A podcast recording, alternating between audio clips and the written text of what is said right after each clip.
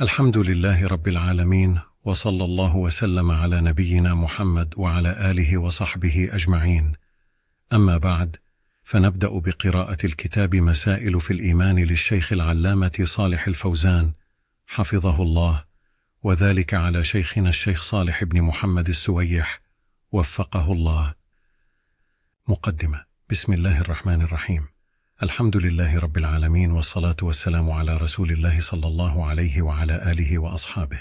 أما بعد فهذه أسئلة مهمة من طلاب العلم والدعاة إلى الله إلى شيخنا الفاضل الشيخ صالح بن فوزان الفوزان حفظه الله تعالى وبارك فيه وفي علمه ونفع به الإسلام والمسلمين. نقدمها إليه رجاء منه بالإجابة بما يفتح الله عليه من الكتاب والسنة لعل الله أن ينفع بها. السؤال الأول بما يكون الكفر الأكبر أو الرده هل هو خاص بالاعتقاد والجحود والتكذيب أم هو أعم من ذلك؟ الحمد لله والصلاة والسلام على رسول الله وعلى آله وأصحابه أجمعين. هذه الأسئلة جم- جمعت وطرحت على شيخنا الشيخ صالح بن فوزان فيما يتعلق بمسائل الإيمان والكفر والردة والخروج من الإسلام آه، وتكفير آه، من وقع في شيء مما هو آه، يخرج من الإسلام. الشيخ رحمه الله وحفظه متعه بالصحة والعافية آه، عرض عليه السؤال الأول وهو عن الكفر الأكبر وهو عن الكفر وهو عن الكفر الأكبر. والكفر الكفر آه، في اللغة هو الستر والتغطية الستر والتغطية. وما في الشرع هو ما سماه ما ورد في الكتاب والسنة تسميته كفرا. ما ورد في الكتاب والسنة تسميته كفرا أو ما ثبت في الكتاب والسنة أنه يخرج من الإيمان. ما ورد في الكتاب والسنة أنه يخرج من الإيمان والإسلام. فالكفر نقيض الإيمان. فالكفر نقيض الإيمان. وهو أنواع. منه ما هو كفر أكبر. والكفر الأكبر نقيض الإيمان كما تقدم. ومنه ما هو كفر أصغر. وهو من الكبائر. وهو ما ورد في الكتاب والسنة تسميته كفرا ودل الدليل على أنه لا يخرج من الإسلام. كقول الرسول صلى الله عليه وسلم سباب المسلم فسوق وقتاله كفر. وقول الرسول صلى الله عليه وسلم اثنتان في أمتي هما بها كفر. الطعن في الأنساب والنياحة على الميت. والكفر عند أهل السنة والجماعة يكون بالقول كسب الله وبالاعتقاد كالتكذيب كالجحود تكذيب الدين. فيظهر تصديقه ويبطن تكذيبه وج- وجحده. ورده. ويكون بالعمل مثل السجود للصنم والذبح لغير الله. ويكون بالشك كمن يشك في ما أرسل الله عز وجل به الرسول صلى الله عليه وسلم أو يشك بالله في ذاته وربوبيته واسمائه وصفاته وإلهيته. لا يعلم هل هو حق أم باطل. هذا هذا ما يكون به الكفر. فليس الكفر بالاعتقاد دون العمل ودون القول. لا شك هو نوعان أيضا. يقال الفعل الكفر فعلي وتركي. من منه ما هو فعلي كما تقدم ومنه ما هو تركي أيضا. الترك يكون بهذه الأشياء. ترك اعتقاد الحق ترك التوحيد نط- النطق به ترك الانقياد للتوحيد والعمل. لاحظت؟ هذا كله من آه، من الكفر. نعم. أحسن الله إليك. قال حفظه الله الجواب بسم الله الرحمن الرحيم الحمد لله رب العالمين وصلى الله وسلم على نبينا محمد وعلى آله وصحبه وبعد. فإن مسائل العقيدة مهمة جدا ويجب تعلم العقيدة بجميع أبوابها وجميع مسائلها وتلقيها عن أهل العلم فلا يكفي فيها إلقاء الأسئلة وتشتيت الأسئلة فيها. نعم. ال- ال- المسائل العقيدة مهمة لماذا؟ لأنها هي أصل صلاح الأعمال. إذا صلحت العقيدة صلحت الأعمال.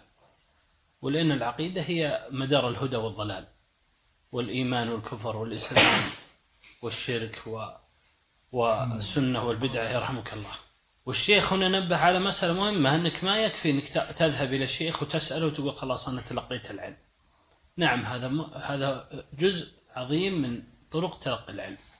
ولكن العلم يؤخذ بالطريقة التي التي سلك أهل العلم بدراسة العلم بأصوله بدراسة بحفظ القرآن وفهمه ومعرفة كلام الله ومعانيه معرفة كلام الرسول صلى الله عليه وسلم ومعانيه ودراسة كتب أهل العلم التي ألفت في بيان العلم بالعقيدة وبالفقه وغيرها.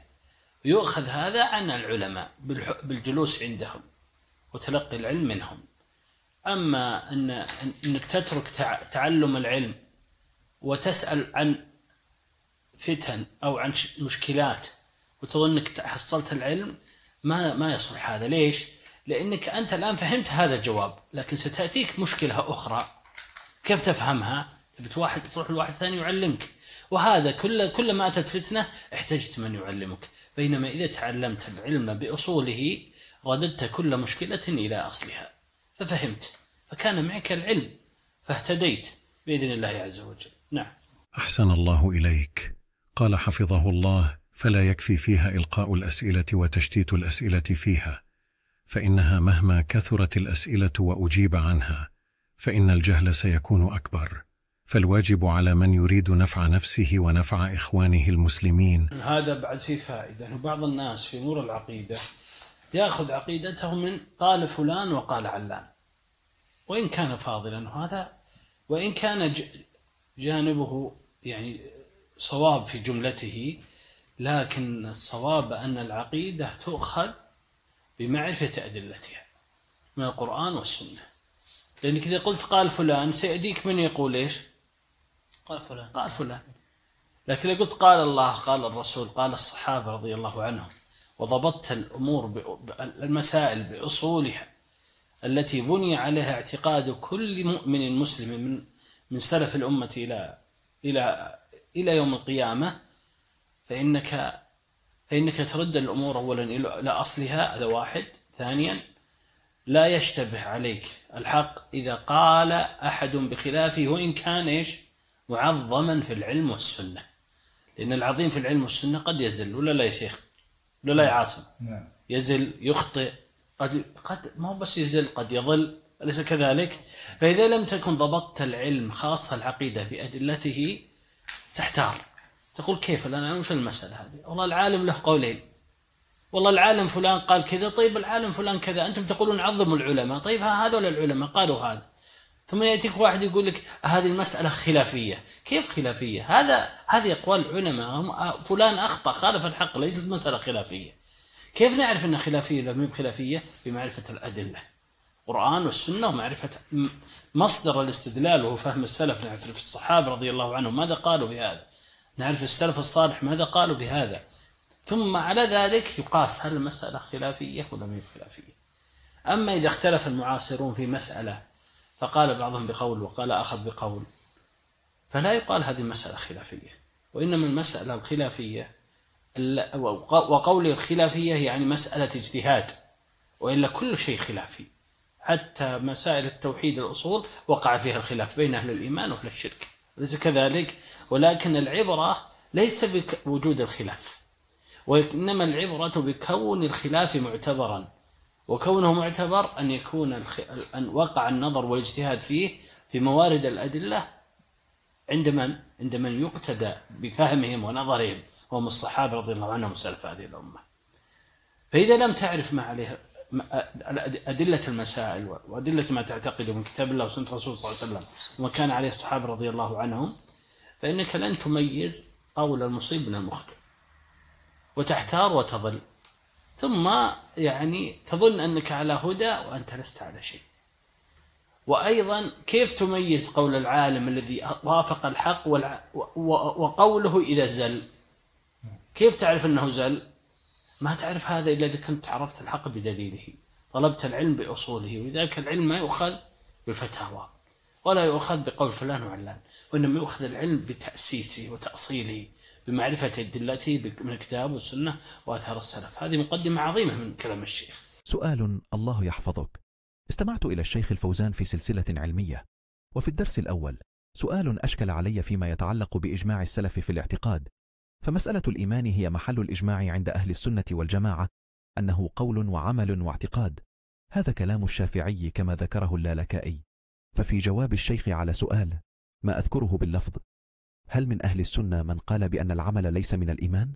فالشيخ أجاب وقال إنه قول مرجئة الفقهاء من أهل السنة فهذه أشكلت علي لأنه يمكن أن يكون أهل السنة عندهم قولان في المسألة ويخرج من ذلك نتيجة أنه يوجد خلاف في المسألة فما الجواب عن ذلك؟ إيه، ما- هو شيخ إحنا هذا سؤال وإحنا بنقرا س- السؤال اللي سألته سيأتينا بعد قليل لاحظت سيأتي بعد قليل نفس السؤال هذا قريبا منه وأما مرجئة الفقهاء لا نقول إنهم من أهل السنة اسمهم مرجئة ولكنهم إرجاءهم ليس مثل إرجاء الجهمية الذي يقول إن الإيمان هو المعرفة وسيأتينا. وإنما مرجئة الفقهاء هم أناس ممن آه، يعظم العمل ويرى أن العمل يثاب عليه صاحبه وأيضا آه، يرى أن السيئة يعاقب عليها صاحبها. ولكن لا يرون العمل من الإيمان يرونه من ثمرات الإيمان. ولذلك قال من أهل السنة ولا هم ليسوا من أهل السنة. يعني من أهل السنة في مقابل من غلا في في في تعريف الإيمان وسلب يعني حقيقة الإيمان وسلب ال- العمل في الظاهر والباطن والقول من حقيقة الإيمان. وهؤلاء الجهمية. يا شيخ؟ هذا وجه. ولا سيأتينا أن مرجئة الفقهاء هم مرجئة. والسلف الصالح رضي الله عنهم في الآثار الكثيرة التي وردت في التشديد على المرجئة ووصفهم بأشد ما يكون من أوصاف الذم والتحذير والتقبيح. و و ومن ذلك قول بعض السلف آه، للمرجئة عندي أشد من عدتهم من الأزارقة إنما أرادوا مرجئة الفقهاء. لم يريدوا بذلك الجهمية و... و... وأمثالها هنا وسيأتي بعد قليل إن شاء الله. وهذه المسألة شوف يعني قلت لك يعني يعني أنت الآن رحت المسألة كبيرة وهناك مسائل صغيرة نبتدئ بها. المهم إن عرفنا من كلام الشيخ أن العلم يؤخذ بأصوله من القرآن والسنة ويتلقى العلم عن طريق العلماء والحضور عندهم والجلوس والتتلمذ بين أيديهم ولا يؤخذ من فتوى عارضة آه، أو آه، أو من آه، يعني شريط. نعم لا وإنما يؤخذ العلم عند أهله نعم بالطريقة التي سنها العلماء. نعم. أحسن الله إليك. قال حفظه الله فالواجب على من يريد نفع نفسه ونفع إخوانه المسلمين أن يتعلم العقيدة من أولها إلى آخرها. وأن يلم بأبوابها ومسائلها. لأن العقيدة من أولها إلى آخرها مترابطة. ومترابطة أن تعرف التوحيد؟ وتعرف الإيمان؟ وتعرف الكفر؟ وتعرف الوعد والوعيد؟ كل هذا مرتبط بعضه ببعض. فإذا كنت تريد تعرف مسألة الإيمان ادرس العقيدة. وادرس التوحيد توحيد العبادة ادرس توحيد الربوبية ادرس توحيد الأسماء والصفات. ادرس الوعد والوعيد والآخرة والجنة والنار والصراط والميزان والحوض ومسائل الاتباع والتحذير من البدعة وإلى آخره. هذه كلها مرتبط بعضها ببعض. كلام عظيم الحقيقة شيخ هذا. ويتلقاها عن أهل العلم ومن كتبها الأصيلة من كتب السلف الصالح. نعم مثل البخاري ومسلم والسنن ومثل ما دون في الاعتقاد. قديما مثل كتاب الشريعة الأجري وكتاب أصول اعتقاد أهل السنة والجماعة اللالكائي والسنة لابن أبي عاصم والسنة لعبد الله بن الإمام أحمد والسنة للبربهاري. ثم ما دون في مما دونه بعدهم من شيخ الإسلام ابن تيمية بن القيم ودون الشيخ محمد بن الوهاب وغيرهم من الكتب التي يعني العلماء يعني يجعلونها هي مصادر تلقي العقيدة وتعلمها. نعم. وبهذا يزول عنه الجهل ولا يحتاج إلى كثرة الأسئلة. آه ليش؟ لأنه فهم. وإذا وردت له مشكلة وفهم الدليل طالب علم. وطالب علم بأصوله وليس طالب علم تت- تتلمذ بطريقة خاطئة. فكيف يأتيك الضلال وأنت طالب علم؟ إما بسبب عدم اليقين أو سبب هوى وبدعة أو أنك تلقيت العلم بطريقة خاطئة فما ما فهمت المسائل. وإنما إذا تلقيت العلم بطريقة صحيحة وتجردت من الهوى وال و... و... والعصبية للأشياخ و... والطوائف والجماعات. فهداك الله عز وجل مع قصد الحق والرغبة فيه. وأيضا يستطيع هو أن يبين للناس وأن يعلم الجهال لأنه أصبح مؤهلا في العقيدة. كذلك لا يتلقى العقيدة عن الكتب فقط أو عن القراءة والمطالعة. لأنها لا تؤخذ مسائلها ابتداء من الكتب ولا من المطالعات وإنما تؤخذ بالرواية عن أهل العلم وأهل البصيرة الذين فهموها وأحكموا مسائلها. هذا هو واجب النصيحة. أما ما يدور الآن في الساحة من كثرة الأسئلة حول العقيدة ومهماتها من أناس لم يدرسوها من قبل أو أناس يتكلمون في العقيدة وأمور العقيدة عن جهل أو اعتماد على قراءتهم للكتب أو مطالعاتهم.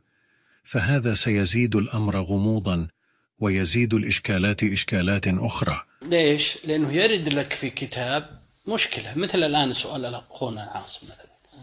أشكلت عليه يقول كلمة الشيخ من أهل السنة. وطبيعي تشكل عليه. ليش؟ لأنه يعني هو أو غيره وليس عيبا فيه يعني يحتاج إنه يتأسس في هذه المسائل. لاحظت يا شيخ؟ شوف ما أشكل عليك شيء من كلام الشيخ لما شرح الحديث. أشكل عليه شيء من فتوى.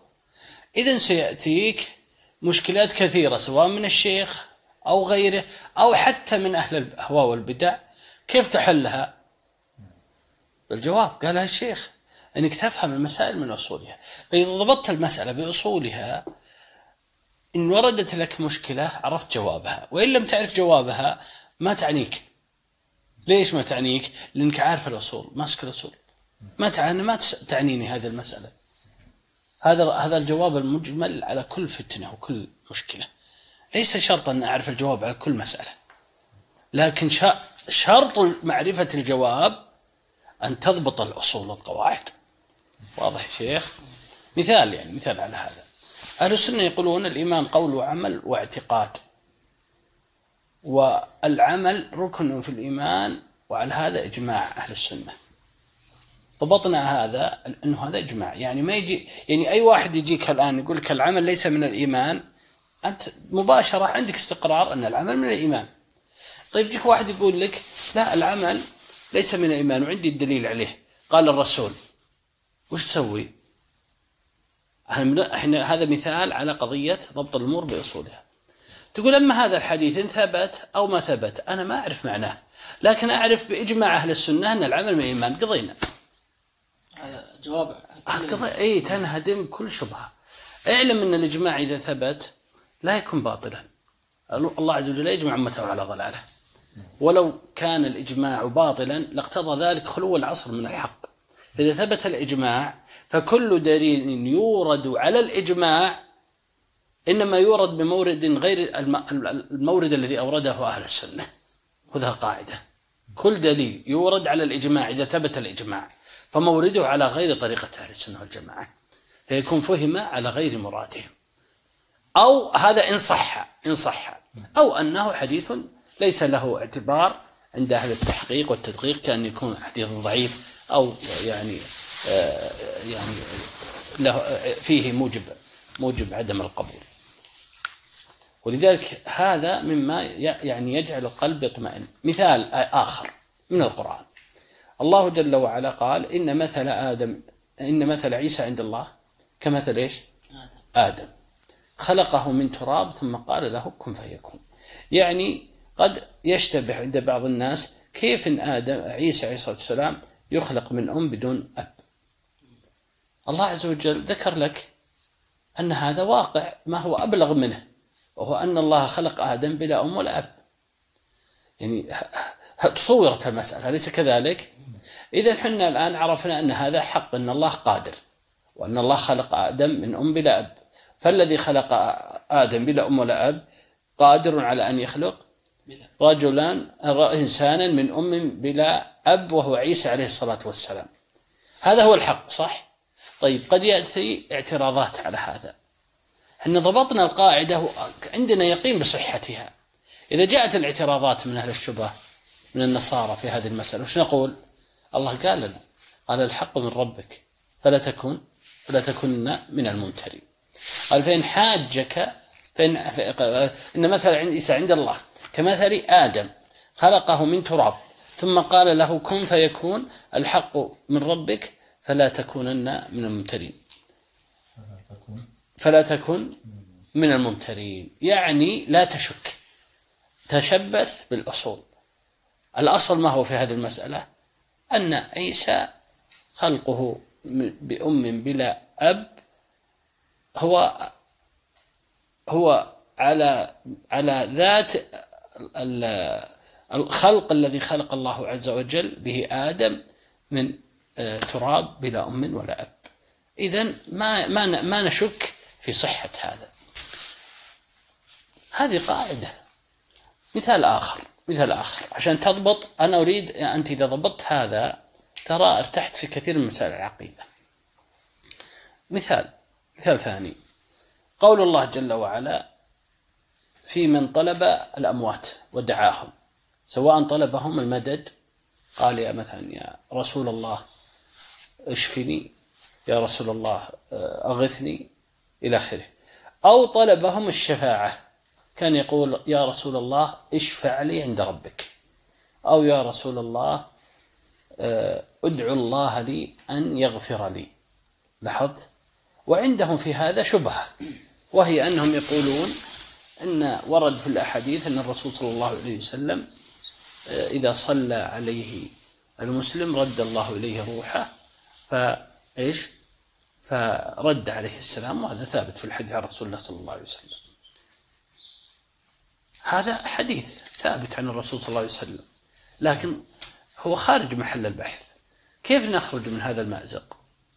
إن صح أنه مأزق. هم يظنون أنهم الآن غلبوا أهل التوحيد. نقول لهم نتشبث بالأصول. قال الله جل وعلا في كتابه الكريم إن تدعوهم إيش؟ لا يسمعوا دعاءكم. هذا واحدة اثنين قال ولو سمعوا ما استجابوا لكم. ثم قال بعدها ولا ينبئك ويوم القيامة يكفرون بشرككم. سماه شركا. هذا الأصل القاعدة. طيب هل الرسول صلى الله عليه وسلم يسمع الرسول صلى الله عليه وسلم أو غيره ممن له حياة برزخية في قبره؟ هذه حياة من أمور الآخرة.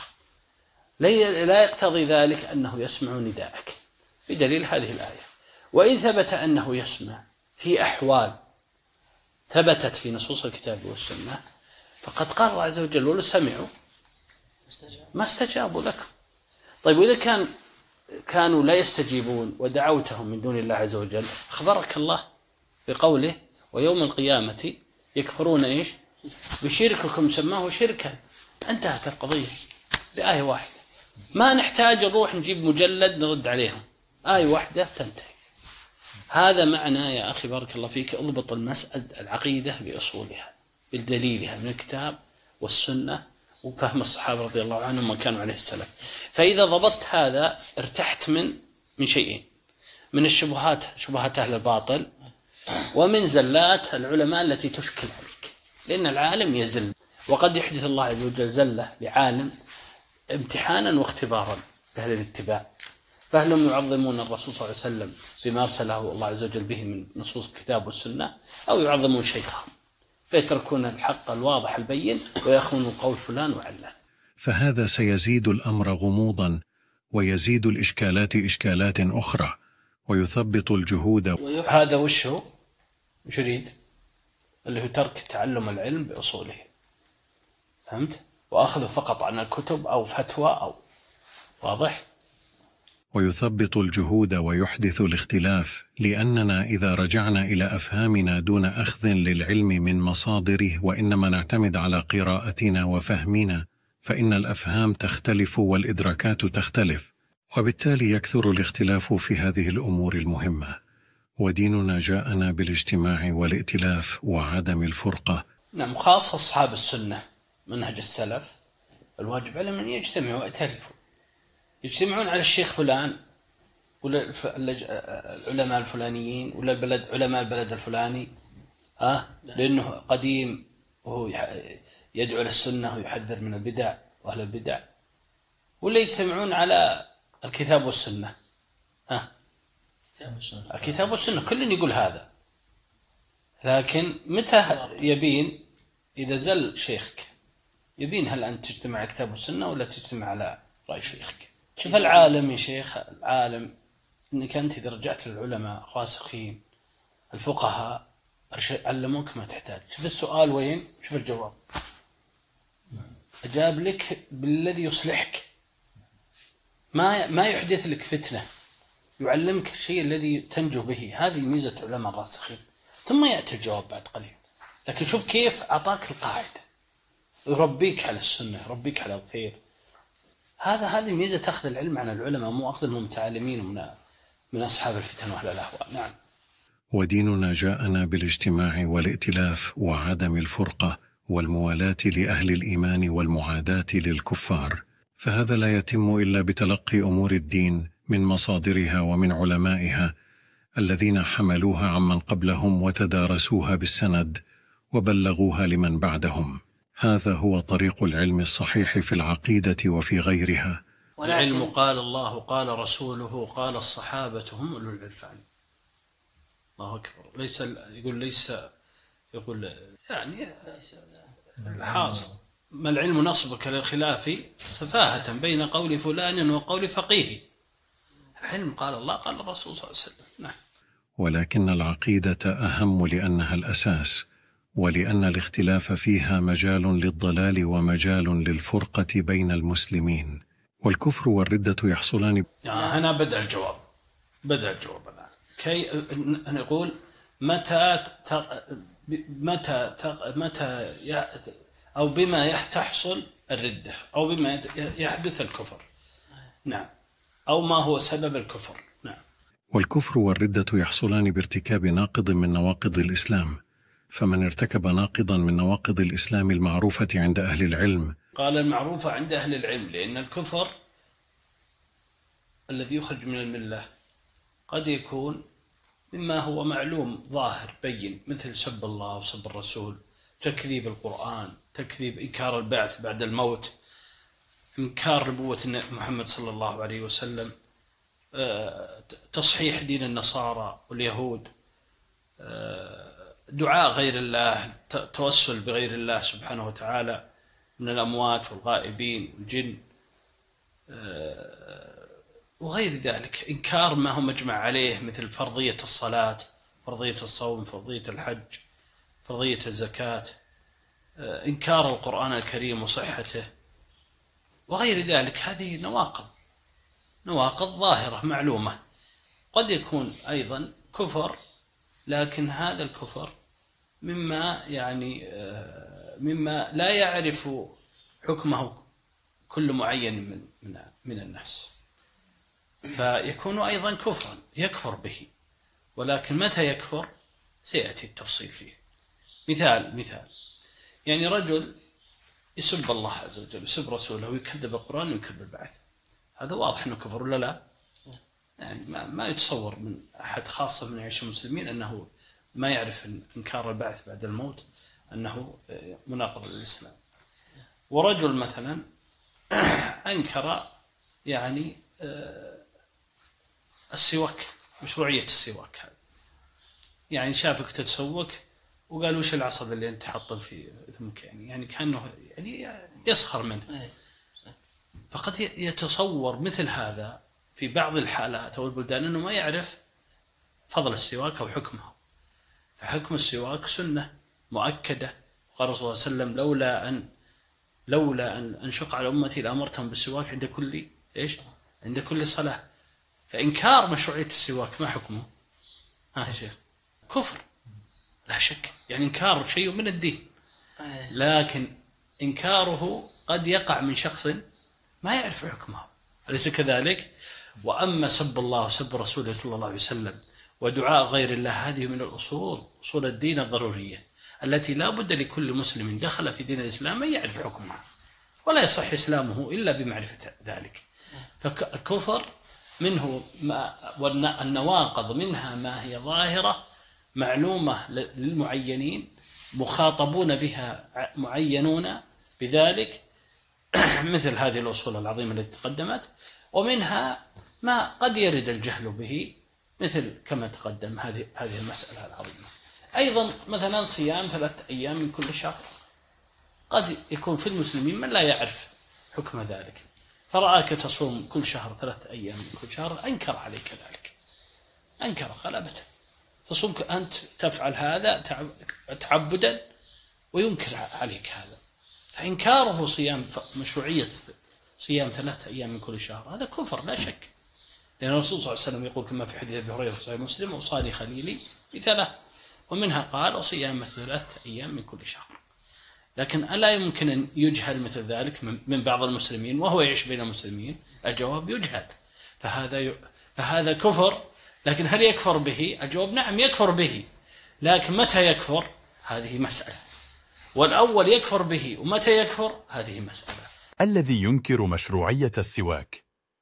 هل هو نفس الذي ينكر البعث بعد الموت؟ لا شك إنه كفر كله كفر. لكن كمعين ليس الذي ينكر البعث بعد الموت معينا كالذي ينكر مشروعية السواك معينا. يختلف. ولذلك العلماء أنا ما ودي ان ندخل أنا أعطيتكم القاعدة الآن نبني إحنا قاعدين نبني الآن نبني المسائل. أنا فرقت الآن بين المسائل أصول الدين والمسائل الواضحة. والمسائل التي تحتاج أن يتعلمها حتى من كان بين المسلمين قد يطرأ عليه بها الجهل. واضح يا شيخ؟ واضح؟ إنكار شيء من الدين كفر لا شك. المعين فيختلف. منه ما هو منه من مما هو كفر هو ظاهر في الدين. قلنا مثل أصول الدين مثل التوحيد والإيمان بالله والجنة والنار والبعث بعد الموت إلى آخره. ومنه ما هو يخفى. على عامة المسلمين ولو كانوا يعيشون بين المسلمين. فالقاعدة أنه كفر لا شك. إنكار أي شيء من الدين. لكن القاعدة أن من كانت عنده علم بالحكم أن هذا من الدين فأيضا يكفر بعينه. والقاعدة الثانية أن من ليس عنده علم أنه من الدين فينظر في المسألة. ينظر في المسألة. هل هي من المسائل الظاهرة مثل التوحيد مثل الإيمان بالله واليوم الآخر أو من المسائل التي تخفى. فإن كانت من المسائل التي تخفى فإنكاره كفر لا شك ولكنه يعلم يعلم ولا يقال أنه كافر إلا بعد تعليمه تعليمه إياه. وهذا سيأتينا إن شاء الله سيأتينا. أقول لك ترى ما يصلح أننا نستبق يعني بعض يعني أنا أدري أن في نفوسكم أسئلة ولكن نريد أن نبني المسألة. ليش؟ لأن نريد نصل للنتيجة. نريد نعرف النتيجة من خلال البناء اللي إحنا نشتغل عليه. تفضل. أعد أعد الجملة اللي قرأتها. والكفر والردة يحصلان بارتكاب ناقض من نواقض الإسلام، فمن ارتكب ناقضا من نواقض الإسلام المعروفة عند أهل العلم، فإنه بذلك يكون مرتدا ويكون كافرا، ونحن نحكم عليه بما يظهر منه من قوله أو فعله، نحكم عليه بذلك لأنه ليس لنا إلا الحكم بالظاهر، إذا هنا القاعدة. خذها قاعدة. الحكم في الدنيا على ما ظهر. الحكم في الدنيا على ما ظهر. لأن السرائر إلى الله سبحانه وتعالى والمقاصد عند الله. لكن العباد يحكمون بما ظهر. من أظهر الإسلام ولم يظهر منه ناقض من نواقض الإسلام لا يجوز تكفيره. لماذا لا يجوز تكفيره؟ لأنه مسلم ظاهره مسلم. كونه منافق ولا يبطن الكفر أو له بطانة ما علمنا عنها هذه مسألة ليست لنا. لا نشق عن قلوبهم وإنما لنا الظاهر. من أظهر الإسلام فهو المسلم. من صلى مع المسلمين وأكل ذبيحتهم يعني يذبح بطريقتهم ويأكل بذبيحتهم ويحج حجهم ويستقبل قبلتهم وهو معهم في ما يظهره من دينهم فهو منهم. في أحكام إيش؟ أحكام الدنيا. ويرجى للمحسن في من أظهر إحسانا يرجى له النجاة في الآخرة. لأن العباد قلوبهم بين عند الله سبحانه وتعالى. ومن أظهر خلاف الإسلام مثلا واحد أظهر الشرك والكفر. واحد سب الله واحد أنكر الله وجود الله. فهل نقول وهو يشهد أن الله محمد رسول الله؟ يقول أنا أشهد أن الله محمد رسول الله لكن أنا لا أؤمن بالصلاة والصوم والزكاة والحج. ما حكم إنكار الصلاة والحج والزكاة كفر إذن هو تلبس بالكفر أليس كذلك؟ إذا حنا الظاهر لنا وش هذا؟ أنه كافر. حتى لو قال لا إله إلا الله فإنه يكفر بذلك. حتى لو صلى وصام وحج ويقول أنا أصلي وأصوم يعني من باب الرياضة ولا لا يؤمن بها. وش الحكم هذا؟ هل نقول هذا ظاهره الإسلام ولا أظهر الكفر؟ أظهر. أظهر الكفر. إذن هذا معنى ونحن نحكم بالظاهر. هذه قاعدة مهمة ترى في مسائل الإيمان. أنك لا تكفر المسلم الذي لم يظهر منه موجب تكفير. وهذا مذهب الخوارج. أنهم يكفرون المسلم بغير مكفر. ولا تحكم بالإسلام لمن نقض إسلامه بالشرك والكفر. هذا مذهب من؟ ها؟ مذهب المرجئة. لأن المرجئة يعتقدون أن الإنسان حتى لو أظهر الشرك والكفر فمرد كفره إلى إلى قصده وسيأتي. هذه استبقنا الآن موضعها. فقولنا نحكم بالظاهر هذه من القواعد العظيمة عند أهل السنة والجماعة أنهم يحكمون على الناس بما ظهر منهم من إسلام أو كفر. فمن حقق كما قال الشيخ محمد عبد الوهاب قال التوحيد هو حكم فعلك فعلك أنت التوحيد هو فعل المكلف. من هو الموحد؟ الذي وحد الله. من هو المشرك؟ الذي أشرك في عبادة الله. انتهت السالفة. ما تحتاج ترى نجيب مجلدات نشرح منه الموحد منه المسلم. الله جل وعلا يقول في كتابه الكريم لا تتخذوا إلهين اثنين. ويقول سبحانه وتعالى فسماه إلها يعني معبودا. ويقول سبحانه وتعالى لقد كفر الذين قالوا إن الله ثالث ثلاثة. شوف جعلوا الله ثالث ثلاثة المعبود ثلاثة سماهم كافرين. وقال سبحانه وتعالى ومن يجعل مع الله إلها آخر لا برهان له به فإنما حسابه عند ربه إنه لا يفلح الكافرون. سماهم كافرين كافرين. فهذا هو الظاهر نعم. هذه قاعدة مهمة من كلام الشيخ يحفظوه سيأتينا إن شاء الله. والشيخ أنت الحين فهمت أنا ما أريدك تضع يا شيخ أنا أريدك تبني. لا تضع يا شيخ حينما تقرأ الكتاب هذا عندك عوائق دون ضبط الكلام هذا. اضبط الكلام هذا والأسئلة ستأتيك تأتيك في موضعها. تفهمها في موضعها. أما أنك مثلا وأنت تقرأ عندك إشكالات على الكلام. ما ما تستفيد شيء يضيع وقتنا ترى يا شيخ. لكن أبيك تبني القواعد الآن. الشيخ وش قال لك؟ الكفر وشو؟ وش يقول الشيخ؟ والكفر والردة تحصلان بارتكاب ناقض من نواقض الإسلام المعروفة عند عند أهل العلم. لاحظت؟ ذكرت لكم أنا وش النواقض؟ وذكرتكم من النواقض قد تكون معلومة ظاهرة وقد تكون تخفى ولا لا؟ أي نعم. أما مسألة الجهل ولا هذه مسائل تأتينا إن شاء الله. لاحظت يا شيخ؟ نرجع الموضوع كمل يا شيخ. ونحن نحكم إيش؟ آه الآن نحكم عليه منه المعين. نحكم عليه اكتب فوقها المعين. زين يا شيخ.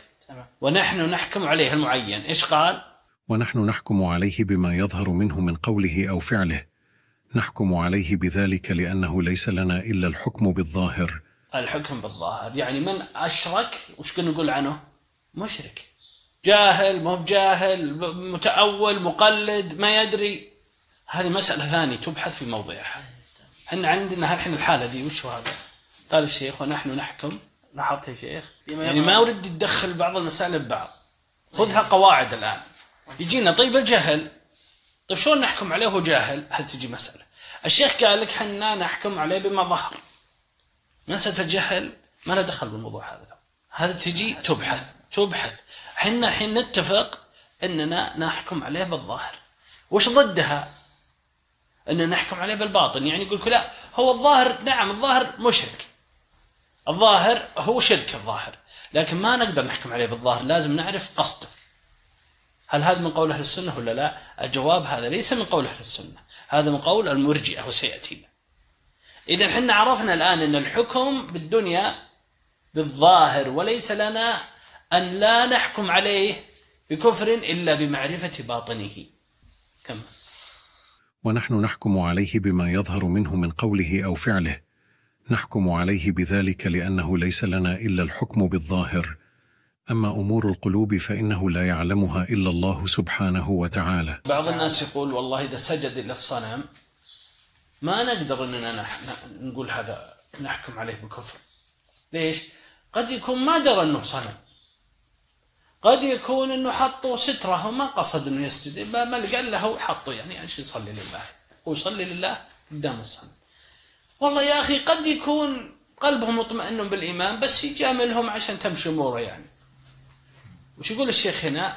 نحن نحكم بالظاهر وأما القلوب فهي ليست لنا إنما هي لله سبحانه وتعالى. إذا ما نقول إن الكفر معلق بإيش؟ بالقلب. كما تقول من؟ المرجئة. فهمنا هذه؟ هذه قاعدة عظيمة ترى. ما دخل خلل كثير من طلبة العلم في هذه المسائل إلا بعد فهم هذه المسألة. نعم.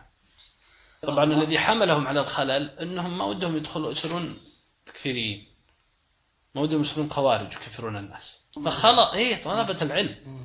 فدخلطوا بعض المسائل ببعض بسبب ضعف العلم.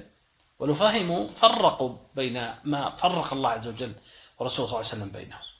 نعم. فمن نطق بالكفر أو فعل الكفر حكمنا عليه بموجب قوله وبموجب نطقه وبموجب فعله. لو قال أنكر البعث سب الله لعن الدين لعن الأذان كذب القرآن زعم أن القرآن محرف زعم أن النبي نعم عبقري يقول عبقرية محمد عبقري مفكر عظيم مثله مثل بوذا ومثل مثل غيره من العظماء العالم.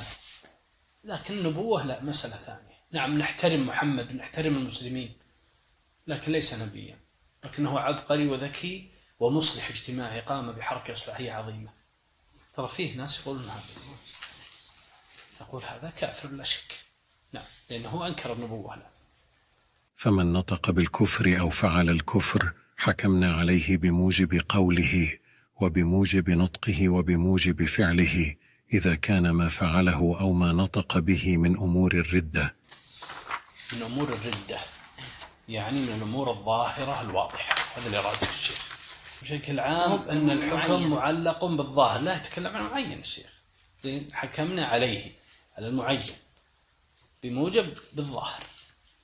يعني ما نروح إحنا نقول لا إحنا ما نحكم على المعين الذي سب الله أنه كافر. ليش؟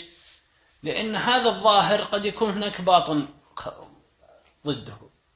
فيكون محتمل إنه مؤمن بالقلب. اذا هنا فرقنا بين الإيمان في الظاهر والإيمان في الباطن. وحنا قلنا في ابتداء الكلام إن الإيمان قول وعمل واعتقاد. ليس الإيمان اعتقاد فقط وليس الإيمان قول فقط وليس الإيمان عمل فقط. لاحظت؟ فاذا انتفى الإيمان في الظاهر بوجود نقيضه وهو الكفر لزم من ذلك است... يعني كان لازم ذلك ان أن انتفاء الإيمان. انتفاء الايمان ظاهرا وباطنا ولا اعتبار لاطمئنان القلب بالإيمان مع وجود نقيضه بالعمل والدليل قال الله جل وعلا لا تعتذروا قد كفرتم بعد إيمانكم قالها لمن؟ قالوا ما رأينا مثل قرائنا هؤلاء اكذب السنة وأرغب بطونا واجبا عند اللقاء يعني الرسول صلى الله عليه وسلم وأصحابه قال الله أب الله وآياته ورسوله كنتم تستهزئون لا تعتذروا قد كفرتم بعد إيمانكم. قيل إن هؤلاء من الصحابة وقيل إنهم من المنافقين لأنه من الصحابة من ضعاف الإيمان. قال بعد إيمانكم يعني إن كانوا من المنافقين يعني بعد ما أظهرتموه من الإيمان الذي يخالف الباطل. كفرتم بعد إيمانكم فأثبت وجود الإيمان وأثبت وجود الكفر بمجرد القول لا بمناط بمناطه وهو الباطل. ولذلك جاء للرسول صلى الله عليه وسلم قال يا رسول الله إنما كنا نخوض ونلعب. يعني ما قصدنا الكفر يا رسول. ما قصدنا أننا داخليا نكذب الإيمان. وإنما هي مزح ولعب. فكان الرسول صلى الله عليه وسلم يعرض عليهم يقول كفرتم بعد إيمانكم. هذا كفر نوع ولا كفر معين يا شيخ؟ ما قال والله يعذرون لأنهم يمزحون. والله ما قصدوا. وشلون إحنا نستعجل تكفير من يقول لا إله إلا الله؟ ما قال عليه الصلاة والسلام. نعم.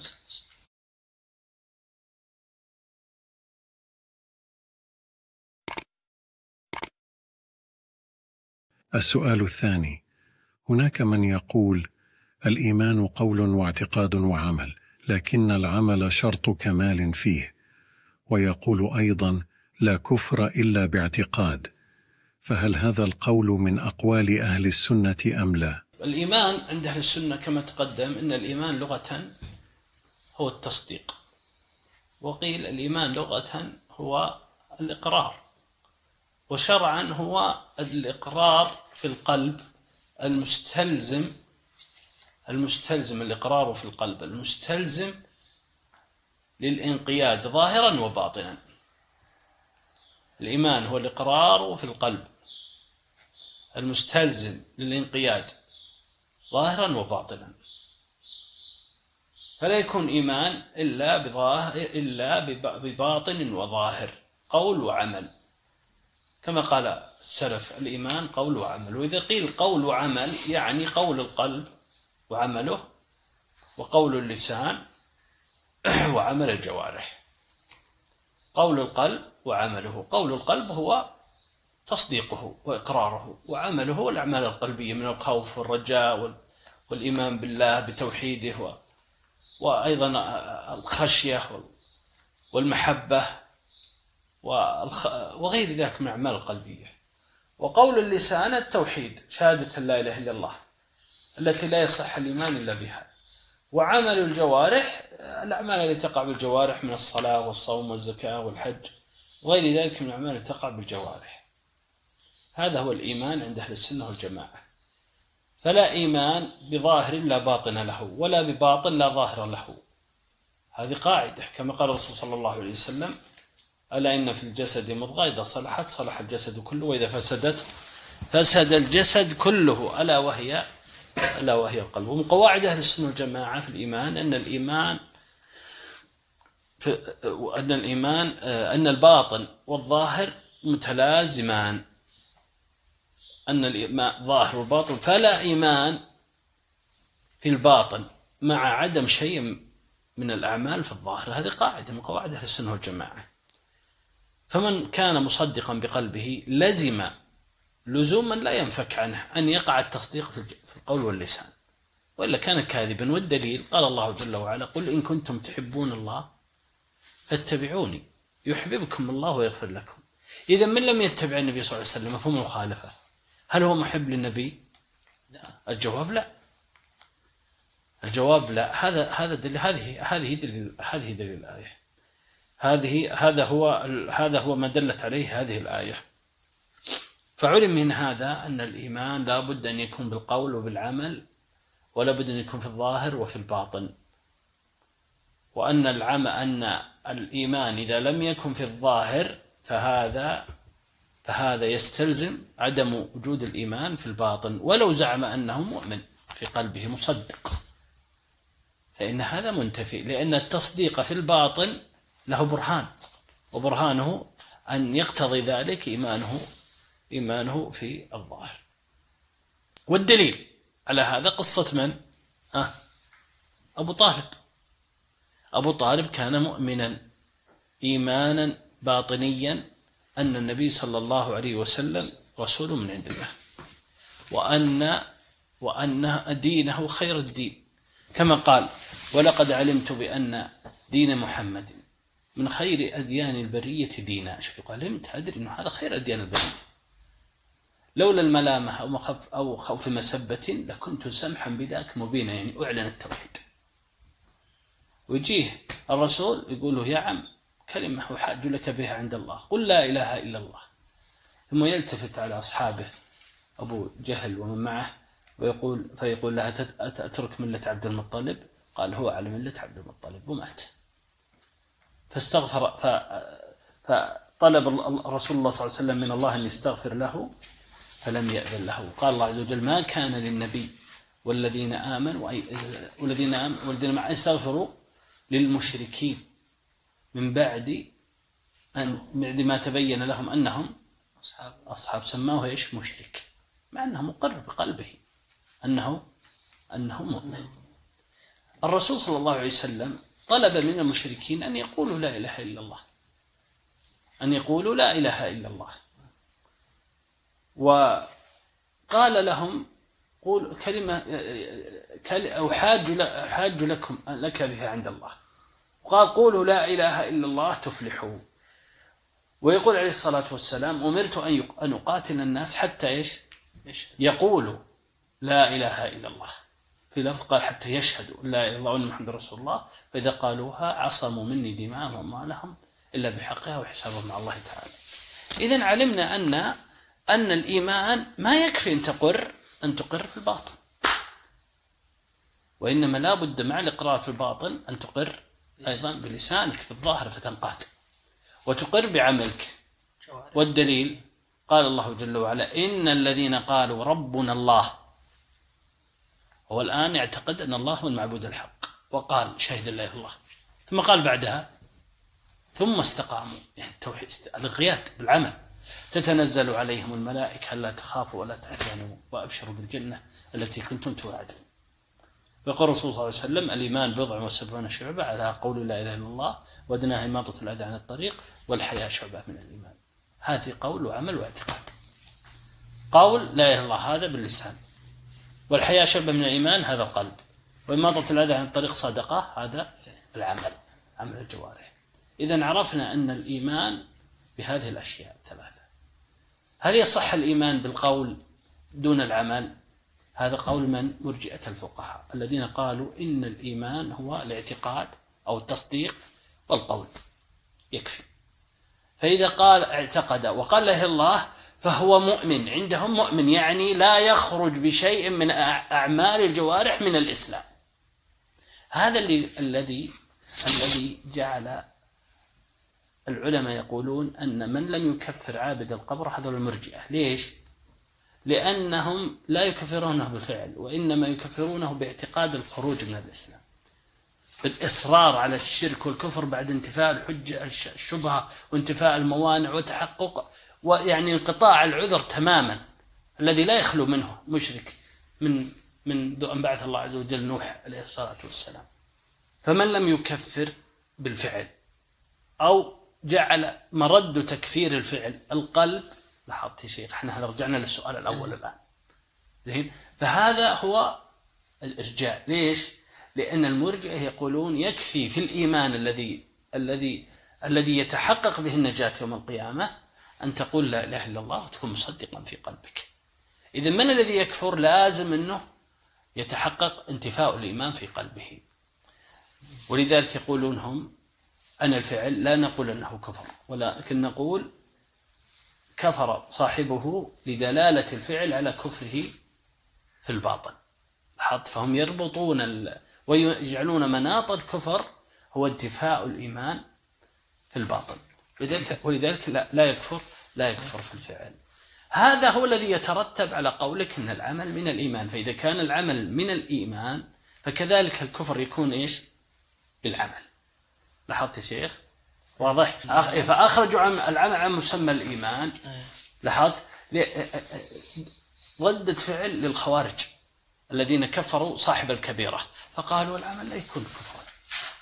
وإنما يكفر إذا انتفى إيمانه الباطن القلبي. يكفر متى؟ إذا انتفى إيمانه القلبي. هذه ردود فعل. الخوارج صار عندهم مقابلهم المرجئة المرجئة. وسمي سموا مرجئة من الإرجاء وهو التأخير. فأخروا العمل عن مسمى الإيمان. فصححوا إيمان الإيمان بالنطق والاعتقاد دون العمل. مرجئة الفقهاء يرون أن العمل فضيلة ويثاب عليه صاحبه و آه، وأن السيئة سيئة وينال بها الوزر ولكن هل يزول الإيمان بترك الأعمال؟ لا يزول لماذا؟ لأن الأعمال ليست من الإيمان فلا يزول هل ينقص الإيمان بترك الأعمال؟ لا ينقص الإيمان لماذا؟ لأن الإيمان في القلب فلا ينقصه شيء ولذلك عند المرجئة عند المرجئة أن الإيمان شيء واحد وهو اللي في القلب التصديق. وأهل السنة يقولون الإيمان يتبعض. وش معنى يتبعض؟ يعني يكون بالقلب واللسان والجوارح هذا معنى قول أهل السنة الإيمان قول وعمل واعتقاد. فهمت يا شيخ؟ وكونه يتبعض هذا يبين لك بارك الله فيك أن أن أن الإيمان إذا زال بعضه لا يزول كله. يعني مثلا واحد ترك الصوم مع إقراره بوجوبها. هل يكفر؟ هو نقص هو زال عنده شيء من الإيمان. هل يكفر؟ الجواب ما يكفر على الصحيح من قول العلماء والفقهاء مختلفون في حكم تارك الصيام من غير جحود. لا يكفر. متى يزول الإيمان؟ يزول الإيمان بنقيضه وهو الكفر قولا وعملا واعتقادا. فإذا فعل نقيض الإيمان قولا مثل سب الله. أو فعل نقيض الإيمان فعلا مثل ذبح غير الله أو مثل دعاء غير الله. هذا نقيض الإيمان يزول الإيمان كله. لا يقال لا هذا عمل عمل. فلا يزول الإيمان إلا بزوال إيمانه في القلب. إذا رجعنا رجعنا الموضوع وين؟ للقلب. فهمت يا شيخ لاحظ إذا إحنا فهمنا الآن القاعدة يهمنا أنك تفهم القاعدة. إن الإيمان قول وعمل واعتقاد. ماذا يترتب على هذا؟ ترتب عليه أن الإيمان يزيد وينقص. لأن الأعمال تزيد وتنقص. أن تصلي وتر ركعة وعاصم يصلي 11 أيكم أكثر إيمانا في هذه المسألة؟ عاصم. لأنه هو زاد في العمل. لأن الإيمان يزيد وينقص. اثنين أن العمل يتفاضل. فقول لا الله على الإيمان وأدناه إماطة هو يتفاضل. ثلاثة أهل الإيمان يتفاضلون. فليس أبو بكر مثل مثل من بعده من عامة الصحابة. وليس الصحابة مثل من بعدهم. وليس العالم العامل المتقي الموقن بالإيمان والعلم مثل العامي أو العاصي أو الفاسق من عباد الله. المرجئة وش يقولون؟ يقولون الناس سواء في الإيمان سواء. ليش؟ لأنهم كلهم مصدقين طيب والأعمال؟ طيب هذا أكثر عملا أكثر تقوى؟ يقول كلهم مؤمنين. وإنما الإيمان عندهم في القلب. فهمت معنى الإيمان قول وعمل واعتقاد؟ طيب أهل السنة يقولون إذا زال بعض الإيمان لا يزول الإيمان وإنما يزول الإيمان بنقيضه وهو الكفر قولا وعملا واعتقادا. هذه كررنا ويقول أهل السنة أهل السنة لا يصح الإيمان إلا بهذه الثلاث مجتمعة قول وعمل واعتقاد. كيف نجمع بين هذا القول؟ وقول أنه إذا زال بعض الإيمان لا يزول كله. كيف نجمع؟ الجامع أن يقال أن قول وعمل واعتقاد هذا أصل الإيمان. فلا بد في الإيمان أن تعتقد بقلبك وأن تقول بلسانك ويكون عندك جنس العمل. وبعضهم يقول هذه الجنس هذه كلمة محدثة مبتدعة هذا ذكرها ذكرت عند المتقدمين جنس العمل يعني وجود الفرائض كان تصلي وتصوم وتحج. آه، عند من عند من لا يرى كفر تارك الصلاة مثلا إنه لا يرى كفر تارك الصلاة وهذه مسألة فقهية. لا يرى كفر تارك الصلاة إلا بالجحود. نعم إذا كان لا يرى كفر تارك الصلاة اجتهادا إذا كان لا يراها تارك الصلاة كافرا إلا إذا جحد هل يستلزم ذلك أنه إذا ترك كل الأعمال أنه مؤمن؟ جواب لا. وإنما أراد بذلك إنما أريد أنه إذا ترك أفراد العمل مثلا ترك الصلاة فإنه لا نقول يكفر ليش؟ ترك فرد من أفراد العمل. هذا عند من لا يرى كفر تارك الصلاة من غير جحود.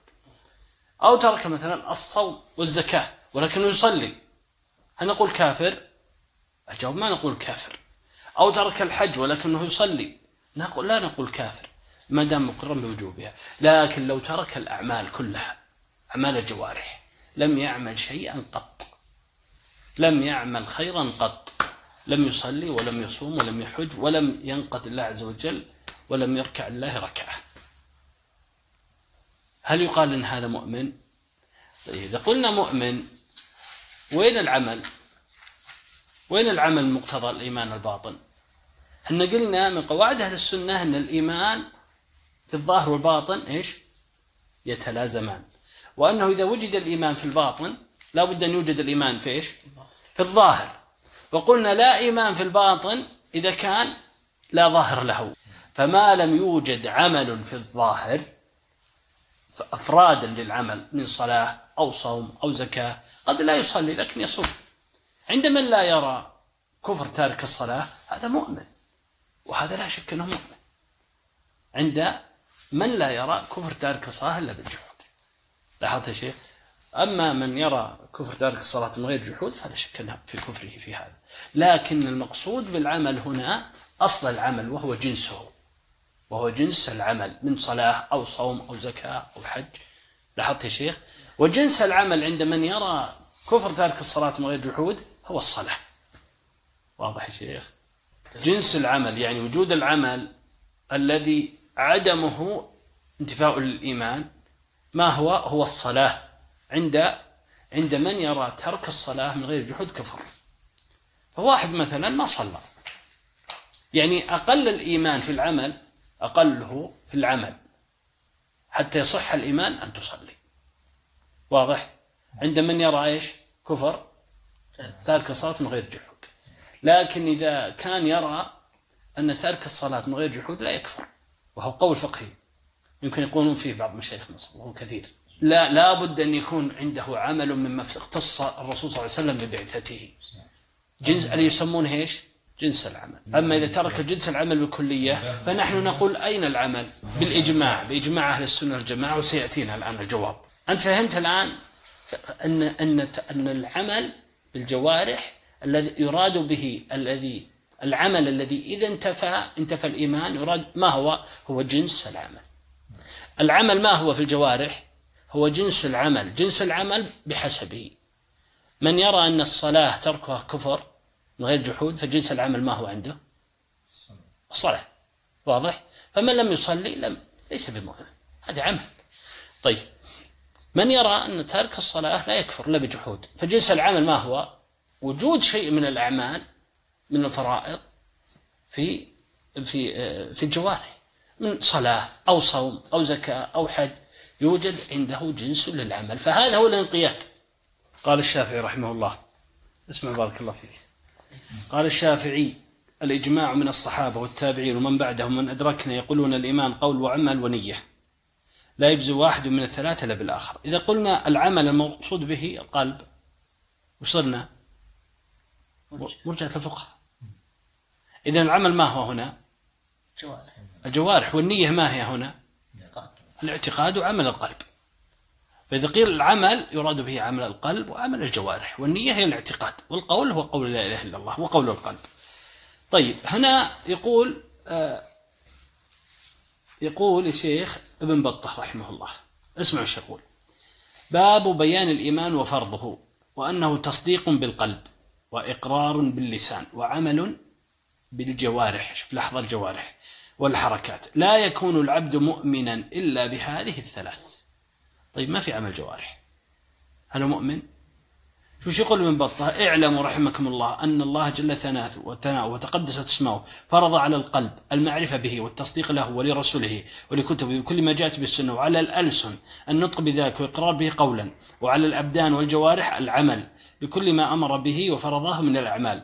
لا تجزئ واحدة من هذه إلا بصاحبتها ولا يكون العبد مؤمنا إلا بأن يجمعها كلها حتى يكون مؤمنا بقلبه مقرا بلسانه عاملا بجوارحه مجتهدا. ثم لا يكون أيضا مع ذلك مؤمنا حتى يكون موافقا للسنة في كل ما يقول ويعمله. متبعا الكتاب والعلم في جميع أحواله وأعماله وبكل ما شرحت لكم نزل به القرآن ومضت به السنة وأجمع عليه علماء الأمة. ابن بطة. لما يجيك واحد يقول لك هذه مسألة خلاف.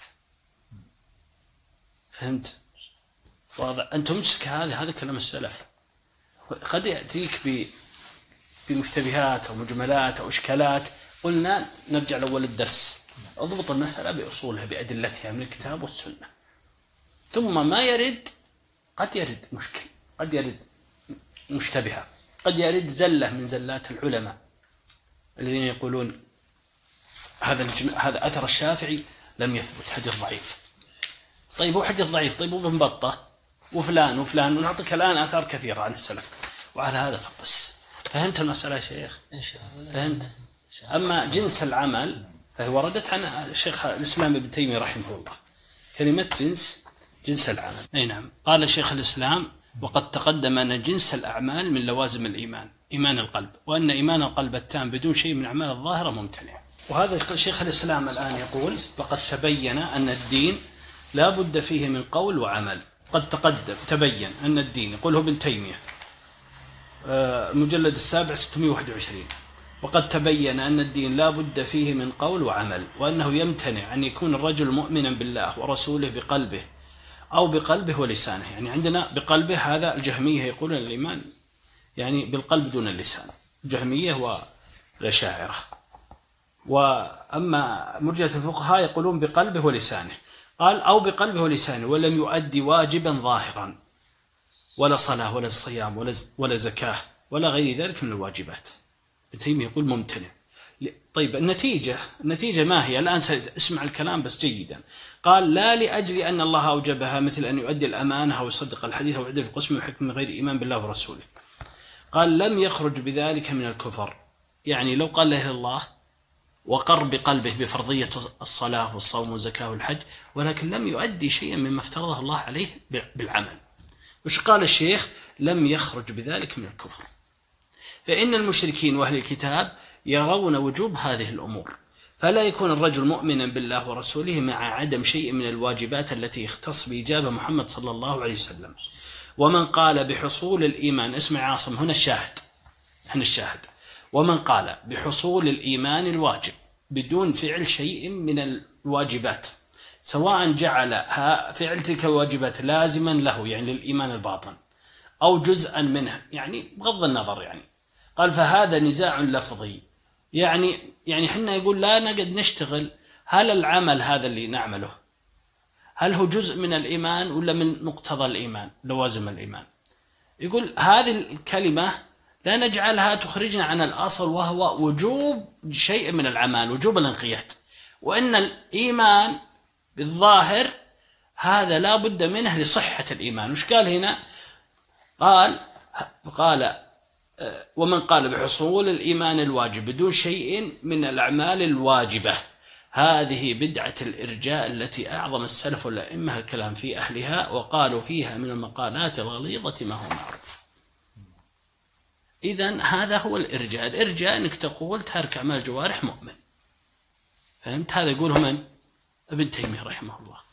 وابن تيمية ما قالوا من رأسه. السلف قالوا هذا. من ضمنهم حرب الكرماني وصاحب العقيدة. معروف له كتاب آه، الكرماني رحمه الله وهو كتاب السنة. ذكر هذا. قال أول من تكلم بالإرجاء. اسمع.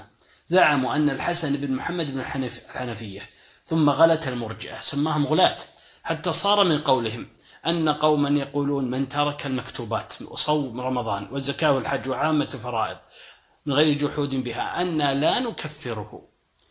يرجع أمره إلى الله بعد إذ هو مقر. فهؤلاء المرجئة الذين لا شك فيهم.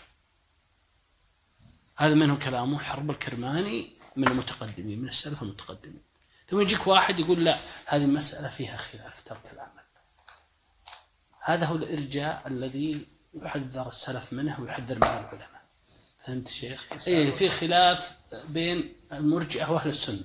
صح؟ مثل الخلاف بين المسلمين والمشركين. مثل الخلاف بين المعتزلة وأهل السنة. الخلاف بين الخوارج وأهل السنة في مسائل الاعتقاد. لكن بين أهل السنة ما في خلاف. هذا إجماع. قرأت إجماع الشافعي. وإجماع ذكره ابن بطة. وذكره الآد جري. كله موجود هنا. بس إحنا ما حبينا ندخل بالكتاب هذا. حبينا انكم تضبطون المسائل بأصولها. لاحظت يا شيخ؟ وهذا كلام من؟ حرب الكرماني رحمه الله وهو من الأئمة المتقدمين. إن من زعم أنه يؤمن بدون شيء من الأعمال إذا ترك الفرائض وهو مع إقراره ويقول مقر بها. قال هؤلاء الذين المرشك المرجئه ما قال مرجئة؟ قال الذين لا شك فيه. لاحظت؟ وابن تيمية وش يقول؟ يقول وقالوا فيها المغالة هذه بدعة الرجال التي أعظم السلف والأئمة كان في أهلها وقالوا فيها من المقالات الغليظة ما هو معروف. فهمت الشيخ ترى الموضوع عظيم. خطير مسألة الإيمان خطيرة. أه نكتفي بالتعليق ونقرأ. السؤال الثاني هناك من يقول الإيمان قول واعتقاد وعمل لكن العمل شرط كمال فيه ويقول أيضا لا كفر إلا باعتقاد. فهل هذا القول من أقوال أهل السنة أم لا؟ إذا هو الآن يوافق السلف. يقول الإيمان قول وعمل واعتقاد. هو لم يقل الإيمان قول واعتقاد. هو لم يخرج العمل عن مسمى الإيمان الآن. هو يقول الإيمان قول وعمل واعتقاد. إذا هنا مقدمة صحيحة. لكن وش المشكلة في كلامه؟ ما هي؟ وش قال؟ ولكنه لكن العمل شرط كمال فيه. ويقول أيضا لا كفر إلا باعتقاد. إذا إحنا اتفقنا الآن أن الكفر يكون وين؟ هو الآن يقول الإيمان قول وعمل واعتقاد ولا كفر إلا باعتقاد. هو يعني يقرر قاعدة أهل السنة. لكن يأتي بكلام مشكل. هل يصح أن نقول الإيمان قول وعمل واعتقاد لكن الكفر فقط في القلب؟ هل تجتمع هذه مع هذه؟ هل يصح أن نقول الإيمان قول وعمل واعتقاد والعمل من الإيمان؟ لكنه شرط كمال. هل الجملة ذي هل تصح مع قاعدة أهل السنة؟ هذه المسألة المشكلة في هذا السؤال ويظهر لي أن هذه مشكلة المشاكل. ويقول أيضا لا كفر إلا باعتقاد. فهل هذا القول من أقوال أهل السنة أم لا؟ آه هنا شوف يقول هل هذا من أقوال أهل السنة؟ يعني هل أهل السنة يقولون لا كفر إلا باعتقاد؟ هل أهل السنة يقولون العمل شرط كمال؟ مع قولهم الإيمان قول وعمل واعتقاد؟ هل هم يقولون هذا؟ وش يقول الشيخ؟ الجواب الذي يقول هذا ما فهم الإيمان ولا فهم العقيدة. يمكن تجي تقول يا شيخ هذا قال عالم كبير قال فيه. لا يجب أن يكون تعظيم الرجل أعظم من تعظيمك للحق. حتى لو الرجل فاضل وعظيم وله مكانته. هذه محل بحث. نخليها على جنب. إحنا نحرر الآن المسألة حتى نعرف الحق لأن نريد أننا ننجو. إذا زل فلان وفلان ما نأخذ بقولهم إذا زلوا. ولو كانوا أهل إيمان وأهل صلاح وأهل علم وأهل فضل ولهم مكانة. هذه مسألة ما لنا علاقة فيها. هذه مسألة تبحث في محلها. أن نحرر المسألة القول الذي قالوه الآن. هل هذا قول؟ يقول الشيخ اللي يقول هذا ما فهم وفعلا مو ما فهم. هذا اللي يقوله جاهل. حتى لو كان عالم هو جاهل في هذه المسألة. ما ضبطها. كيف تقول الإيمان قول وعمل واعتقاد والعمل من الإيمان؟ تقول ثم تقول والله العمل شرط كمان أو لا لا كفر له باعتقاد. معناته أنت؟ هنا ما فهمت. ليش ما فهمت؟ بيوضح لنا الشيخ. أكمل الشيخ عشان قبل نصلي. الذي يقول هذا ما فهم الإيمان ولا فهم العقيدة. وهذا هو ما قلناه في إجابة السؤال الذي قبله. من الواجب عليه أن يدرس العقيدة على أهل العلم ويتلقاها من مصادرها الصحيحة وسيعرف الجواب عن هذا السؤال. وقوله إن الإيمان قول وعمل واعتقاد ثم يقول إن العمل شرط في كمال الإيمان وفي صحته هذا تناقض. آه آه إذا نحن نقول الآن كيف لماذا الشيخ قال أنه تناقض؟ الجواب كيف يكون؟ ممكن تحط هنا علامة تقول لماذا قال الشيخ أنه تناقض؟ الجواب ما بعدها لماذا قال الشيخ أنه تناقض؟ كيف يكون العمل من الإيمان؟ ثم يقول العمل شرط ومعلوم أن الشرط يكون خارج المشروط. آه طيب مثال. الشرط خارج المشروط.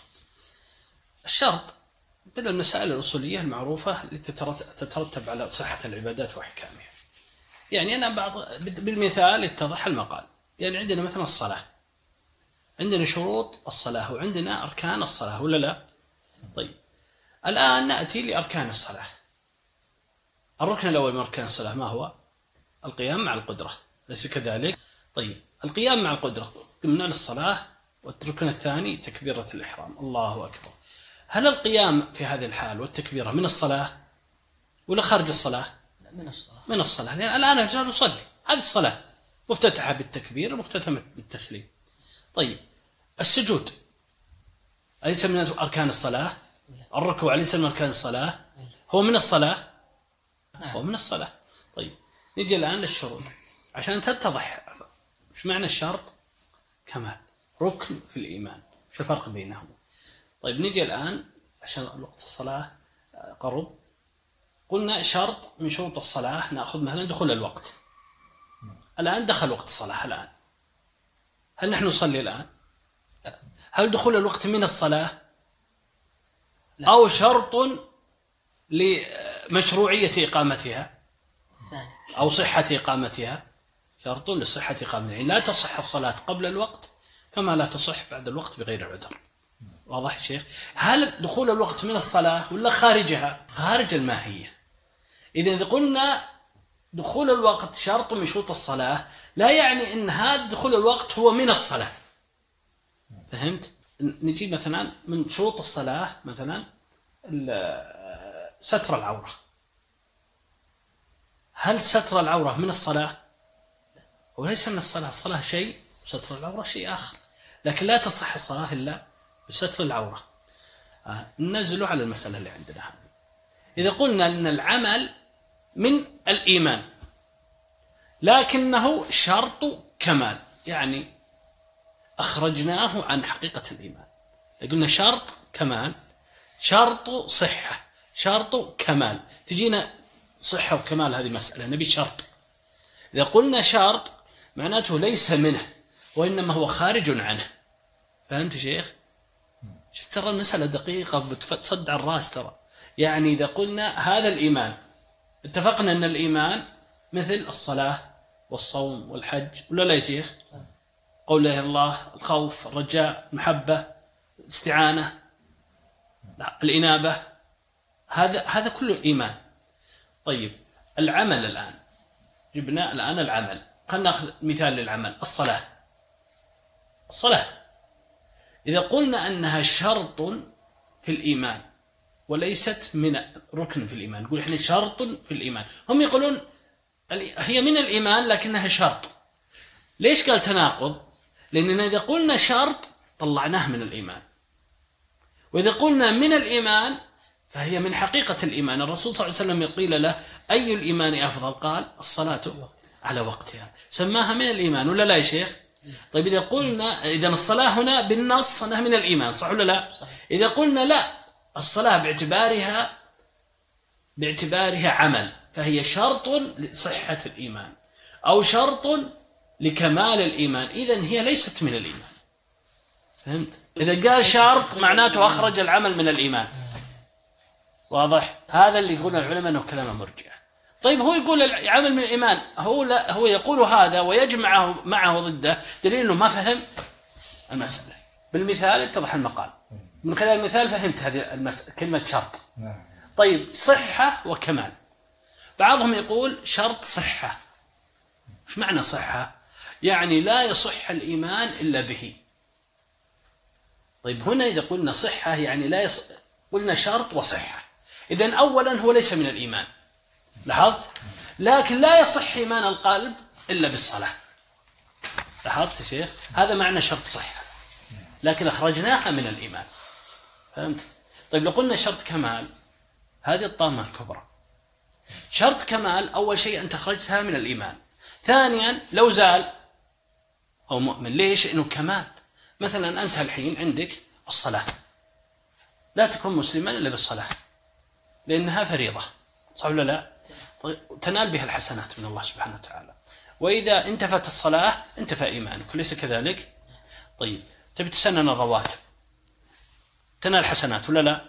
طيب إذا انتفت الرواتب باقي على إيمانك. نقصت عن الكمال. صار عاصم أفضل منك لأنه تسنن الرواتب. هذا معنى شرط كمال. شرط كمال أولا أخرجناه عن حقيقة الإيمان. ثانيا وجود العمل من صلاة وغيره هو فضل في الإيمان زيادة. زيادة تنال بها الحسنات تنال بها الأجر تنال بها الرفعة. لكن هل هل يزول ما في قلبك من الإيمان بزوالها؟ الجواب لا. لماذا؟ لأنها كمال. هذا قول مرجئة الفقهاء الذين يقولون الإيمان قول واعتقاد وأما الأعمال فهي ثمرات الإيمان ينال بها الحسنات. هذا هو نفسه بس إنها الصيغة اختلفت. ليش اختلفت؟ لأنه صاحب البدعة في بلد السنة مثل السرورية لازم يأتي ببدعته بثوب يقبله صاحب السنة اللي ما يدري. تمشي مع البدعة. فأنت تجي في بلد هاي سنة على مذهب السلف فكيف تخليهم مرجئة؟ الأغرار تأتيهم بلباس تأتيهم بصبغة يعني دخل هذا في هذا ثم تقول لا أنا أقول الإيمان قول وعمل واعتقاد. ليش تقولون عني مرجئة ثم يختلط الأمر ويحدث الاختلاف بين أهل السنة وثم يقول والله اجتمعوا نحن كلنا أهل سنة وكلنا سلفيون. والصواب أنك أن هذا ليس هذه ليست سلفية وهذا ليس مذهب السلف.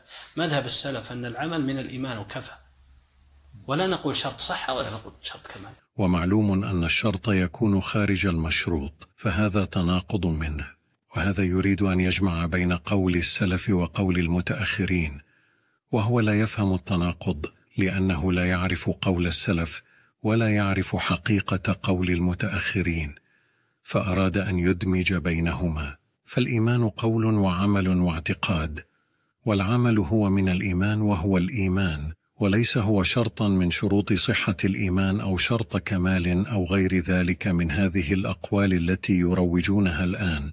فالإيمان قول باللسان واعتقاد بالقلب وعمل بالجوارح وهو يزيد بالطاعة وينقص بالمعصية. أول شيء نسأل الله أن يجعل هذا الاجتماع خاص وجه الكريم يجعل ما قلناه مفهوما لكم وأيضا آه، صوابا على سنة الرسول صلى الله عليه وسلم وأن يجعله أيضا مباركا عليه وعليه الشيخ جزاه الله عنا خيرا بين في هذا السؤال في هذا الجواب اولا حقيقة الإيمان وأنه قول وعمل واعتقاد.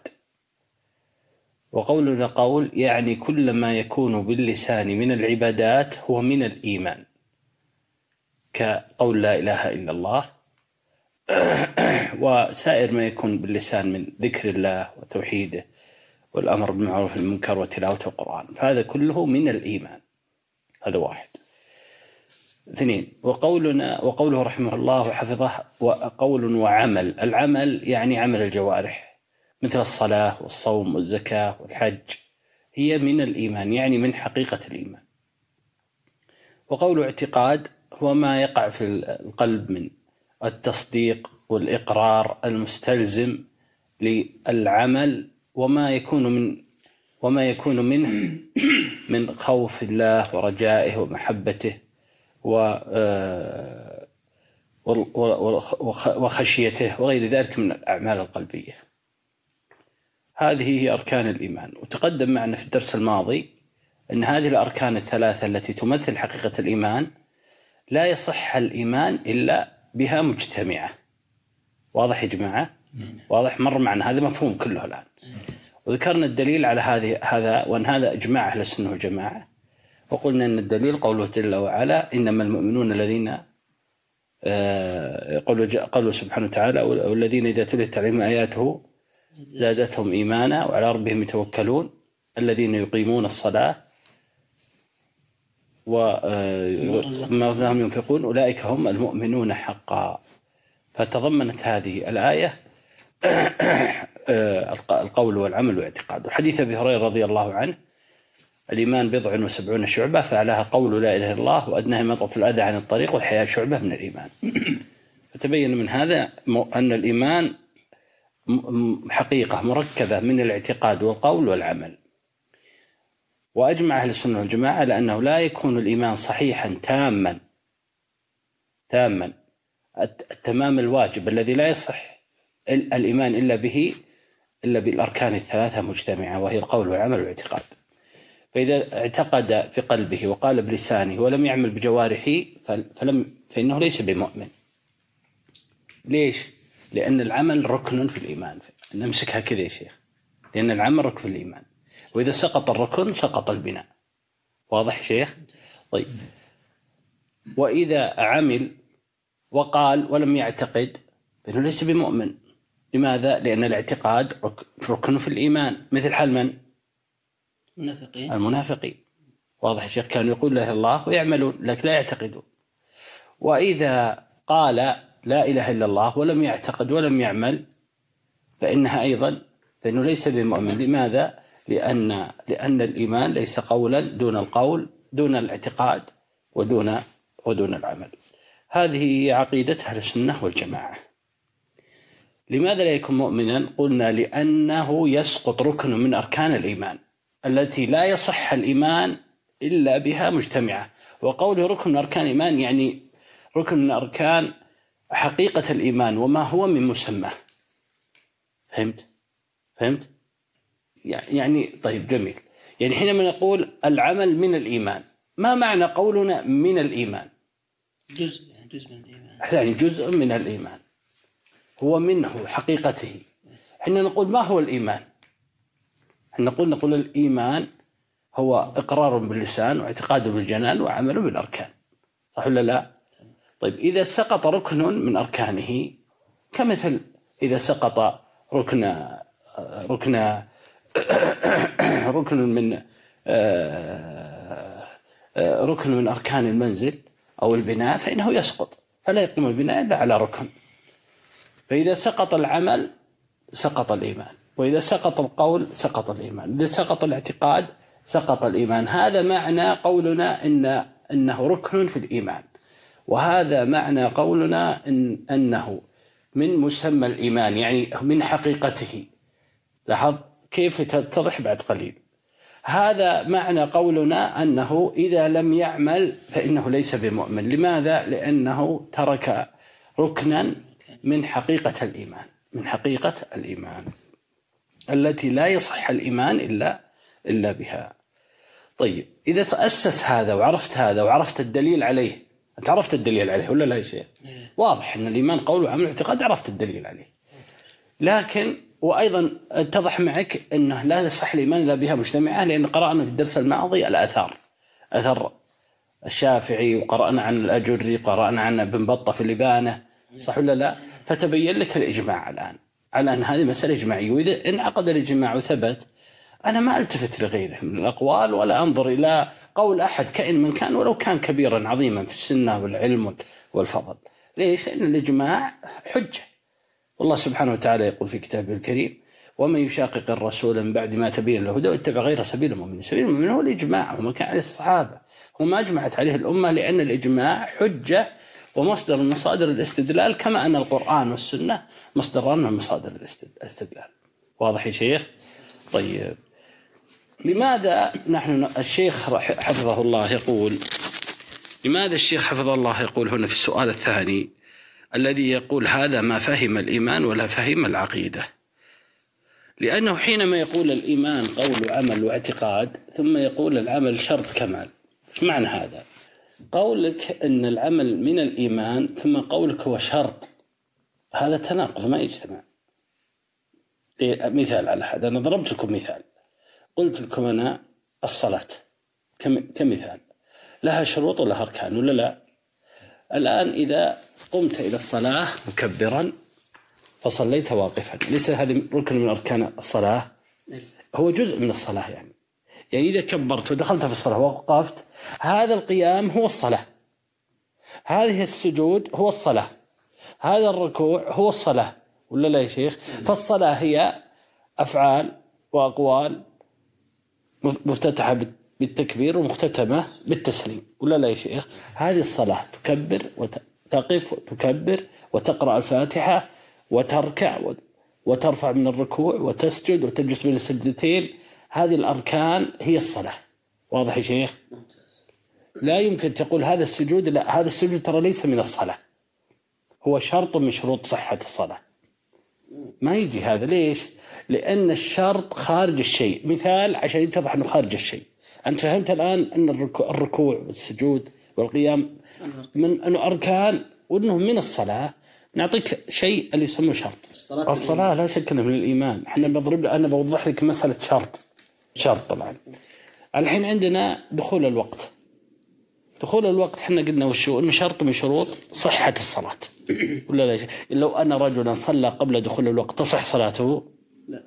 طيب لو أنه صلى بعد دخول الوقت من غير عذر؟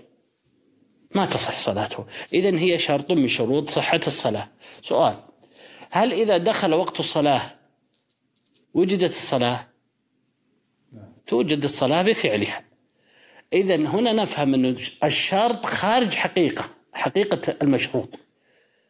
خارج يعني هذا دخول الوقت هل هو صلاة؟ هل ستر العورة صلاة؟ هل آه، الطهارة صلاة؟ هذا أمر آخر غير فعل الصلاة. هذا مما لا تصح الصلاة إلا به فهو شرط لأنه خارج عن حقيقة الصلاة. واضح يا شيخ؟ واضح؟ أي نعم فهو خارج عن حقيقة الصلاة. فنحن عندنا صلاة وعندنا شيء آخر غير الصلاة. دخول وقت ستر عورة استقبال القبلة آه، الطهارة. هذه مسائل هي شروط من شروط صحة الصلاة. فإذا تحققت هذه الشروط لا يلزم من ذلك وجود الصلاة. قد يتطهر قد يدخل الوقت يستر عورته يستقبل القبلة لكن ما وجدت الصلاة. أليس كذلك؟ فإذا صلى هنا يأتي حقيقة الصلاة. حقيقة الصلاة الله أكبر تكبير وقيام وركوع وسجود فهذه أركان. فهمت شيخ؟ فهمت. الفرق بين الركن والشرط؟ فالركن من الشيء والشرط خارج الشيء. يعني مثال مثال آخر يا شيخ. مثال. الآن عندنا هذا هذا البيت يا شيخ. لاحظت يا شيخ؟ البيت يا شيخ فيه أركان. من أركانه هذه الزوايا. هل يجي واحد يقول لك هذه الزوايا هي ليست من البيت هي خارج حقيقة البيت. هل يمكن أن يكون البيت بلا أركان؟ البيت عبارة عن قواعد وأركان وجدران فتكون البيت ولا لا يا شيخ؟ شيخ تشبه الحين البيت بالإيمان.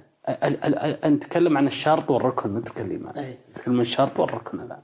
فهذا ركن. هذا ركن يقول الله هذا ركن البيت قاعدته. إذا ما دام أنه ركن البيت وقاعدته فهو منه. لا يكون البيت بيت إلا بهذه الأركان. لاحظت يا شيخ. كذلك الصلاة لا تكون صلاة إلا بالقيام والتكبير وتلاوة الفاتحة والركوع والسجود. فإذا سقط ركن لم, لم توجد صلاة. ولا لا يا شيخ؟ تمام. نجي للإيمان الآن. قول وعمل واعتقاد. هذه هذا يقوم عليه بناء الإيمان. العمل ركن في الإيمان. القول ركن في الإيمان. الاعتقاد ركن في الإيمان. فإذا قلنا أنه شرط فحن فكأننا أخرجناه من الحقيقة أصبح خارج خارجه. فقد يوجد الإيمان لاحظت؟ يوجد الإيمان ولو لم يوجد الشرط. وقد يوجد الشرط ولو لم يوجد الإيمان. فهذا ليس له علاقة بهذا. مثال مثال يا شيخ. مثال الله يحفظك. يعني إذا قلنا شرط كمال يعني يوجد الإيمان بلا عمل. ليش؟ لأن العمل شرط. مثل أنه إذا دخلت الصلاة وقتها لم توجد صلاة. ما يضر دخول الوقت ما له علاقة دخول الوقت بالصلاة بحقيقة الصلاة. وإن كان شرطا لا تصح الصلاة إلا به لكنه خارج عن حقيقتها. لاحظت يا شيخ؟ فوجود الإيمان وجود العمل. قد يوجد العمل ولا يوجد الإيمان بزعمهم وقد يوجد الإيمان ولا يوجد إيش؟ وجود العمل. لماذا؟ لأن الجهة منفكة. هذا معنى شرط كمال. فإذا قلنا شرط وهو مع الوقت يتضح. مثال مثال أعطي مثال. شرط من شروط الصلاة. وقد توجد الصلاة بلا دخول وقت ولا يلزم من ذلك صحة الصلاة. ولا لا يا شيخ؟ قد واحد يصلي قبل الوقت. الصلاة موجودة ولم يدخل الوقت. فالصلاة طبعا غير صحيحة. لاحظت يا شيخ ولذلك قالوا شرط صحة شرط كمال؟ وش أنت تجينا كلمة كمال وصحة بعد قليل. إحنا نأخذها الآن بالتدريج. أنت فهمت كلمة شرط الحين؟ أن الشرط خارج المشروط. طيب الحين مسألة الإيمان. أنت أعطيت مثال على الصلاة. إذا قلنا الإيمان شرط بغض النظر صحة ولا كمال خلنا من الكلمة ذي. لا تركز على الكمال وما ما تفهم شرط طبيعي إذا فهمت شرط فهمت كمال. طيب مسألة الإيمان. إذا قلنا العمل شرط شو معناته؟ إذا جبته خلاص تتفاهم عندنا إيمان وعندنا عمل صح؟ امسكها عمل إيمان. ترى لو ما عندنا اليوم إلا هالكلمة ذي نضبطها هذا يكفي لأنه إحنا هذه الأساس أساس الدرس هذا. ما ينفع نروح نقرأ إحنا ما فهمنا وش معنى شط كمال شط شط. ولا لا شيء. إيه. إحنا قلنا يا جماعة الخير عندنا صلاة وعندنا دخول وقت.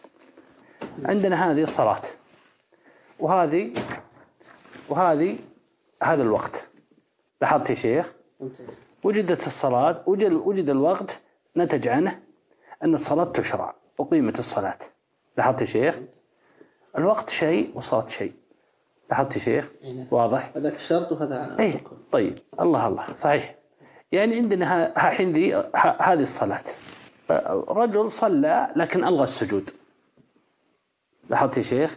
مثل اللي يكسر هالفنجال هذا. ما عاد في فنجال هذا فنجال صح ما عندنا فنجال سقط السجود سقطت الصلاة. مثل واحد كسر الفنجال ما عاد يسمى فنجال هذا قشاش ولا يسمى أي اسم ما عاد هو يسمى مسماه ليس فنجال لاحظت يا شيخ مثل البيت هدمت أركانه فأصبح منهدم. ما يجي أحد يقول شوف بيتي؟ هذا مو بيت خلاص أنت لا لا يسمى حقيقة أنه بيت. هو منزل مهدوم ويسمى قضاض يسمى أي اسم ياخذ اسم آخر. لاحظت يا شيخ؟ عندنا الآن الصلاة.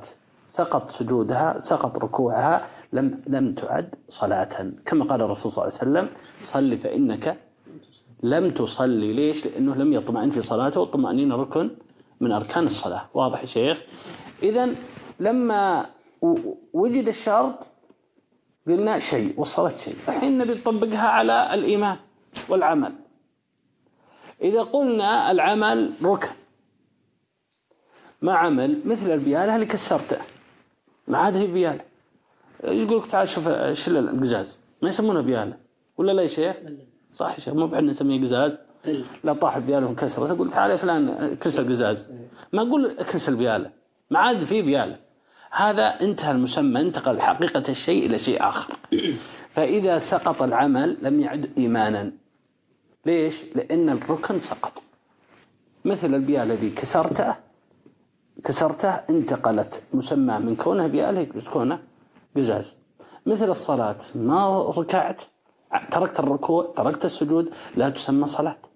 مثل ما قال الشيخ محمد بن عبد الوهاب قال حادث إذا دخل في الصلاة أبطلها لاحظت يا شيخ فإذا رجل صلى فأحدث فأتم صلاته وقال لك صليت ولكني كنت محدث وش تقولوا؟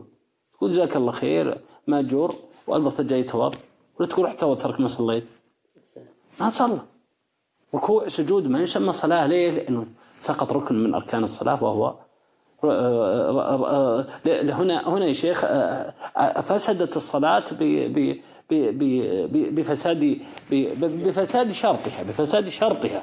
ولكن ولكن مثل ذلك ما إذا الشرط شيخ إذا إذا إذا فسد الشرط أيضا يفسد المشروط. وجود الشرط لا يلزم من وجوده عدم المشروط عدم المشروط أو وجوده. لاحظت يا شيخ؟ لكن إذا عدم المشروط هذه سالفة أخشى أنها شتتتكم إذا عدم المشروط عدم الوقت. عدم إذا عدم الشرط عدم المشروط. إذا وجد الشرط لا يلزم منه وجود المشروط حقيقة. ليش؟ لأن الشرط خارجه. لا يلزم وجوده. يعني وجد دخول الوقت لا يلزم الآن وجود الصلاة معه وإن كان هو وقتها يشرع به وقت الصلاة فيصلى الآن عندنا الركن يا شيخ. ركن الصلاة الأعظم. قلنا مثلا أركان الصلاة الطمأنينة السجود الركوع القيام مع القدرة آه، تلاوة الفاتحة. ما وجد ما نسميها صلاة. لماذا؟ لأنه ركن. مثل هالبيالة ذي اللي كسرناه انتقل مسماه من كونها بيالة إلى كونها قزاز. هذا دخول الوقت. ما دخل الوقت ما له علاقة بالصلاة. ما دخل الوقت ما له علاقة بالصلاة. دخل الوقت ما له علاقة بالصلاة. خلاص تبي تصلي؟ صلاتك صحيحة. ما أنت بمصلي تبي تأخرها بعد قليل؟ ما يعني هذا إنك أثمت ليش؟ هذا ظرف زماني هو ظرف الوقت. فالوقت غير الصلاة. عرفنا الحين الفرق بين الركن والشرط. نجي لمسألة الإيمان والعمل. الآن هذا الإيمان وهذا العمل. إذا قلنا أنه ركن في الإيمان ولم يوجد العمل مثل البيان اللي كسرته ليش؟ انتقل مسمى الإيمان إلى مسمى آخر وليس الإيمان. مثل القزازة البيالة صارت قزازة ما صارت بيالة هذا مثال يعني شوي معليش يعني مرة تبسيط يعني. أبى أبى أتم كلامي. أنت مسكت هذه مسكته. نجي للثاني. هذا الإيمان زين؟ والعمل قلنا أنه شرط. معناته خليناه هنا. إحنا قلنا إذا كان الإيمان ركن في العمل ركن في الإيمان. إذا كان العمل ركن في الإيمان. أنا بعيد يا شيخ ونمشي بعده يا شيخ إلا إذا كان لم يفهم الأخ. ولا ولا تنزعج من عدم الفهم. لماذا؟ أول شيء إنسان يسأل الله أن يفهمه. وترى طبيعي بعض الكلام يعني يعشر ثم مع الوقت يفهم إن شاء الله. ترى اللي يتعلم لازم يصبر. ما في ما في بأس. الإنسان يشكل عليه ولا تستحي. يقول لا ينال العلم اثنان مستحن ومستكبر لا تقول والله فشلت منه ولا شيء. لا. ما إذا لم تسأل فإنك لا تتعلم. تصبر. وحتى لو حسيت إنك إنك ازعجته ان أنت حسيت جاك شعور قلت ازعجته ما يخالف. لا, ت... لا أبعد هذا التفكير عنك يا شيخ. لأنه في الأخير حنا أنا أقدر ابتداء اني أعتذر منكم وأنا أنا قايم الفجر. لكن إحنا جالسين بالعلم. اي نعم. أنا أقول لك يا شيخ هذا ركن ال... ال... الإيمان. أنا أنا أمثل لك هنا بالمشاهدة. هذا الإيمان. وحنا وش قلنا؟ إن الإيمان قول وعمل واعتقاد. قول وعمل واعتقاد. طاح العمل. لم يعد إيمان. اتفقنا على هذا ولا لا يا شيخ؟ اتفقنا بناء على الأدلة وعلى الإجماع اللي قريناه في الدرس السابق صح؟ وش مثله؟ مثل البيالة ذي لم كسرتها ما تسمى بيالة. صارت قزاز. بما أنه سأل لابد أن يجيب أنا يا شيخ. إحنا أنت فهمت إنه إذا سقط الإيمان العمل سقط الإيمان؟ لأنه قد يكون جزء من الإيمان يسقط ولا يسقط الإيمان؟ مو بقولنا إحنا اذا إذا ترك الصلاة إذا ترك الصوم بدون جحود أو الحج بدون جحود أو الزكاة بدون جحود ما قلنا إحنا يعتبر عاصي. يعتبر عاصي. هذه أفراد العمل. آه سقط جزء من الإيمان. لماذا لا يسقط الإيمان؟ لأنه جزء إحنا قلنا الصلاة الصلاة فيها خلاف عند الفقهاء رحمهم الله في مسألة تاركها من غير من غير جحود.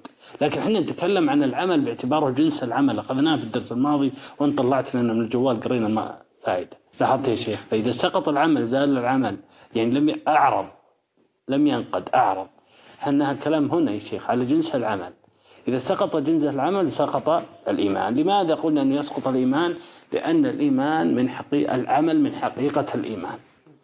مثل أن البيالة هذه تتكون من جميع أجزائها. فإذا سقط جزء منها تبي تتكسر ما عاد بيالة كذلك أجزاء الإيمان ثلاثة التي لا يصح الإيمان بها عمل قول اعتقاد. راح واحد منها ما عاده إيمان أنا حقيقة المثال هذا يعني تقريبي قوي جدا قوي جدا يعني إنه ليش بعد انه مثلت بياله توفيق لأن بياله ما تنكسر بعضها تتنثر قدامك كذلك الإيمان يزول بالكلية إذا زال ركن من أركان حقيقته وهو القول أو العمل الاعتقاد. هذه فهمتها. نجي للنقطة الثانية. خلينا ناخذ العمل اللي إحنا اتفقنا إنه ركن. نبي نحطه هنا. باعتبار إنه شرط. مثل دخول الوقت. أنت فهمت إن الوقت ما له دخل بالصلاة. ولا لا يا شيخ؟ وقت شيء والصلاة شيء. طيب ناخذ العمل ونحطه بالمكان هذا وجد العمل ما له دخل بالإيمان ما وجد العمل ما له دخل بالإيمان ما موجود هذا معناه شرط فإذا قلت الإيمان قول وعمل واعتقاد ثم قلت شرط لاحظت يا شيخ؟ فأنت أخرجته عن حقيقته أنت أخرجته عن حقيقته. مثل لو قلت الصلاة واجبة زين؟ ثم قلت آه، دخول الوقت من الصلاة. وش نقول لك؟ نقول أخطأت. أنت دخلت شيء ليس من من الصلاة فيها. الصواب أن تقول دخول الوقت شرط ليش؟ أنه خارج حقيقته. مثله أنك تخرج شيء تقول والله الصلاة واجبة ولكن السجود شرط من شروطها. طيب يا شو شرط من شروطها؟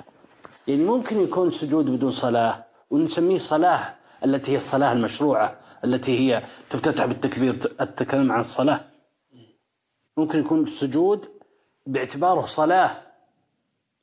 بدون ما تكبر بدون ما تركع بدون ما تستقبل القبلة.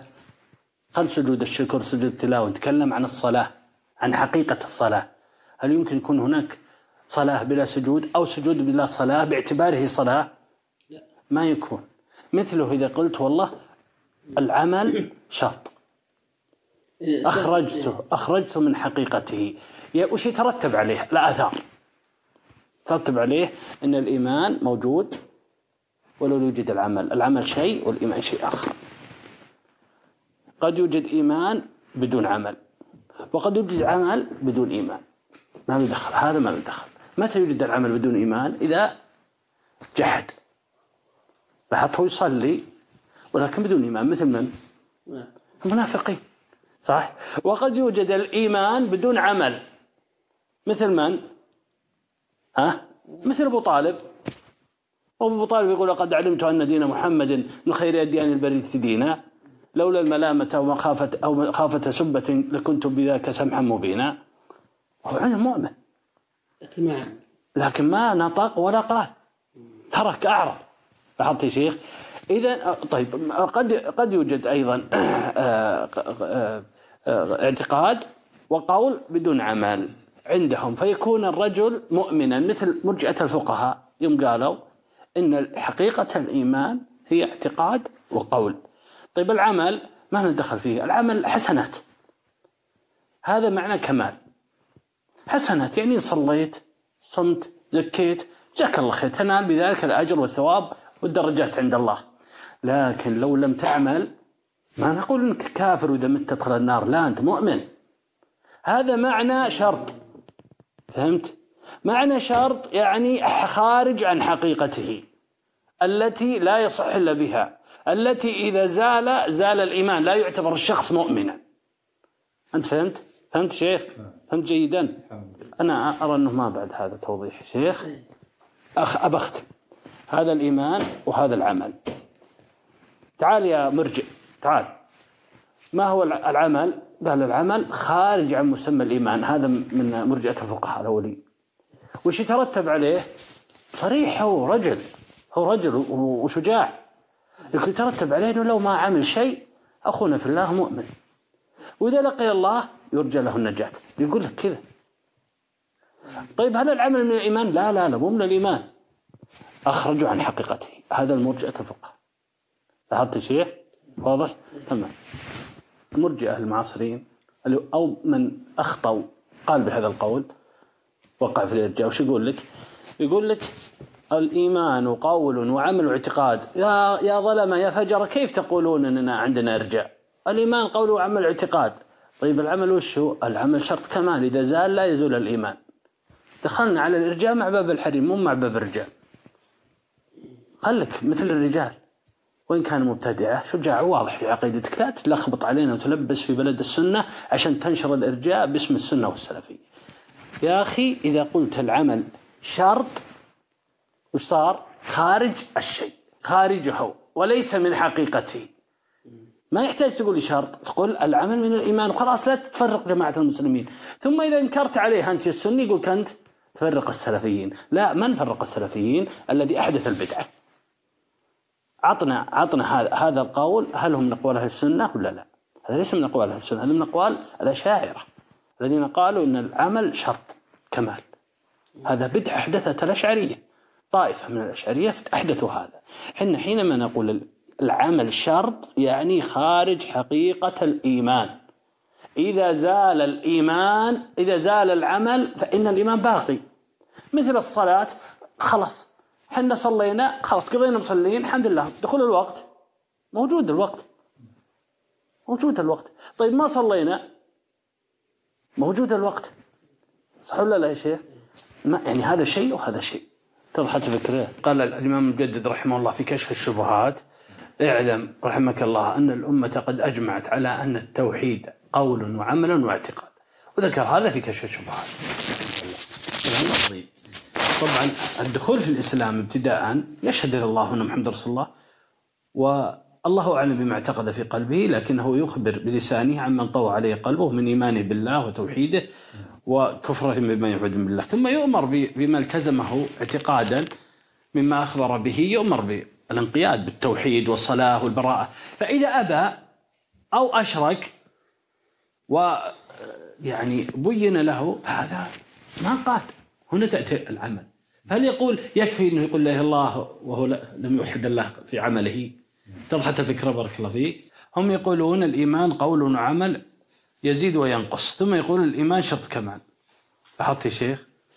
ولازم قولك أن العمل كمال يلزم منها أنك تكون متناقض في مسألة الزيادة والنقصان.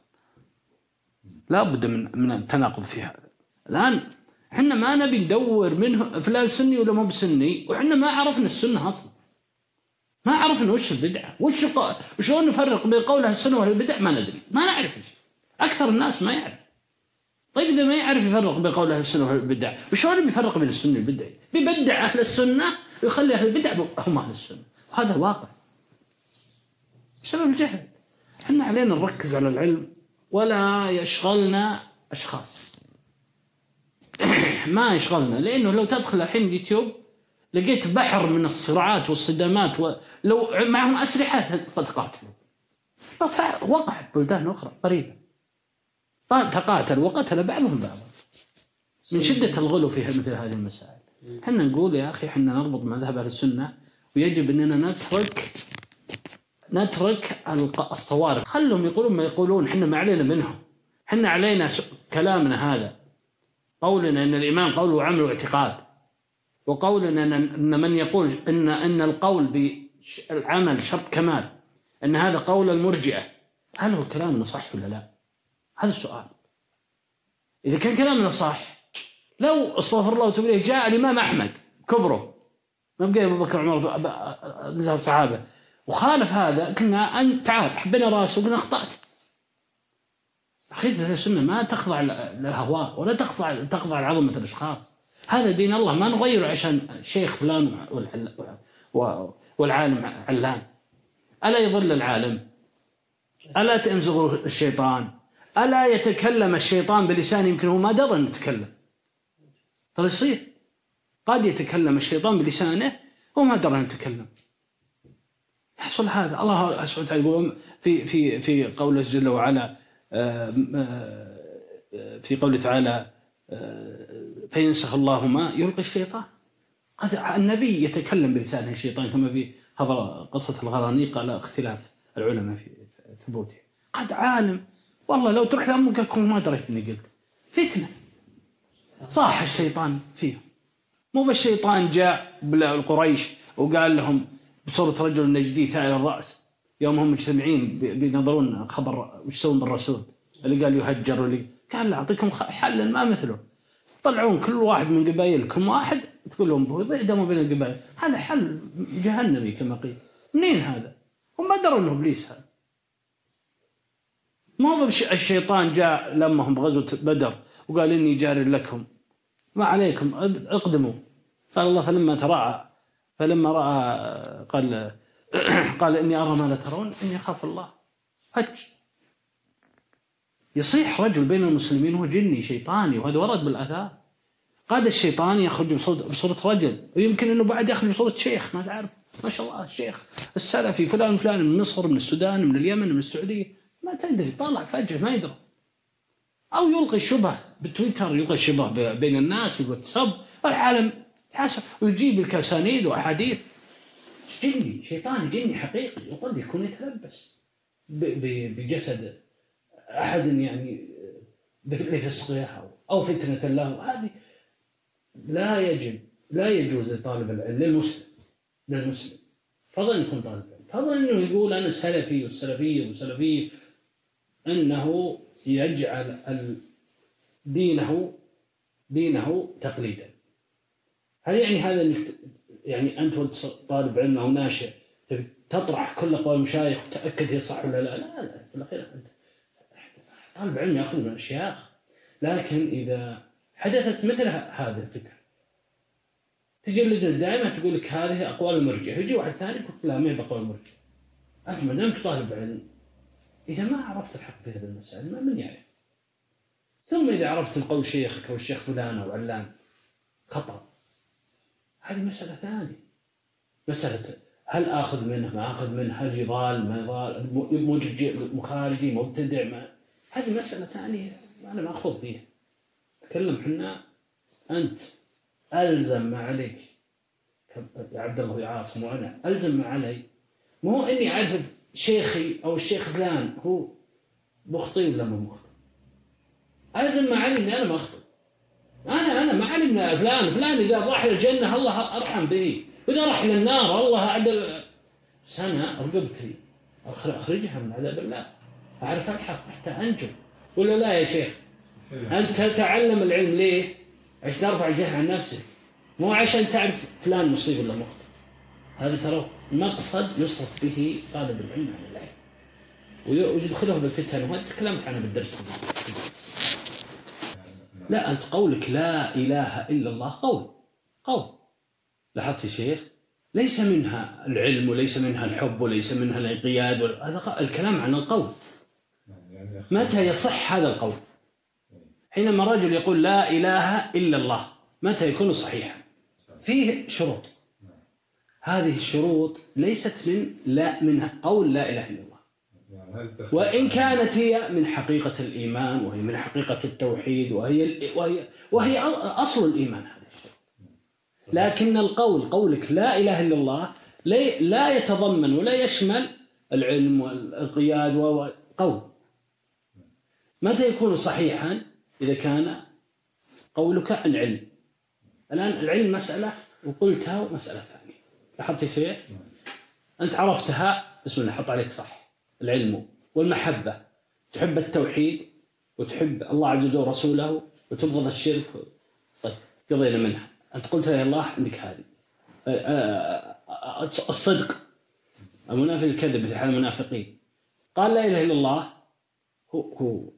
الحين عشان تعرف ليش انه شرط هل إذا قال لا إله إلا الله بدون صدق هو ما قال لا إله إلا الله؟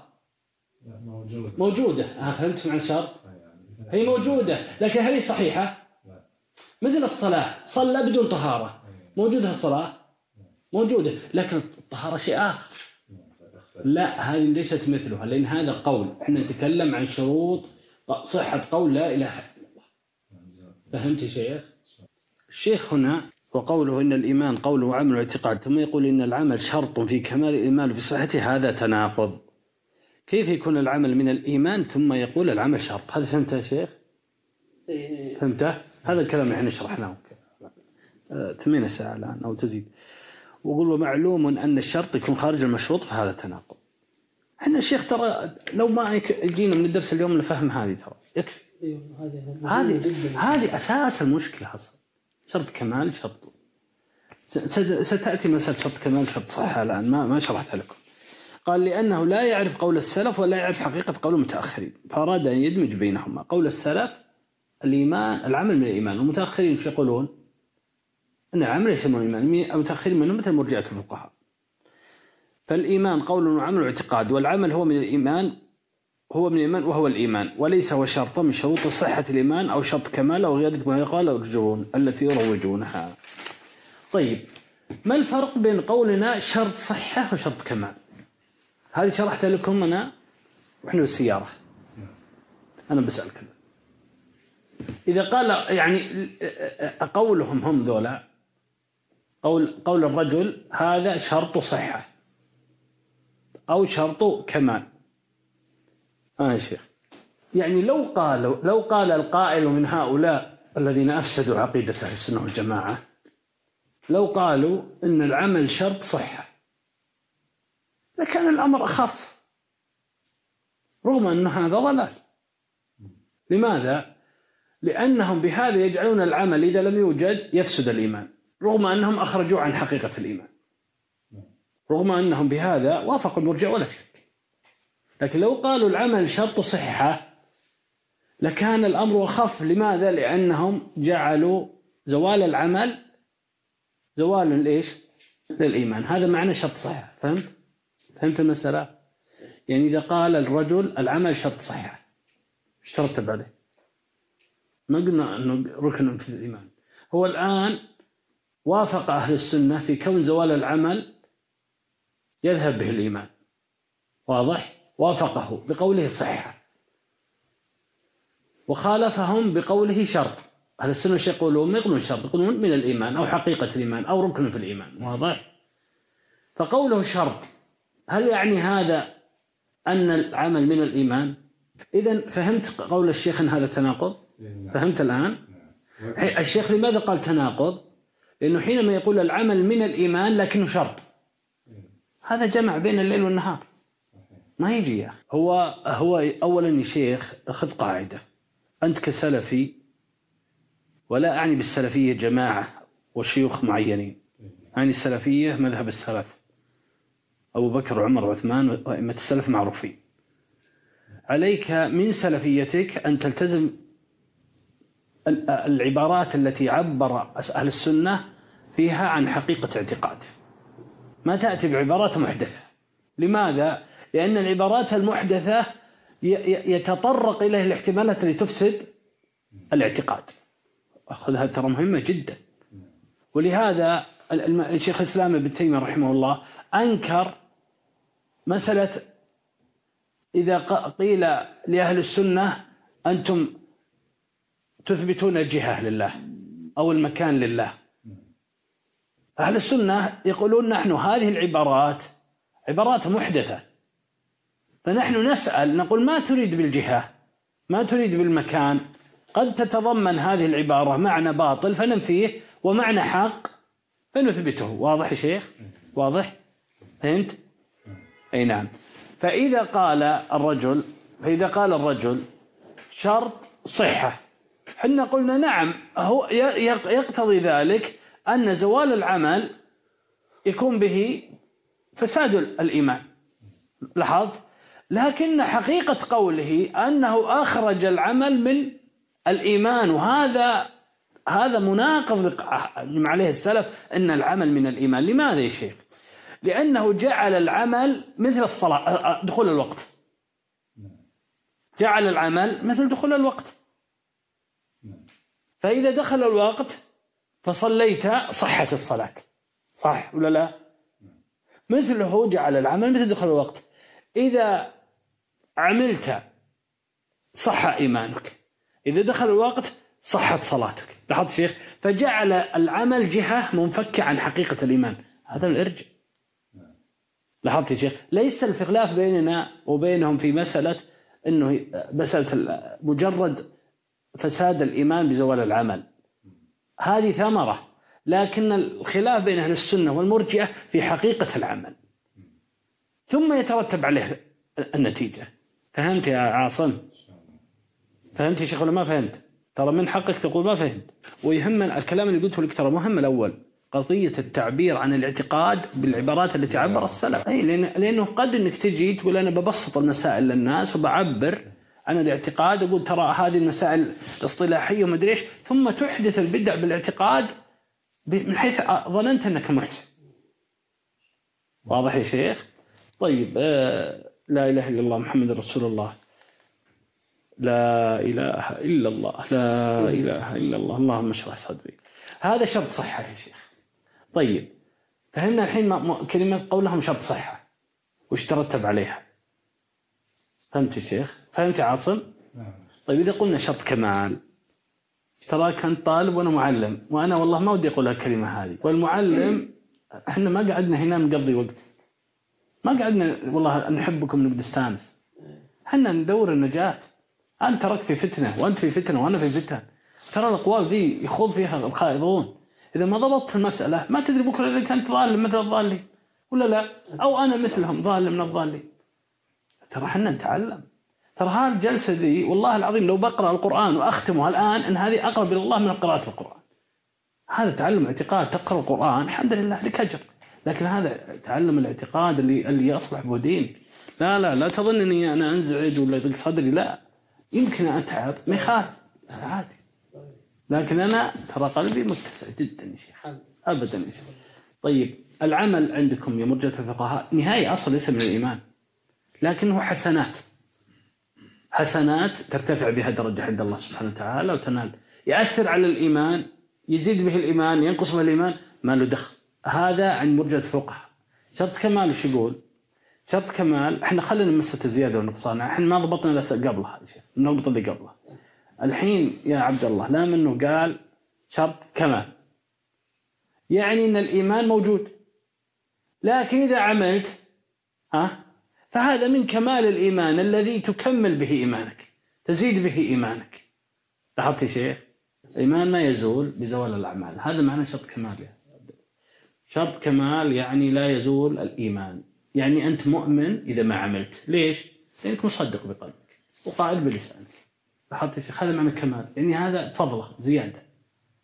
مثل الصلاة والسنة الراتبة. إذا صليت اجرت إذا ما صليت كفرت. إذا تركت الصلاة. صح ولا لا؟ هذا ما نعتقده. أي. ونعتقد إنك إذا تسننت هذا من إيش؟ زيادة. من الكمال. تنال به زيادة الإيمان. طيب إذا ما تسننت تكفر؟ ما تكفر. ما ما ولا يعني ولا ينقص آه، يعني آه، أجر صلاتك أيضا. لكن يفضلك غيرك من جهة كثرة حسناته ولا لا يا شيخ؟ هم جعلوا العمل كجنس جنس للعمل وهو الانقياد وهو الظاهر ما, ما يقع بالجوارح من الأعمال. جعلوه هو زيادة فضله في الإيمان. ان زال هو مؤمن موجود. فوافقوا من مرجئة الفقهاء الذين قالوا الإيمان الإيمان يبقى بالقول والاعتقاد. وذول إيش قالوا؟ قالوا بالقول والاعتقاد مؤمن. طيب الأعمال الأوائل قالوا حسنات.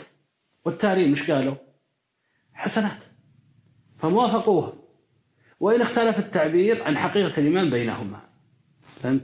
طيب مسألة الزيادة والنقصان المرجع الفقهاء لا يقولون الزيادة والنقصان المعاصرين يقولون يزيد وينقص. هذه نتركها.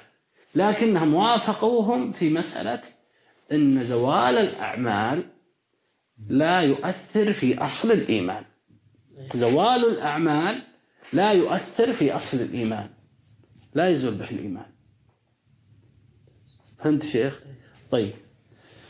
زوال الأعمال لا يؤثر في أصل الإيمان فالإيمان باقي وإن لم يعمل شيئا. وإن لم يعمل آه، شيئا. هذا معنى الكمال. طيب لو ترك الأعمال كلها لم يصلي ولم يصم ولم يحج ولم ينقد من انقيادا ظاهرا مما بعث الله عز وجل به نبيه محمد صلى الله عليه وسلم. وهذا يترتب عليه وين أخوك يترتب عليه أن قولهم الإيمان قول وعمل واعتقاد هذا ينقضه قولهم شرط كمال أو شرط صحة. الحين بسألك سؤال أخير ليش ينقضه؟ إذا قال الإيمان قول وعمل واعتقاد ثم قال لكن العمل شرط كمال. ليش تناقض؟ ليش الفوزان قال تناقض؟ هو يقول الإيمان القو... العمل من الإيمان ثم يقول شرط. أخرجوا يعني هل هو تناقض؟ تناقض هذا معنى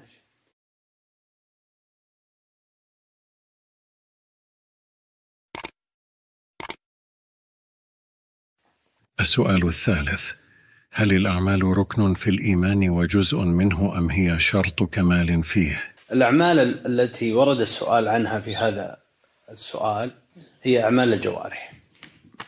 هي أعمال الجوارح. لأن بإجماع أهل العلم إن أعمال القلوب لا, لا, لا, لا يكون الرجل مؤمنا إلا بها. لا يكون الرجل مؤمنا إلا بها. أجمع على ذلك أهل السنة ووافقهم على ذلك أيضا مرجعة الفقهاء. واضح؟ آه، ولكن الخلاف الذي بين أهل السنة الذي آه، بين آه، أهل السنة. ومرجع والخلاف الذي بين أهل السنة والمرجئة هي آه، هو في العمل هو في العمل. والعمل آه، الذي آه، يسأل عنه السائل هو أعمال الجوارح. والإرجاء المعاصر ليس الخلاف فيه بين أهل السنة والمرجئة المعاصرين في أعمال القلوب وإنما في عمل الجوارح. وقوله هل هي شرط كمال أو شرط إيش؟ قال سؤال السؤال الثالث هل الأعمال ركن في الإيمان وجزء منه أم هي شرط كمال فيه؟ تقدم معنا الكلام في مسألة أن العمل ركن في الإيمان وأن الركن جزء من الشيء مثل أركان الصلاة فهي من الصلاة. وأما الشرط فهو خارج ماهية الشيء مثل شروط الصلاة ووجود الشرط لا يقتضي وجود الصلاة. وجود شرط الصلاة وهو دخول الوقت لا يعني ذلك وجود الصلاة. فالركن جزء من الشيء والشرط خارج عن ماهية الشيء. واضح؟ فإذا قلنا الأعمال ركن في الإيمان معناته أن الع- العمل من الإيمان. وإذا قلنا الأعمال شرط سواء قلنا شرط كمال أو شرط آه، صحة فهي خارج عن حقيقة الإيمان. فهذا الفرق بين ركن وشرط. ندخل الجواب.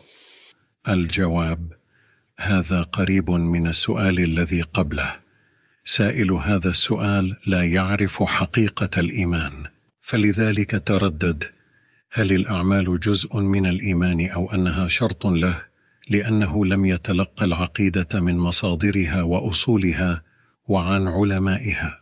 وكما ذكرنا ليش سني في المملكة العربية السعودية وفي نجد وفي الرياض أو في القصيم؟ حيث علماء التوحيد والسنة الذين أخذوا الع- العقيدة عن من سلفه سلفه عن من سلفهم من الأئمة من العلماء الطبقة القريبة والب- ممن أخذ عن الطبقة الأبعد وورثوا هذا العلم وهذا الاعتقاد من أئمة الدعوة السلفية النجدية. منين جانا؟ هذا السؤال. لماذا أصبح النجدي السلفي يقول العمل شرط كمال؟ هل محمد بن عبد الوهاب وأئمة الدعوة قالوا هذا؟ هل ابن باز وابن عثيمين والفوزان والمفتي والراجحي والحيدان ومن في طبقتهم جابوا هالمسألة ذي منين جت؟ شو يقول الشيخ؟ فإنه قد تلقى يعني مثل ما أنه جونا الإخوان المسلمين وأخذوا عيالنا من دعوة الشيخ محمد بن الوهاب جونا المرجئة من خارج المملكة وأخذوا عيالنا من دعوة الشيخ محمد بن الوهاب. هذا معنى الجواب. هن بلدنا هذا نشأت على التوحيد وعلمائنا ما عندهم مصطلحات فلسفية ومصطلحات كلامية عرفت عن أهل الكلام من الأشاعرة وغيرهم. ما عندنا أشعرية في نجد في الرياض وفي القصيم. ما فينا أشعرية منين أصبح عيالنا يقولون شرط كمال وشرط وجوب والعمل تارك العمل لا يكفر؟ منين جانا هذا؟ هذا ما جانا هم لو أخذوا العلم من أهله ما دخلت عليهم المشكلة. لكن أصبحوا يظنون أنهم سلفيين ويأتون بعقائد المعتزلة الأشعرية. وأهل الكلام ويقولون هذا مذهب السلف. هذا يدل أنهم ما يفهمون شو مذهب السلف. لذلك هنا الشيخ نبه على مسألة عظيمة وهي أن تأخذ العلم من أهله. مو كل من قال أنه سلفي وبدأ يرد على الإخوان المسلمين وجماعة التبليغ ويدعو للطاعة والسمع لولاة الأمر سلفي. مو بشرط. مو بشرط. فلا بد أن ينتبه الإنسان لهذه المسائل العظيمة حتى لا يأخذ العلم من أهل الضلال ويظن أنه على مذهب السلف. نعم. وكما ذكرنا أنه لا عمل بدون إيمان ولا إيمان بدون عمل فهما متلازمان. لا عمل بدون إيمان. ليش؟ لأن العمل ركن في الإيمان. فإذا سقط العمل سقط الإيمان. ولا عمل بدون إيمان. لا إيمان بدون عمل ولا عمل بدون إيمان. يعني لو عمل وهو غير مؤمن ينفعه؟ مثل المنافقين. يصلون يصومون يجاهدون ولكن يبطنون الكفر. طيب لو زعم أنه مؤمن مصدق لكن لم يعمل هل ينفعه زعمه؟ الجواب لا ينفعه. ليش؟ لأن العمل ركن في الإيمان. واضح يا شيخ؟ مثل لو أنه صلى قال أنا أنا صليت ويكفينا الظهر ثلاث. ابن حل ما تصح صلاتك. قال الركعة الرابعة شرط كمال.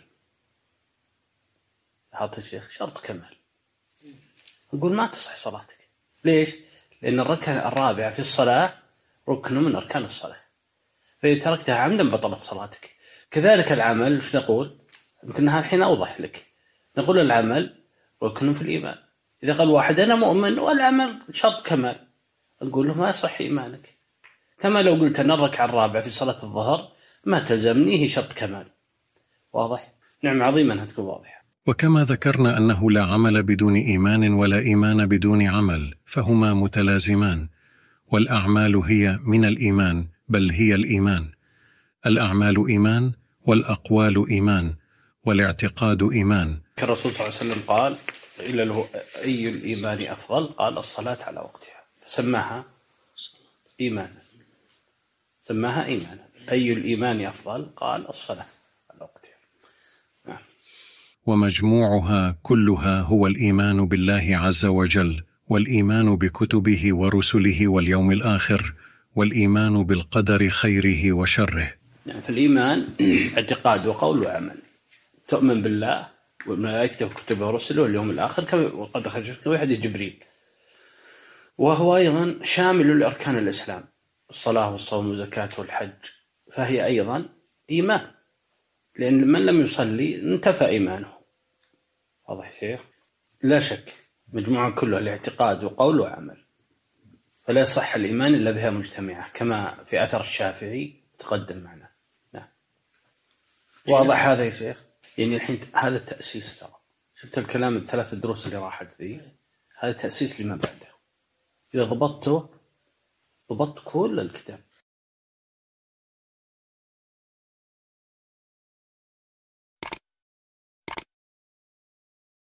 السؤال الرابع ما أقسام المرجئة مع ذكر أقوالهم في مسائل الإيمان؟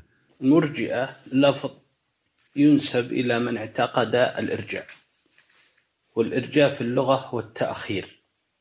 الإرجاء هو التأخير. ومنه قول الله جل وعلا أرجه وأخاه. وابعث في المدائن حاشية يعني أخره أياما. أعطه موعد. واضح؟ وأما في الشارع فهو تأخير العمل عن حقيقة الإيمان. إخراج العمل عن مسمى الإيمان. فيجعل العمل شيء والإيمان شيء آخر. فيصحح الإيمان بدون بدون العمل. هذا هو الإرجاع. فهمت؟ مثل من يقول أن العمل الإيمان هو قول اللسان واعتقاد القلب. طيب العمل يقول العمل ثمرات الإيمان. لكن ليس من حقيقة الإيمان. أو يقول العمل شرط كمال. يا شيخ؟ يعني يصح الإيمان بدون بدون عمل. بدون عمل. هذا ارجع نعم. الجواب. المرجئة أربعة أقسام. القسم الأول. الذين يقولون الإيمان هو مجرد المعرفة. نعم. قولهم المعرفة يعني من عرف الله فهو مؤمن ولو لم يشهد لا إله إلا الله محمد الله. يرجى له النجاة في الآخرة. يعرف الله. ولو أظهر الكفر. فهمت؟ ولو أشرك. ولو سب الله. ولو لم يشهد إلا الله محمد رسول الله. ولو كان بوذي أو نصراني أو يهودي أو إلى آخره. هنا. فهذا لازم قولهم. ولهذا لازم قولهم تصحيح إيمان إبليس وفرعون. لأن كلهم يعرفون الله. وإن لم يلتزموا بهذا لكن هذا لازم قولهم. فعندهم الإيمان هو المعرفة. من عرف الله فهو مؤمن ولو لم يشهد الله محمد رسول الله ومعنى مؤمن يعني يرجى له النجاة إذا قال الله سبحانه وتعالى. نعم. القسم الأول الذين يقولون الإيمان هو مجرد المعرفة ولو لم يحصل تصديق وهذا قول الجهمية وهذا شر الأقوال وأقبحها وهذا كفر بالله عز وجل لأن المشركين الأولين وفرعون وهامان وقارون وإبليس كل منهم يعرفون الله عز وجل ويعرفون الإيمان بقلوبهم لكن لما لم ينطقوه بألسنتهم ولم يعملوا بجوارحهم لم تنفعهم هذه المعرفة. ولذلك أبو طالب كان يعرف الله بل عنده زيادة على المعرفة وهي وهي التصديق. ولكن ما نفعه ذلك. ولهذا كان يقول ولقد علمت بأن دين محمد من خير أديان البرية دينا لولا الملامة أو خوف مسبة لكنت سمحا بذلك مبينا. وافتقد ابنه علي رضي الله عنه كما في أخبار عن علي رضي الله عنه في صباه كان قد أخفى إسلامه خشية من أبيه. فقال أسلمت؟ قال نعم. قال أطع أبا القاسم أو اتبع أبا القاسم. فهو يعلم أن محمد صلى الله عليه وسلم على على دين صحيح. ومع ذلك قال الله جل وعلا ما كان للنبي والذين آمنوا أن يستغفروا للمشركين. ولو كانوا أولي قربى. من بعد ما تبين لهم أنهم أصحاب الجحيم. فهل ينفع المعرفة وحدها؟ ما تنفع. كذلك التصديق لا ينفع وحده. نعم. القسم الثاني. الذين قالوا إن الإيمان هو تصديق القلب فقط وهذا قول الأشاعرة. والأشاعرة نسبة لأبي الحسن الأشعري وأبو الحسن الأشعري مر بأطوار. كان على مذهب المعتزلة ثم آه، أصبح على مذهب آه، آه، ابن كلاب وهم الكلابية وهي طائفة قريبة من الأشعرية. ثم يعني استقر على انتشار المذهب على ما هو عليه ورجع عن مذهب الأشعرية إلى مذهب الإمام أحمد رحمه الله.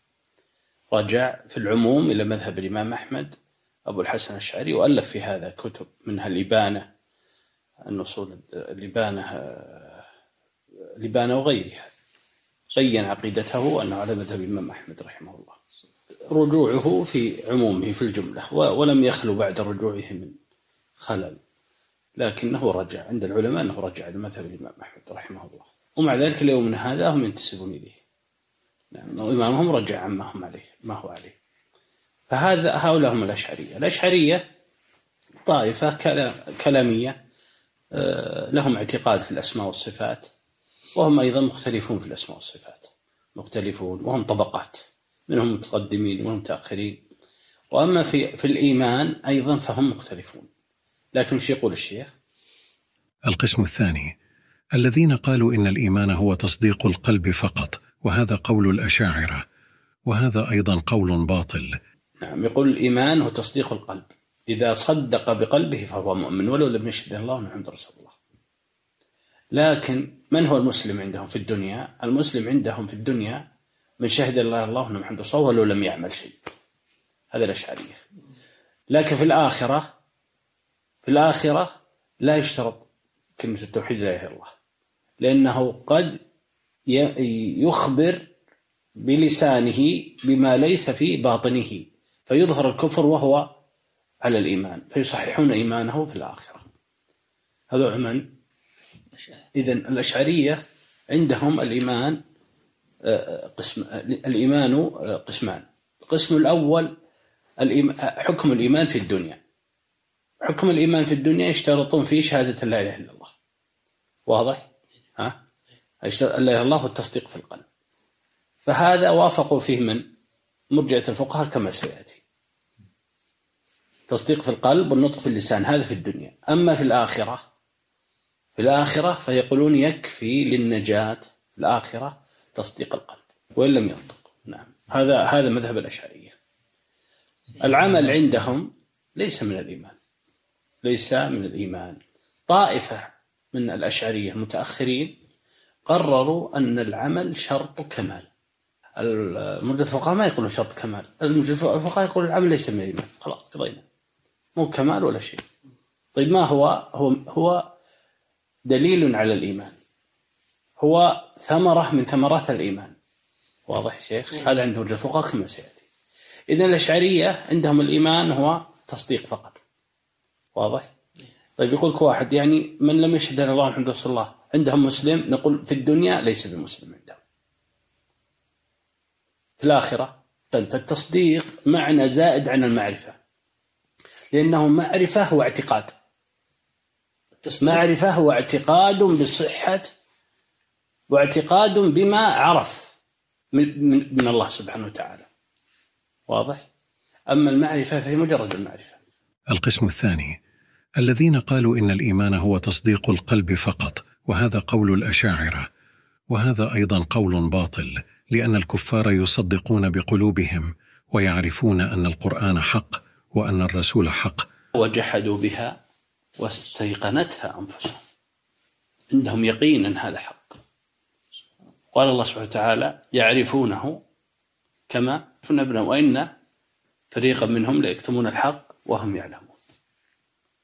عندهم يقين أنه صادق. وهم مصدقون به في في باطنهم. لكن يكتمون. هذا التصديق ويظهرون التكذيب والكفر علوا وظلما وحسدا هل ينفعهم هذا التصديق؟ عند الأشعرية وعند الجهمية ينفعهم نعم. هذا لازم قوله نعم. وهذا أيضا قول باطل لأن الكفار يصدقون بقلوبهم ويعرفون أن القرآن حق وأن الرسول حق واليهود والنصارى يعرفون ذلك الذين آتيناهم الكتاب يعرفونه كما يعرفون أبناءهم فهم يصدقون به بقلوبهم. قال تعالى في المشركين قد نعلم إنه ليحزنك الذي يقولون فإنهم لا يكذبونك ولكن الظالمين بآيات الله يجحدون. لا يكذبونك يعني هم يعتقدونك صادق. ما تبكى لكن ليش ما تبعوك؟ أغراض دنيوية حسد هوى كبر. الأخير. نعم. هذا رد على الجهمية والأشعرية. ترى هذا الكلام إذا ما ما ضبطته ما أنت تضبط اللي بعده ترى. هذا من التأسيسات الشيخ لأنه الحين شلون تعرف أقوال المرجع المعاصرين ارجع لازم تفهم الأول هذا. هذا التأسيس. نعم. فهؤلاء لم ينطقوا بألسنتهم ولم يعملوا بجوارحهم مع أنهم يصدقون بقلوبهم فلا يكونون مؤمنين. الفرقة الثالثة التي تقابل الأشاعرة وهم الكرامية. الكرامية طائفة من أهل الكلام. نعم عندهم بدع في الصفات. ونسبة إلى إمامهم. إمامهم نسبوا إلى إمامهم. نعم. الفرقة الثالثة التي تقابل الأشاعرة وهم الكرامية. الذين يقولون إن الإيمان نطق باللسان ولو لم يعتقد بقلبه.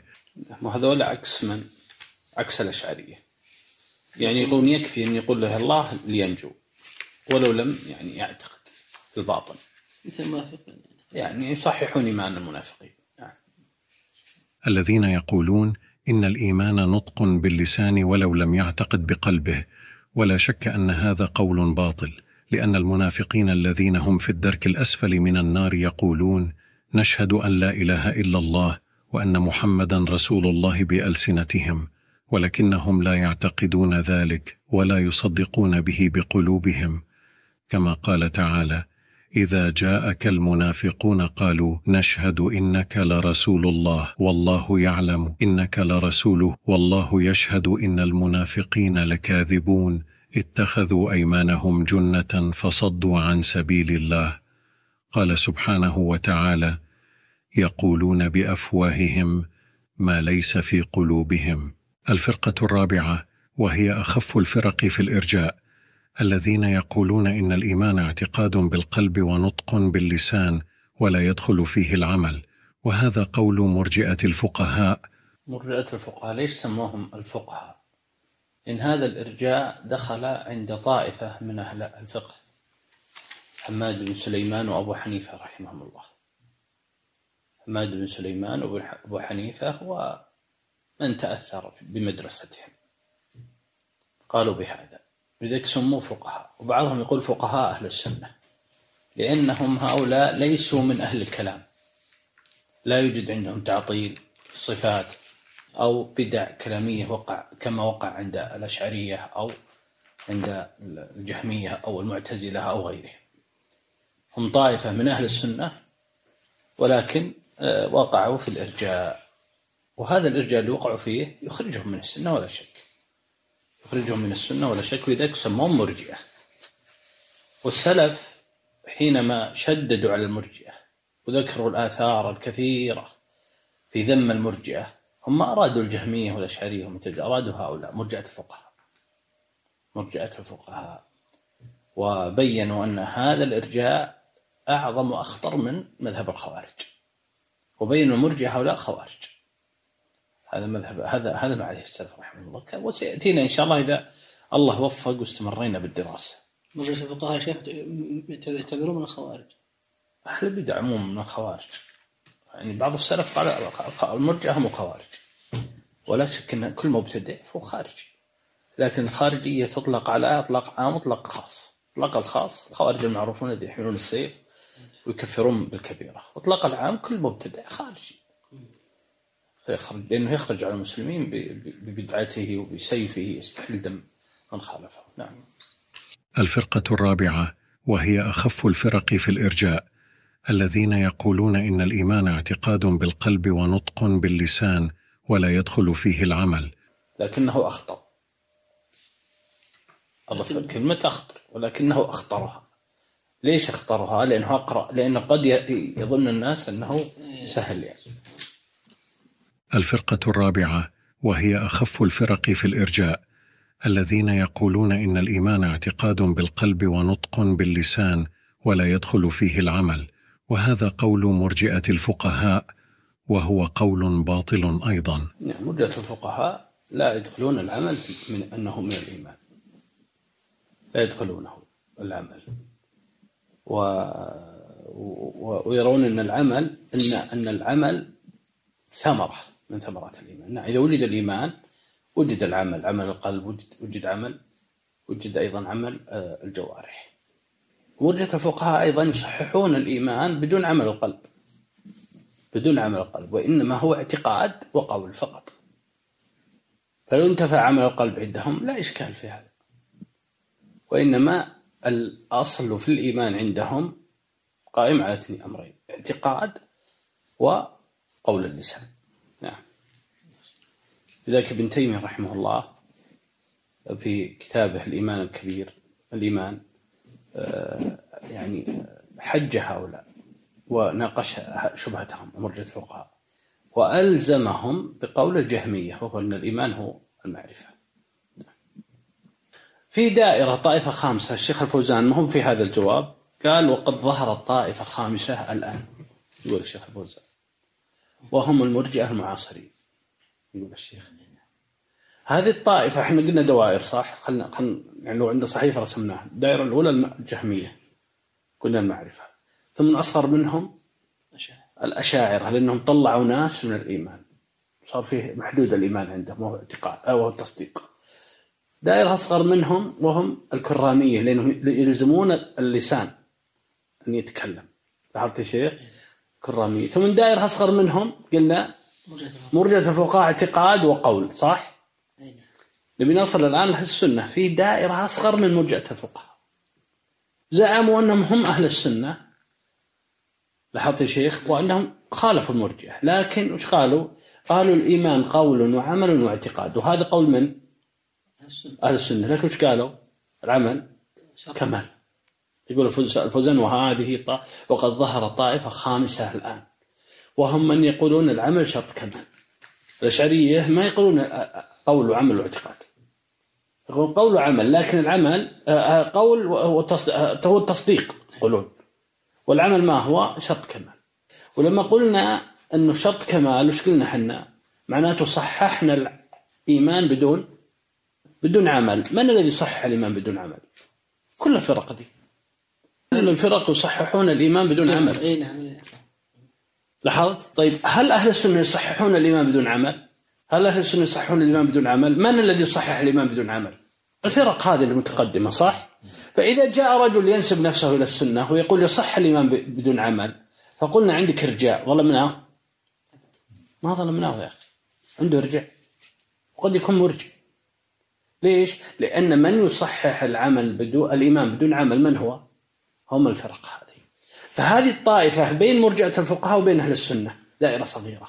طيب إذا حنا نجي الآن لا مرجعة العصر هؤلاء. وافقوا من؟ أهل السنة. في أن الإيمان قول وعمل واعتقاد. لاحظت يا شيخ؟ لكن مت... ليش الشيخ يقول يجمعون بين الضب والنون؟ لأنه يريدون يجمعون بين قول أهل السنة وقول المخالفين. يجمعون بين حيوان البر وحيوان البحر. النون ما هو؟ الحوت. والضب معروف. ما يجي تقول الضب طب البحر أو تجيب الحوت تقول تعلم نفود ما يجتمعن مثله ما تجي تجمع بين قول أهل السنة وقول المرجئة. تقول الإيمان العمل من الإيمان لكن يصح الإيمان بدون عمل. هذا جمع بين إيش؟ بين النقيضين. اتضح واضح؟ لو أريد أن نستفصل لأنه سيأتينا مزيد بيان.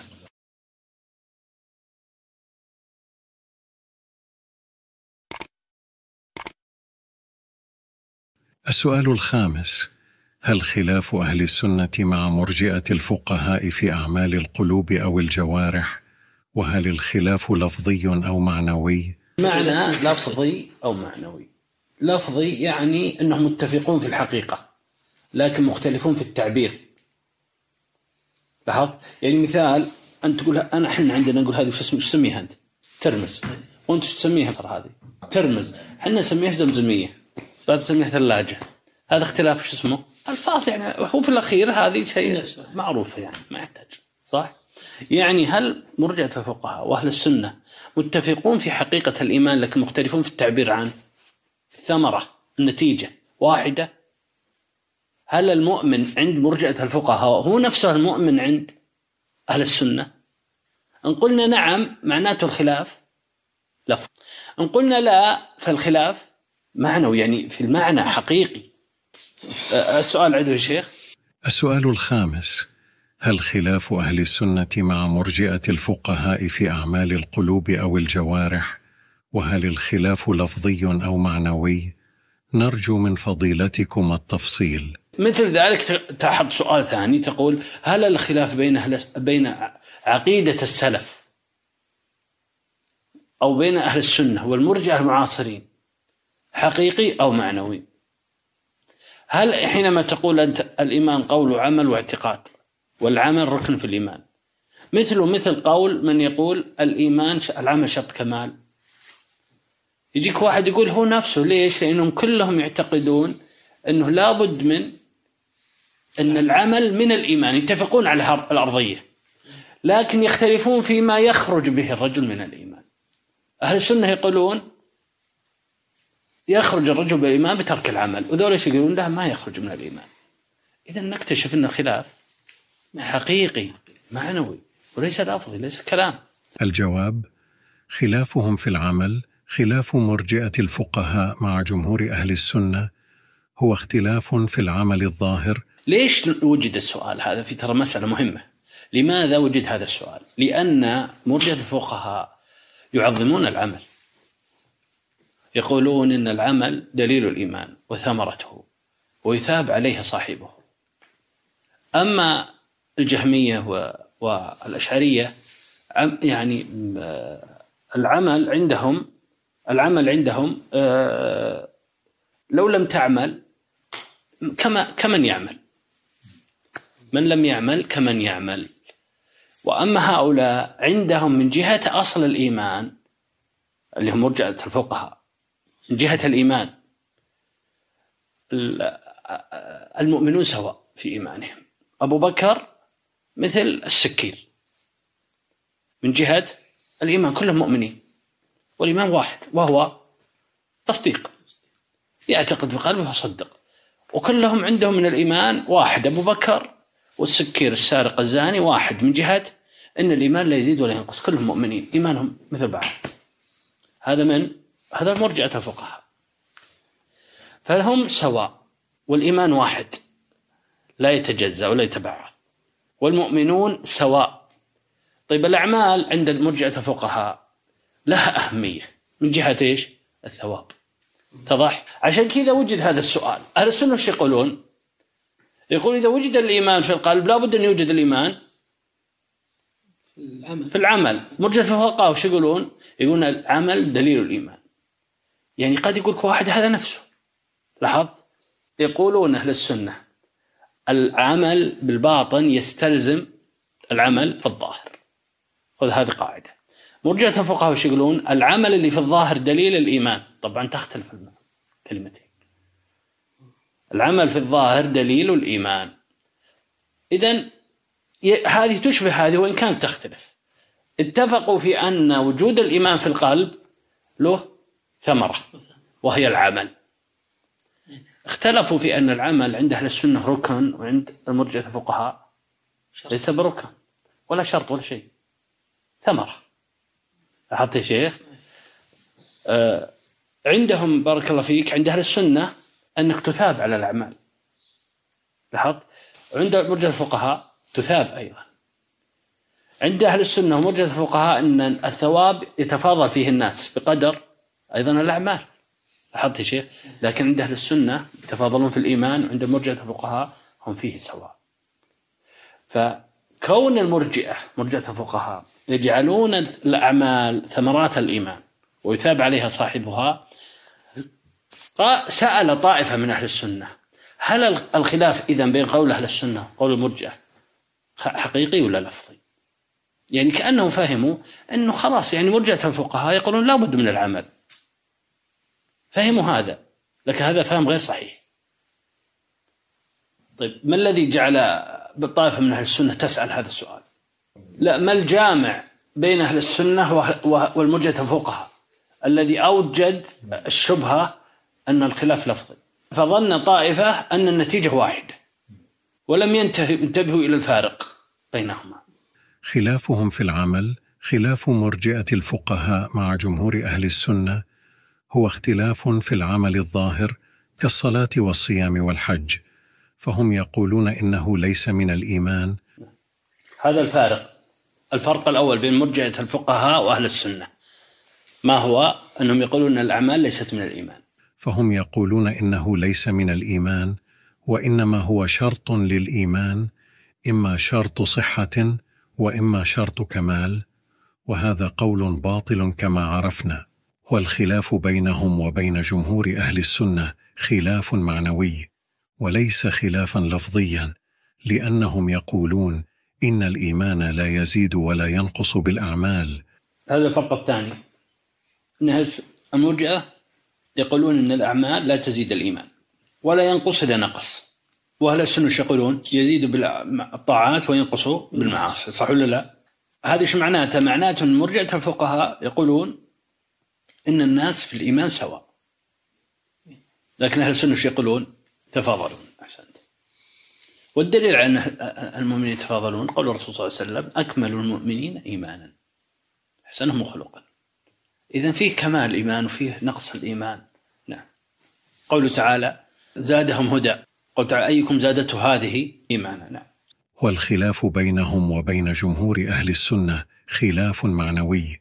وليس خلافا لفظيا لأنهم يقولون إن الإيمان لا يزيد ولا ينقص بالأعمال فلا يزيد بالطاعة ولا ينقص بالمعصية.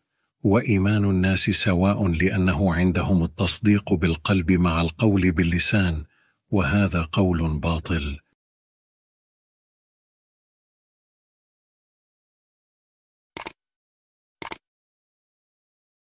السؤال السادس ما حكم من ترك جميع العمل الظاهر بالكلية لكنه نطق بالشهادتين ويقر بالفرائض؟ لكنه ترى الحين تقريبا تأسسنا يعني عرفنا معنى الإرجاء عرفنا آه، معنى الإيمان وحقيقة الإيمان وأدلة أدلة ذلك وأن الإيمان قول وعمل واعتقاد هذا الدرس الأول. وعرفنا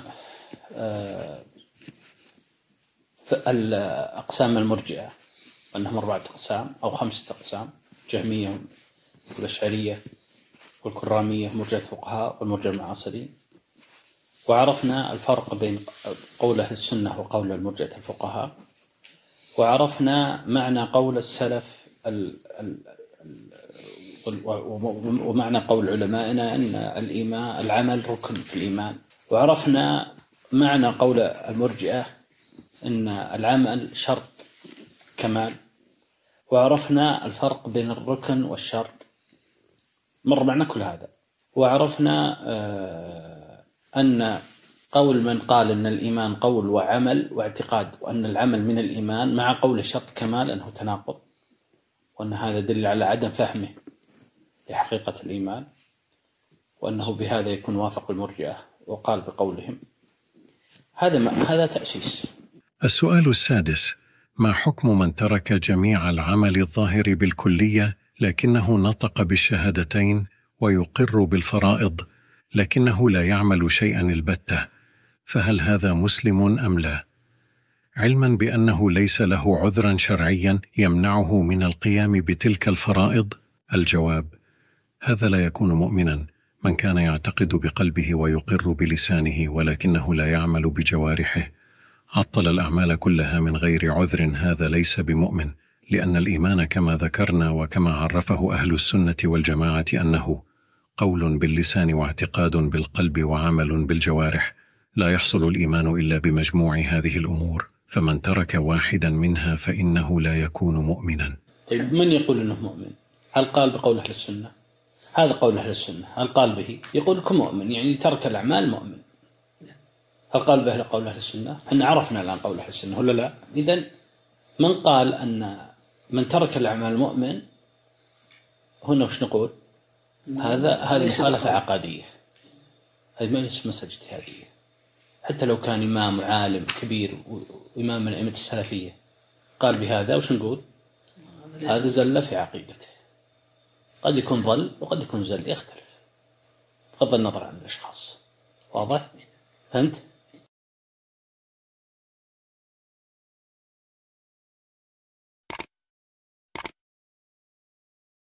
السؤال السابع.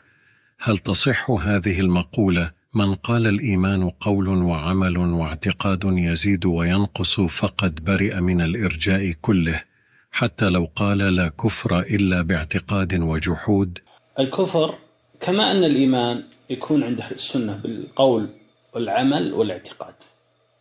وش يتضمن هذا؟ يتضمن ما يخرج من الإيمان. فالذي يخرج من الإيمان يكون بالاعتقاد ويكون بالقول ويكون بالعمل. الاعتقاد مثل ماذا؟ هذا بمعنى عام يعني كان يكفر بالدين يعتقد. لكن نريد مثال. ما استحل على الزنا. هو ما زنى. ما زنى. يمكن أنه يصلي من أعبد الناس لكن يرى أن المسألة سهلة. أن هذا من الأمور المباحة. ولم ينطق بقلبه بلسانه لكن استحل بقلبه. هل هذا مؤمن؟ كفر. كفر بهذا لأن تحريم الزنا من المعلوم من الدين بالضرورة. نبي الآن كفر بالقول. نفس المثال هذا. نفس المثال. قال الزنا حلال. واضح يا شيخ؟ فهذا أيضا كفر بالقول. طيب بالعمل. أعطينا مثال. ما نأخذ من زنا كفره من زنا. لا.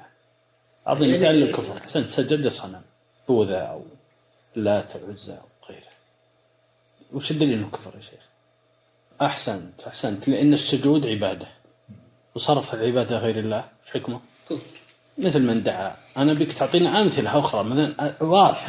يعني مثلا لو قلت لو قال يا حسين لاحظت؟ أو لو ذبح لغير الله. فاللي أردته أنك تعرف أن الكفر يكون بالقول مثل سب الله مثل دعاء غير الله. واضح يا شيخ؟ مثل استحلال ما حرم الله باللسان. يكون بالاعتقاد مثل استحلال ما حرم الله سبحانه وتعالى مثل استحلال الزنا أو تحريم ما أجمع ما ما علم بالضرورة تحله مثل الماء والطيبات من المأكل والمشرب. أو يكون بإنكار القرآن ورد القرآن ورد السنة وإنكارها. لاحظت يا شيخ؟ هذا كفر بالقول. الكفر بالفعل مثل مثل السجود لغير الله الذبح لغير الله. لاحظت يا شيخ؟ مثل آه، آه، وطأ المصحف بالأقدام رمي المصاحف في القاذورات بيارات إذا عند أهل السنة الكفر يكون بالقول وبالعمل وبالاعتقاد وفيه رابعة وهي الشك. يعني هو يقول أنا ما أعرف هذا حق ولا باطل؟ أنا ما أعرف التوحيد حق ولا باطل؟ أنا لا أعرف القرآن حق ولا باطل؟ لا أعرف الرسول أرسل حق ولا لم يرسل؟ ليس عنده وسوسة لا عنده شك. لا يؤمن ولا يكذب. واضح يا شيخ؟ هذا يكون به الكفار. الكفر بالاعتقاد الدليل عليه المنافقين. قول الله سبحانه وتعالى إن المنافقين في الدرك الأسفل من النار. هم يقول لإخوانهم الذين كفروا من أهل الكتاب. من هم ذولا؟ المنافقون. فسمهم الله إخوان الكافرين. وهم يشهدون الله محمد رسول الله يصلون ويجاهدون مع الرسول. ولكن هم كفار. ليش؟ لأنهم اعتقدوا الكفر. هذا المثال الأول بالاعتقاد. النوع الثاني اللسان. مثل قول من قال ما رأينا مثل قرائنا هؤلاء أرغب بطونا وأكذب ألسنة. فنزل فيهم قوله تعالى لا تعتذروا قد كفرتم بعد إيمانكم. كفروا بإيش؟ بالقول. كانوا يعتذرون يقول يا رسول الله كنا نخوض ونلعب. يعني ما قصدنا الكفر. قال الله كفرتم بعد إيمانكم. إذا الكفر هنا باللسان. الكفر بالفعل مثل السجود للأصنام آه، أو غيرها ومنه قول قول الله آه، قول الله جل وعلا ومنه قوله سبحانه وتعالى ومن يجعل مع الله إلها آخر لا برهان له به فإنما حسابه عند ربه إنه لا يفلح الكافرون فسماهم كافرين. بالنسبة إلى المنافقين في زمن الرسول صلى الله عليه وسلم هل كانوا يعلمون أنهم منافقون أم لا يعلمون؟ يعلمون هم يبطنون الكفر. يبطنون الكفر. كما قال الله سبحانه وتعالى وإذا خلوا إلى شياطين قالوا إن معكم إنما نحن مستهزئون. نعم. الإشكال عندي يا شيخ يوم سأل عمر حذيفة عن النفاق. هذا خوف المؤمن على نفسه من النفاق لأن المؤمن قد يصاب بشعبة من شعب المنافقين وهي الكذب أو خلاف الوعد أو الفجور في الخصومة. كما قال صلى الله عليه وسلم أربع من كنا فيه كان منافقا خالصا وإن كان في شعبة منها كان في شعبة من النفاق حتى يدعها النفاق العملي الذي الذي لا يخرج من الملة. واضح يا شيخ؟ السؤال السابع. هل تصح هذه المقولة من قال الإيمان قول وعمل واعتقاد يزيد وينقص فقد برئ من الإرجاء كله حتى لو قال لا كفر إلا باعتقاد وجحود الجواب إذا عرفنا مذهب أهل السنة والجماعة في الكفر وعرفنا مذهب أهل السنة والجماعة في الإيمان. فهمنا؟ طيب ضد مذهب أهل السنة مذهب المرجئة في الكفر. المرجئة وش يقولون؟ يقولون لا يخرج من الإيمان إلا الجحود. خلينا ناخذ مثال الآن. واحد سجد لبوذا.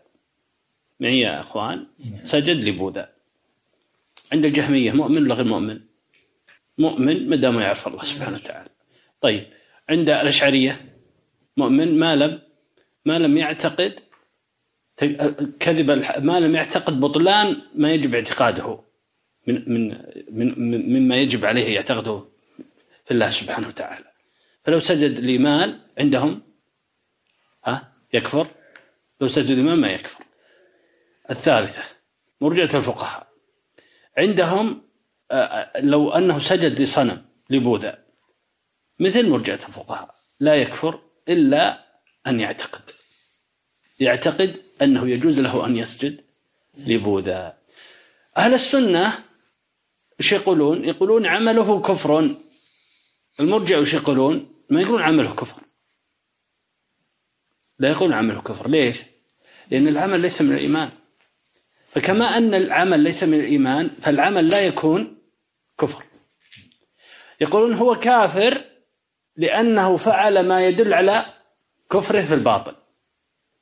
لأن الإيمان في الباطن فلا بد حتى يقع عليه الكفر أن ينتفي إيمان. ها؟ الباطن. ينتفي إيمان الباطن. فهمت يا شيخ؟ فهمت؟ طيب عمل كفر يا مرجي؟ يقول لا مو بكفر هذا مرجعة الفقهاء فالعمل ليس بكفر. لكن ليش كفرته طيب؟ قال لأن هذا يقوم مقام إعرابه بلسانه. يقوم مقام إعرابه عما في قلبه. أفصح عما في قلبه بهذا الفعل. طيب هل يكفرونه ابتداء؟ لا. لأنه قد يكون سجد لبوذا يريد مال يريد منصب يريد دنيا. واضح يا شيخ؟ فهمت؟ قد يكون وطأ المصحف حتى يأخذ منصب يأخذ مال ها؟ قد يكون سب الله يعني تقربا لفلان أو علان. ما ما يخالف ما في ما ما يضر هذا ما يزول الإيمان به عندهم. طيب لو أنهم تحققوا أنه سب الله لأنه يعتقد أن يعني ما ما خلاف ما يجب عليه من تعظيم الله سبحانه وتعالى. تحققوا من هذا يقولون هو كافر لانتفاء إيمانه في الباطن. أهل السنة إيش يقولون؟ هذا هو الكفر لفعله لا لقصده وإرادته وإنما الفعل فعل خاص بالله وهو السجود جعل لغير الله فهمت؟ ولذلك الشرك أهل السنة وش يقولون؟ يقولون الشرك هو مساواة غير الله بالله فيما هو من خصائص الله من خصائص الله مثل العبادة. العبادة خاصة لله. فإذا سويته فيها قولا أو اعتقادا أو عملا فقد أشركت وكفرت واضح. إحنا أنت قلت لي تونا نحكم بالظاهر ولا لا؟ آه اذا شفناه ساجد البوذا شو نقول؟ نقول لا, تكفرون يمكن إنه مغمى عليه. يمكن ما درى نبوذا يمكن بطنه يوجعه سخافه هذه. هذا هذا هذا مذهب مائع. إذا عرفت معنى أن الكفر يكون بالقول والعمل والاعتقاد وعرفت هذا فهمت إيش معنى هذا. وأن المرجئة يقولون ما نقول إن الكفر بالقول ولا نقول بالعمل. الكفر إذا الذي يقع بالقول والعمل يكون الرجل كافرا به إذا تحقق انتفاء إيمانه في الباطن أنا ولا مرجئة يخلطون. فيقولون الكفر لا يكون بالعمل. وإنما ما كان كفرا بالعمل فإنما مداره لأنه ينافي الإيمان. الإيمان القلبي. لاحظت شيء فيخلطون يعني لو كان مرجئة أقحاح أريح. لكن يخلطون مذهب السلف مع مذهب المرجئة ويطلعون مزيج. اسمه السلفية الجديدة هذه والصواب أن نقول ما قاله السلف. ونمحص الأقوال التي أدخلت المذهب السلف ويرد منها هدم المذهب السلف في الحقيقة. الشيخ الفوزان شوف الآن شلون شديد على هذه الأقوال. أعد الجواب. هذا تناقض. إذا قال لا كفر إلا باعتقاد أو جحود فهذا يناقض قوله إن الإيمان قول باللسان واعتقاد بالقلب. وعمل بالجوارح. لأنه إذا قال ذلك يقتضي أن يقول أن الكفر يكون بالقول والعمل والاعتقاد. إذا أنت تقول أن الإيمان قول وعمل واعتقاد يجب أن تقول الكفر قول وعمل واعتقاد أيضا. هذا تناقض ظاهر لأنه إذا كان الإيمان قول باللسان واعتقاد بالجنان وعمل بالجوارح وأنه يزيد بالطاعة وينقص بالمعصية فمعناه أنه من تخلى عن شيء من ذلك فإنه لا يكون مؤمنا. واضح. يعني لو تخلى عن العمل نقول يكفر ليش؟ لأنه تخلى عن العمل. لكن إيش يقول لك واحد مرجع خبيث من أخبث المرجع المعاصرين يقول لك نعم الإيمان قول وعمل واعتقاد وترك العمل يكفر. لكن متى يكفر ترك العمل؟ إذا اعتقد أنه لا يلزمه. شفت؟ شو شلون يدخلك بالمرجع انت ما تدري؟ تحس إنك ما شاء الله. إذا ترك العمل ولو اعتقد لزومه هو ترك العمل. إحنا نتكلم عن العمل. يعني إذا اعتقد أنه لا يلزمه لو صلى وصام وفعل كل ما يفعل من الأعمال هل يصح إيمانه؟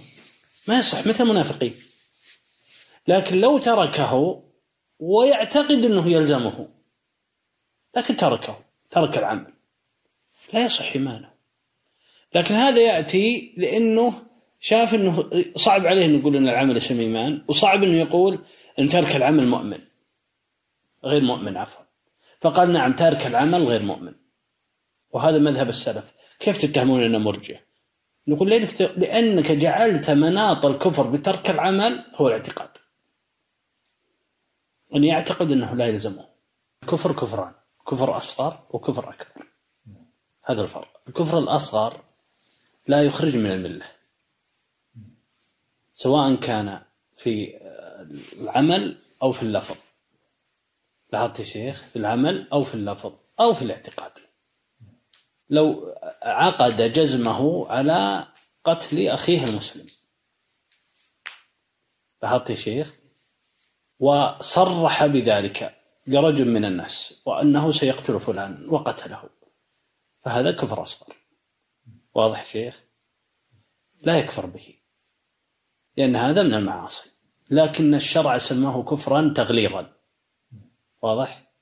وإذ قال الله سبحانه وتعالى ومن يقتل مؤمنا متعمدا فجزاؤه جهنم خالدا فيها وغضب الله عليه ولعنه وأعد له عذابا عظيما.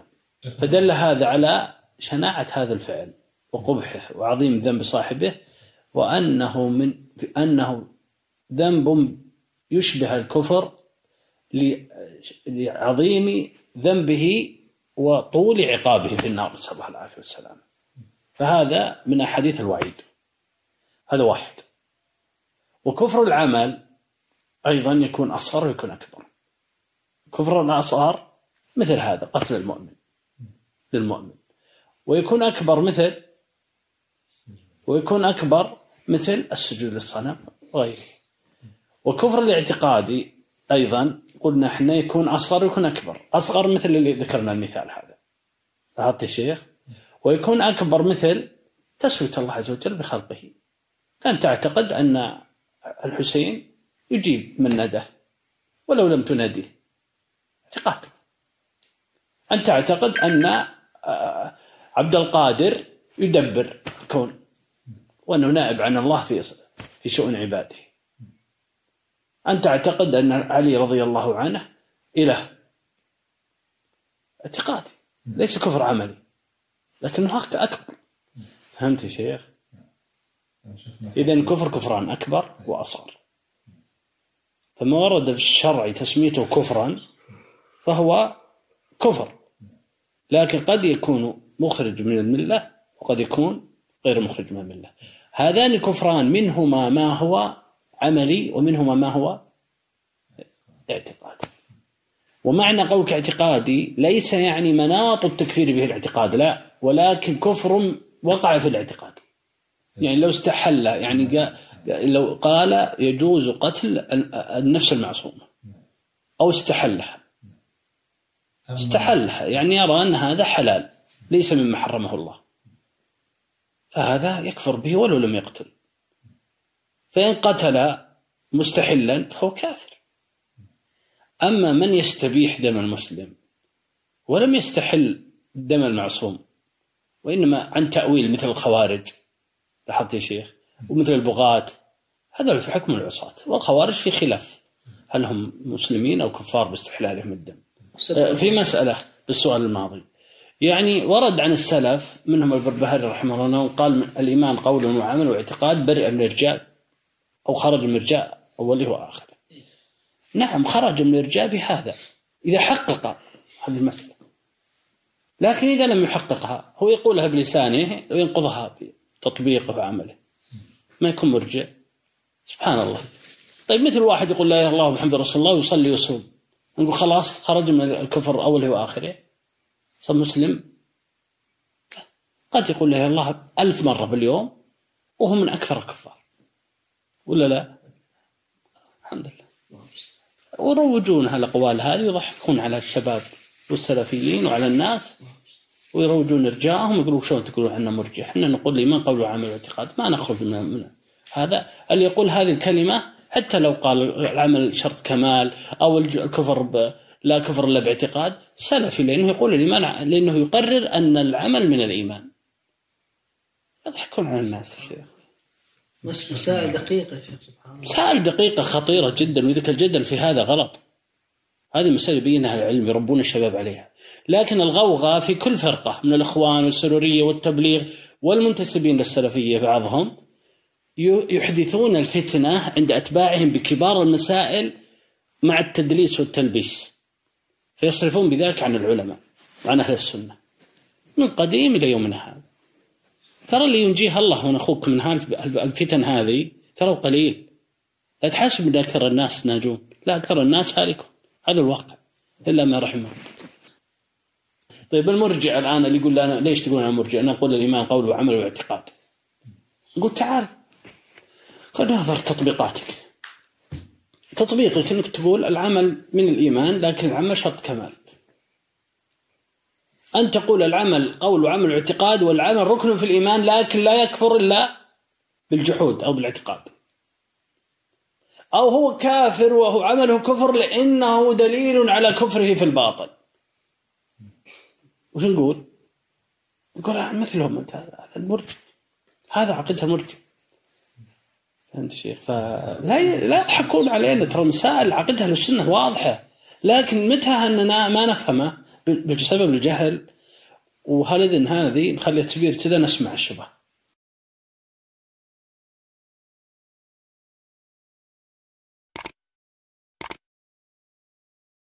السؤال الثامن هل هذا القول صحيح أم لا؟ إن من سب الله وسب الرسول صلى الله عليه وسلم ليس بكفر في نفسه ولكنه أمارة وعلامة على ما في القلب من الاستخفاف والاستهانة. شفت هذا من أقوال المرجع المعاصره يعني يظهرون هذا في في في طريق في في في قالب التحذير من إيش؟ من الغلو في التكفير. لكن في شيء اسمه غلو في التكفير وفي شيء ثاني جفاف التكفير. كونك تحكم على الكفار انهم مسلمين هذه أشد من إنك تحكم على مسلم انه كافر. كلاهما ضلال. خوارج ومرجئه وهذا بالسلف وسط بس هؤلاء يحاولون يجرون أهل السنة إليهم الخوارج. والمرجئه يحاولون يأخذون أهل السنة إليهم.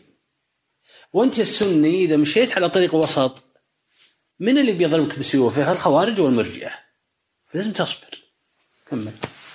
الجواب هذا قول باطل. لأن الله حكم على المنافقين بالكفر بعد الإيمان بموجب قولهم. ما رأينا مثل قرائنا هؤلاء أرغب بطونا ولا أجبن عند اللقاء. يعنون رسول الله صلى الله عليه وسلم وأصحابه فأنزل الله فيهم قوله سبحانه وتعالى قل أب الله وآياته ورسوله كنتم تستهزئون لا تعتذروا. قد كفرتم بعد إيمانكم. فكفرهم بهذه المقالة. هذا على أن الكفر يكون بالقول بدون النظر إلى ما أراده صاحبه ما دام أن قوله قاله ليس نسيان ليس خطأ. يعني قاله باختياره. فأنزل الله فيهم قوله سبحانه وتعالى قل أب الله وآياته ورسوله كنتم تستهزئون لا تعتذروا. قد كفرتم بعد إيمانكم. فكفرهم بهذه المقالة. لأنهم قالوها عن عمد وقصد قصد اختيار الفعل يعني هم هم يضحكون يعني. ما رأينا مثل قل رأينا هؤلاء. يعني ما قالها واحد عكس كلامه مثل اللي قال اللهم أنت عبدي وأنا ربك. قال الرسول أخطأ يعني هو مثل الذي لا عقل له. خرجت منه كلمة لم يشعر بها. هذه مسألة. لكن هنا هو قال هو سب الله سب الرسول كذب القرآن. ويقول لا لازم ننظر ما يجوز أن نكفر الناس. انظر لا ماذا يريد. هو قال هذا مختارا. نعم.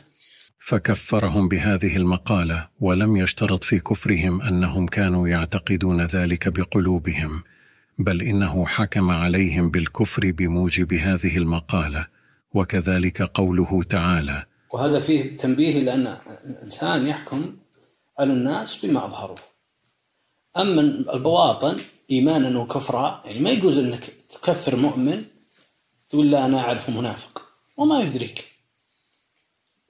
أو ترد إسلامه وتقول له كذاب لا لا يهمكم ما أسلم. نحن نأخذ بالظاهر. وأيضا لا يجوز إنك آه، آه، تجعل من أظهر الكفر مسلما. إنك تقول احتمال يكون يعني له أمر يعني مؤمن في قلبه. أنت ما تعرف عما في القلوب إنما أنت تعبدك الله بما في الظاهر. بل إنه حكم عليهم بالكفر بموجب هذه المقالة وكذلك قوله تعالى ولقد قالوا كلمة الكفر وكفروا بعد إسلامهم فرتب الكفر على قول كلمة الكفر.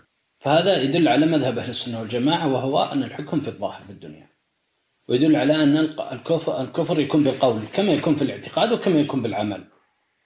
ويدل على أنه لا أن أن من قال أن من سب الله فإننا لا نكفره إلا أن نعلم مراده وقصده. أن هذا مذهب المرجئة. ويدل على أن من قال أن من سب الله فإنه يكفر لأن سبه يقوم مقام إعرابه عما في قلبه. يعني يدل يقول أنا ما أكفر اللي يسجد للصنم ولا أكفر اللي يذبح غير الله أو يدعو غير الله لكن أكفر من يسب الله. ليش؟ قال لأن سب الله يتنافى مع الإيمان بالله. طيب والسجود للأصنام وذبح غير الله ما يتنافى مع الإيمان بالله؟ يفرق. هذه التطبيقات هو هو جعل مرد التكفير بالسب ظاهرا. ليش؟ لأنه عنده أن التكفير بالسب أن السب يتنافى مع الإيمان. لا يوجد إيمان كيف أنت مؤمن وتسب الله؟ ما يجي لكن عنده يتصور أنك مؤمن وتذبح لغير الله. نعم قد يكون لكن الفعل كفر. قد تحب الله وتذبح لغير الله. كما قال الله ومن الناس من يتخذ أندادا يحبونهم كحب الله. جعل ند ويحبه كحب الله. يعني هو يحب يحب الله سبحانه وتعالى. ولكن أيضا يحب غيره. وش قال الله عنهم القرآن؟ إذ تبرأ الذين اتبعوا من الذين اتبعوا بين الله حكمهم وما هم عليه من الكفر والخلود والخلود في النار. كونهم يعظمون الله ويحبون الله مع وجود ناقض هل ينفي عنهم الكفر؟ هل ينفي عنهم الإيمان؟ عند المرجئة يجعلون ذلك محل احتمال. ليش؟ لأن الأصل وجود الإيمان في قلوبهم لا ليس الأصل وجود الإيمان في قلوبهم ماذا؟ لأن الإيمان انتفى بنقيضه وهو عمل الكفر لكن ما هو نقيض الإيمان عند المرجئة؟ الجحود ترك الإيمان بغض الله فهمت؟ فهمت يا شيخ؟ هذا ولا المرجئة اللي موجودين معاصرين ترى غلاة في الإرجاء غلاة الإرجاء لأنهم يحصرون الكفر بانتفاء الإيمان في القلب. بينما الله عز وجل أخبر وجود الإيمان في القلب لكن وجود الإيمان مع نقيضه لا ينفع كما قال سبحانه وتعالى وما يؤمن أكثرهم بالله إلا وهم مشركون. عنده إيمان عنده تعظيم عنده محبة لله عنده معرفة بالله عنده عبادات لكن عنده شرك ما ينفع. ولذلك فرقوا بين السجود بين سب الله والذبح لغير الله ودعاء غير الله في عدم العذر بالجهل وأنه يكفر به وهذا لا يكفر به. ليش؟ قالوا لأن هذا ينتفي الإيمان به. يقوله بعضهم. طيب وهذا قالوا لا هذا محتمل. محتمل. لأن هنا حمله على الشرك ما هو تعظيم الله وهنا حمله على السب ما هو بغض الله إذا صار مناط الكفر وشو ها؟ الاعتقاد. تقول شلون تقول إحنا مرجع من يفهم هذا؟ يفهم هذا اللي فتح الله قلبه للإيمان وعرف عقيدة أهل السنة درسها صح. أما اللي أخذ عقيدة السنة مجملة ودرسها على من تلطخ ما ينتبه لهذه المرجئة في شرحهم لهذه النواقض يحرفون هذه المسألة. بيجعلوا الإعراض مقيدا بأصل الدين.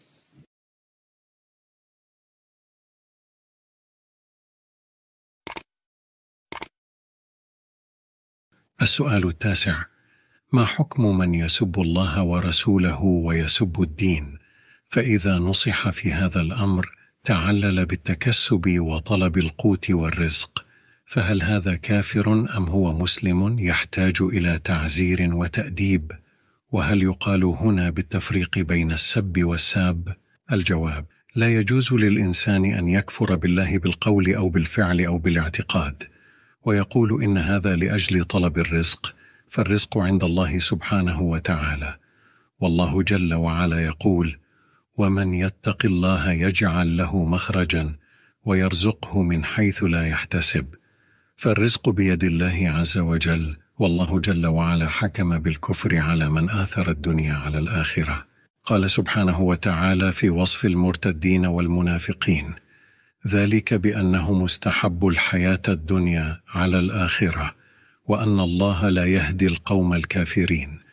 فحكم عليهم بأنهم تركوا إيمانهم بسبب أنهم يريدون أن يعيشوا مع الناس ويكونوا مع الناس. ولو أنهم رضوا ما آتاهم الله ورسوله وقالوا حسبنا الله سيؤتينا الله من فضله ورسوله إنا إلى الله راغبون.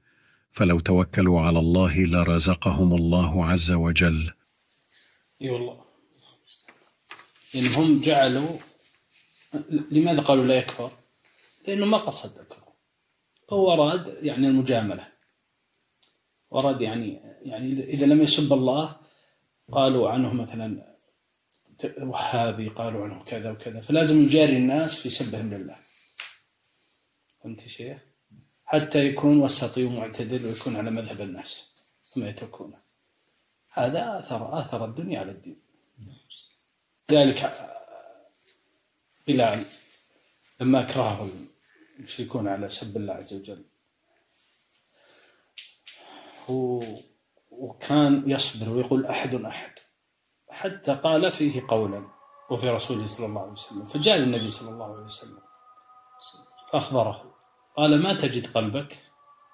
قال مطمئن بالإيمان. قال إن عادوا فعد. الله أكبر. ف... فأنزل الله عز وجل إلا من أكره وقلبه مطمئن بالإيمان. والإكراه مثل بلال. أن يكون إكراه ملجئ إما أن أن أن, أن أن يحمل عليك السيف أو أن تضرب. لا أن تتوقع أن الناس يزعلون عليك. أو يخافون أو تخاف أن يهجرك الناس. هذا إيثار الحياة الدنيا. واضح يا شيخ؟ وقول الرسول صلى الله عليه وسلم ما تجد قلبك دل على على أنه لو قالها موافقة لهم موافقة لهم فإنه يكفر بذلك. نعم. صلى الله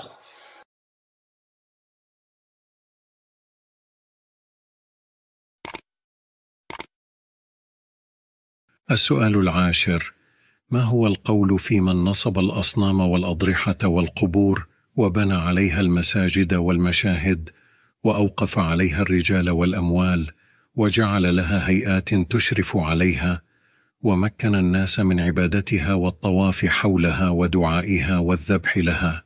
ما قال الشيخ محمد الوهاب الطواغيت كثيرون رؤوسهم خمسة. ذكر منهم من دعا الناس إلى عبادة نفسه. مثل ذلك من دعا الناس لعبادة غير الله. يعني لو أن رجلا أوقف عنده عمارة قال أوقفتها لبناء القباب على القبور وتكاليف خدام القباب وإيقاد السرج عليها والبخور. هذا كفر أكبر لا شك لأنه هذا هو الشرك. وما أوقفها إلا لهذه القبور التي تعبد من دون الله سبحانه وتعالى. هذه هذا وقف لغير الله والوقف عبادة تحتسب به القرب من الله. أما أنك توقف على القبور وعبادتها من دون الله فهذا الكفر مثل ذلك من بنى القباب على القبور؟ جاء عمال شركة متخصصة بإقامة الأضرحة هؤلاء هم يشترون الحياة الدنيا بالآخرة نسأل الله العافية. واضح يا شيخ حكمه. الجواب هذا حكمه أنه يكفر بهذا العمل لأن فعله هذا دعوة للكفر. دين الله واضح ما ما لا ما يغير دين الله عشان أفكار أو آراء فلان وعلان. نتكلم الآن عن القواعد الشرعية لدين الله سبحانه وتعالى. هذه أصول الدين من مسائل المشكلة تخفى. لكن متى تخفى؟ ولماذا خفيت؟ لما لبس الناس فيها بسبب الجهل أو بسبب العنفية. هذا حكمه أنه يكفر بهذا العمل لأن فعله هذا دعوة للكفر.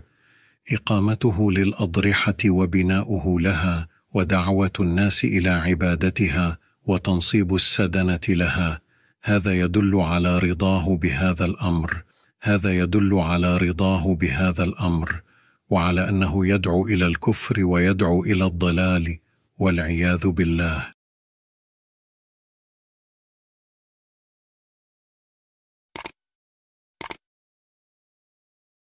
السؤال الحادي عشر.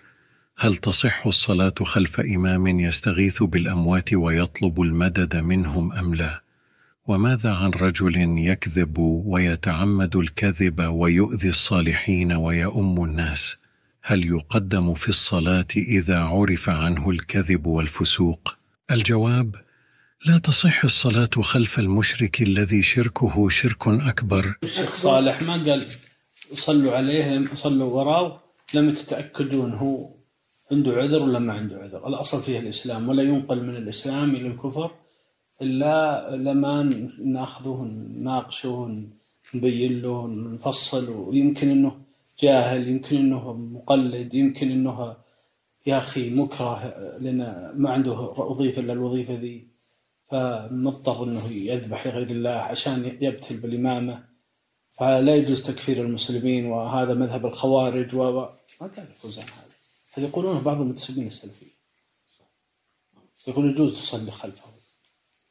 صلوا خلفه ويكون الصلاة خلفه مثل حكم الصلاة خلف أهل البدع. إذا لم يوجد غيره فيصلى خلفه.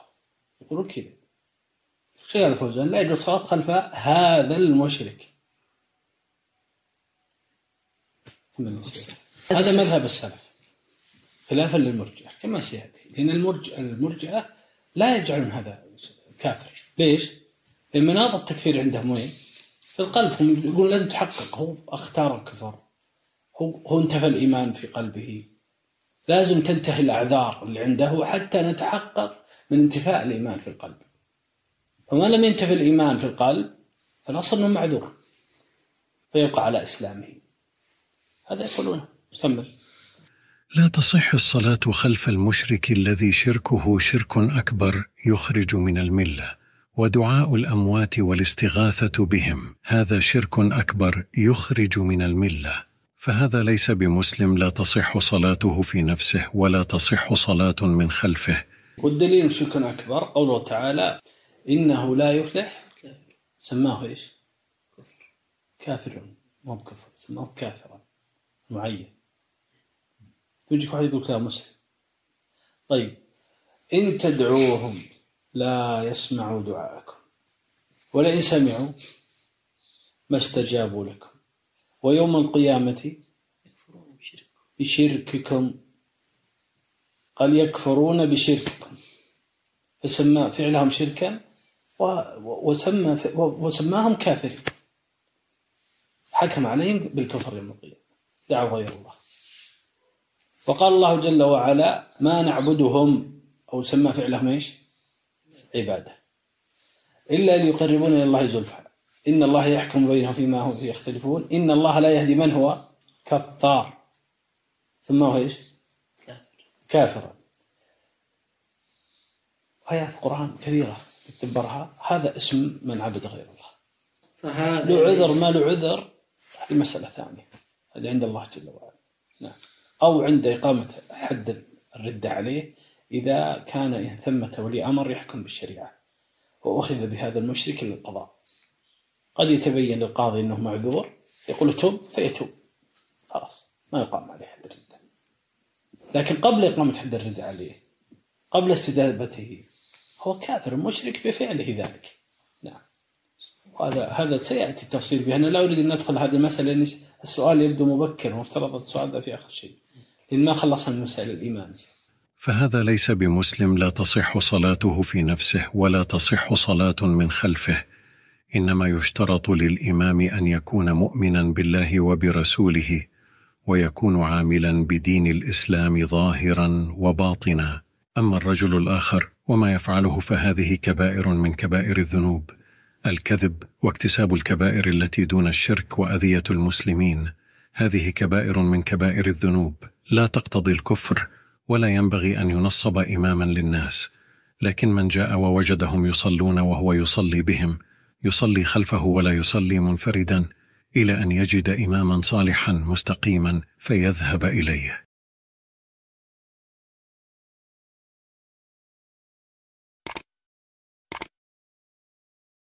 السؤال الثاني عشر هناك بعض الأحاديث التي يستدل بها البعض على أن من ترك جميع الأعمال بالكلية فهو مؤمن ناقص الإيمان. كحديث لم يعملوا خيرا قط وحديث البطاقة وغيرها من الأحاديث فكيف الجواب على ذلك؟ الجواب هذا من الاستدلال بالمتشابه. الحمد لله رب العالمين. صلى الله على نبينا محمد. حديث البطاقة هو حديث عن رسول الله صلى الله عليه وسلم أنه يؤتي يوم القيامة برجل فينشر له مئة سجل. كل سجل مد البصر. كلها ذنوب معاصي نسأل الله العافية والسلامة. فيظن أنه قد هلك. فيقول الله جل وعلا له أظلمك كتبتي؟ فيقول لا يا ربي. قال إن لك عندنا حسنة وإنك اليوم لا تظلم. فيخرج له بطاقة فيها لا إله إلا الله. فيقول ما تفعل هذه البطاقة عند هذه السجلات؟ فتوضع البطاقة في في كفة والسجلات في كفة فتطيش السجلات. تثقل البطاقة وتطيش السجلات. فينجو بذلك. هذا حديث. أيضا حديث آه، أخرج من كان في قلبه مثقال ذرة من إيمان مثقال كذا. ومن ذلك قال يخرج الله من النار قال آه، لم يعملوا خيرا قط. لم يعملوا خيرا قط. والأحاديث في هذا معروفة ولكن باب الإشارة.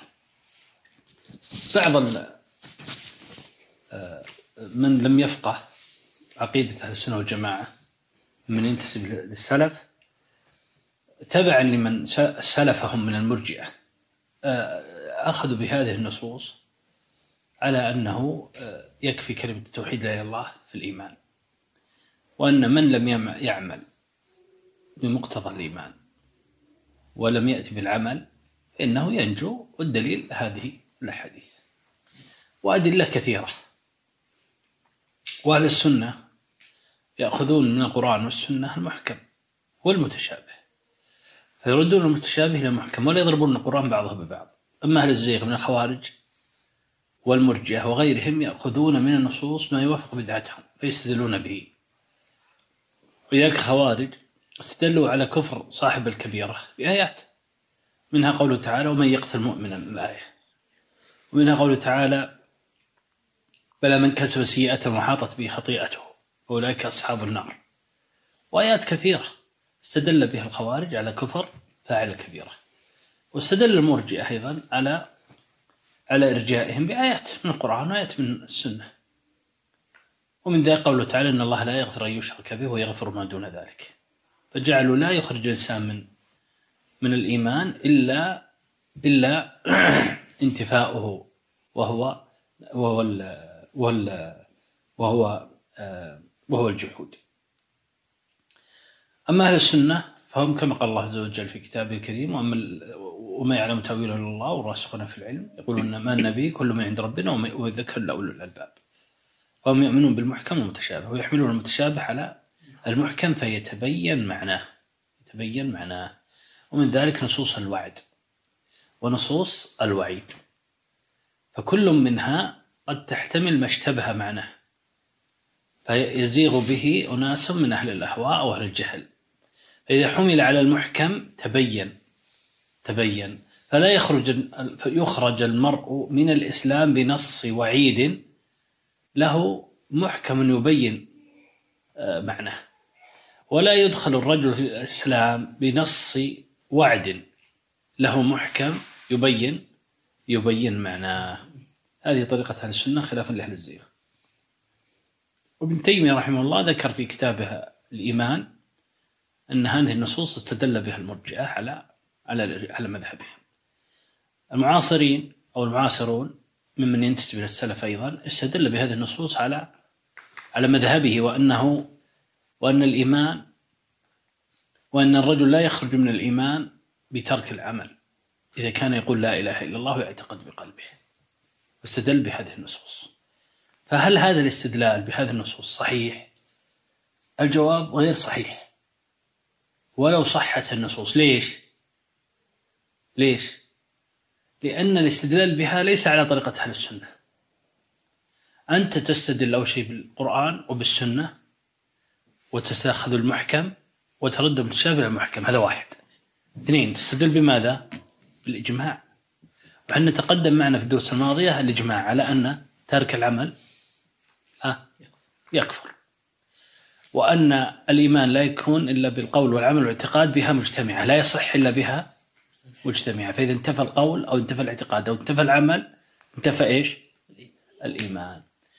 فإذا عرفت الإجماع إذا ورد على الإجماع دليل مشتبه ما الذي تفعل به؟ رد للإجماع. ترد للإجماع. ليش؟ لأن الإجماع حجة. ولا تجتمع أمتي على ضلالة كما قال صلى الله عليه وسلم. ولأن هذا الإجماع لا يكون على ضلالة. هل لما انعقد الإجماع خفي الإجماع على على خفي هذا الحديث على من على من أجمعوا على هذا هذه المسألة من مسائل الاعتقاد من أهل السنة؟ هل خفي عليهم؟ لو قلنا خفي اعتقدنا إيش؟ ضلال الأمة. ولو قلنا لم يخفى فالواجب عليك إيش؟ تأخذ بما عليه أهل السنة. فهمت؟ فدائما انتبه للجماعة التي قلتها قبل. خلاص أنت عندك إجماع أن الإيمان قول وعمل اعتقاد ولا يصح إلا بالمجتمع. لو جاب لك مئة حديث مشتبه ولا فهمت معناه يشكل عليك؟ الواجب أنه ما يشكل عليك. لماذا؟ طيب هل كونه يخالف الإجماع هو فعلا يخالف الإجماع؟ هاي يا شيخ. هو ما يخالف الإجماع لك أنت ما فهمت الدليل. أنت ما فهمت المسألة. ما فهمت المسألة. طيب ما معنى هذه الأدلة؟ الجواب هنا يأتي الشيخ هذه مقدمة في هذه المسألة وهذه تعتبر من مسائل الأصول في في مسألة الإيمان مسألة الاستدلال بالمجملات على مذهب الرجال نعم. هذا من الاستدلال بالمتشابه. هذه طريقة أهل الزيغ الذين قال الله سبحانه وتعالى عنهم فأما الذين في قلوبهم زيغ فيتبعون ما تشابه منه فيأخذون الأدلة المتشابهة ويتركون الأدلة المحكمة التي تفسرها وتبينها.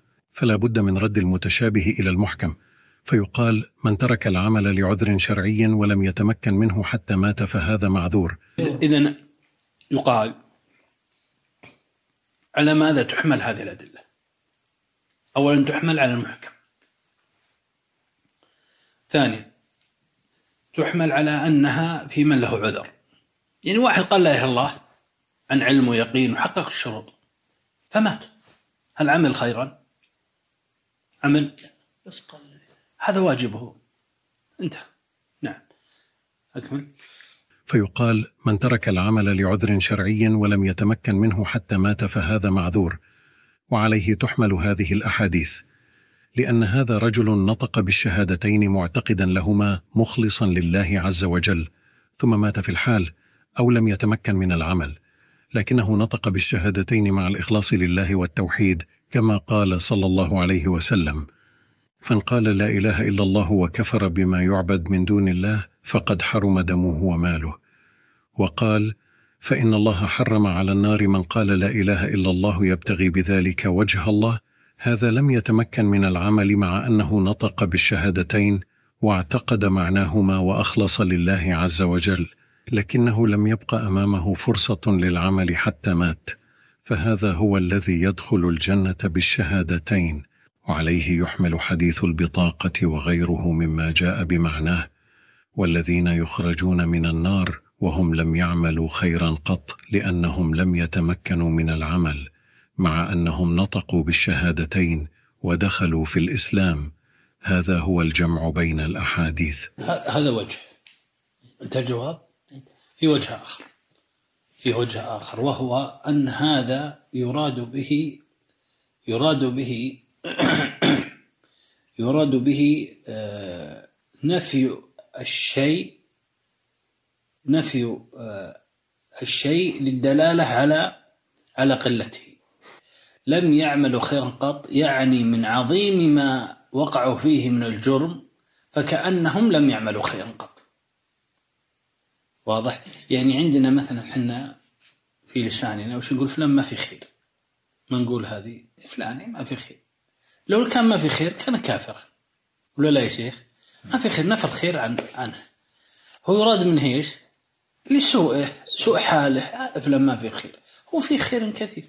لكن لسوء كثرة سوءه كأنه انتفى الخير عنه. هذا مما مما هو من لسان العرب. لو سمحت تأذن لي بكتابك. يعني هذه المسألة مثلا قال ابن خزيمة رحمه الله فيها فيها نقول عن السلف في معنى هذا الوجه. يعني نقول مثلا من باب نفي المبالغة لنفي لبيان كثرة الشر به. كثرة الشر حتى كأنه لم يفعل خيرا قط. لاحظ؟ وهذا من لسان العرب. وهذا من لسان العرب في هذا ال- والقرآن والسنة يفهمان باللسان العربي. يفهمان باللسان العربي. في- فيعرف باللسان العربي معنى معنى آه، معنى النصوص المشتبهة. كما أنه يعرف معناها بالقرآن والسنة وكلام الصحابة رضي الله عنهم. ثم يقال أيضا هل أحد من الصحابة رضي الله عنهم والسلف فهم ما فهمتموه؟ ها نقول لهم هذا. أنتم الآن تقولون حنا سلفيين. طيب هل أحد من السلف فهم هذا فهم؟ هل قال به أحد؟ ولا سلفكم المرجئة؟ الجواب سلفهم المرجئة. فكيف ينسب هذا الفهم إلى السلف؟ نأتي الآن مثلا قول قول الأئمة في هذه المسألة. آه، هنا قال قال أنا قلت هنا في الجواب على هذه المسألة وجماع ما قرره العلم جوابا على من استدل بهذه الأحاديث على بدعته الإرجائية وغيرها من الأحاديث مما ورد في الشفاعة لأهل التوحيد ممن قال إلا الله ما يلي. الجواب الأول. إنما هي لمن خالط المعاصي والموبقات ممن لم يشرك بالله شيئا ولم ينقض إيمانه بالكفر ممن عنده شيء من الإيمان والعمل الصالح ولو قل مما هو وزن بره أو ذرة. هذا واحد. يعني كثير المعاصي والذنوب. فلم يبق من إيمانه ش- إلا شيئا قليلا حتى غلب عليه النفي مع بقاء أصل الإيمان لعظيم ذنوبه وجرائمه. هذا واحد. وأصل الإيمان لا يبقى مع الكفر. والكفر نقيض الإيمان ومن الكفر ترك العمل. الجواب الثاني أنها لمن كان له عذر يمنعه كما قال الشيخ فوزان الجواب الثالث أن جملتها من المشتبه مما يرد إلى المحكم من نصوص الكتاب والسنة وما أجمع عليه العلماء. الجواب الرابع أن لفظ لم يعمل خيرا قط من جنس كلام العرب الذي ينفون فيه الاسم عن الشيء لنقصه عن الكمال والتمام لا لزوال العمل بالكلية. وقد بين العلم ذلك مما ورد في كلامهم. مما ورد في كلامهم. قال أبو عبيد القاسم بن سلام فإن قال قائل كيف يجوز أن يقال ليس بمؤمن واسم الإيمان غير زائل عنه؟ إلى هذا كلام العرب المستفيض عندنا غير مستنكر في إزالة العمل عن العام عن عامله. إذا كان عمله على غير حقيقته معي يا أخوان؟ إذا كان عمله على غير حقيقته ألا ترى أنهم يقولون للصانع إذا كان ليس بمحكم لعمله؟ ما صنعت شيئا ولا عملت شيئا. وإنما وقع معناهم ها هنا على نفي التجويد لا على الصنعة نفسها نفسها. فهو عندهم عامل بالاسم وغير عامل في الإتقان حتى تكلموا به فيما هو أكثر من ذلك.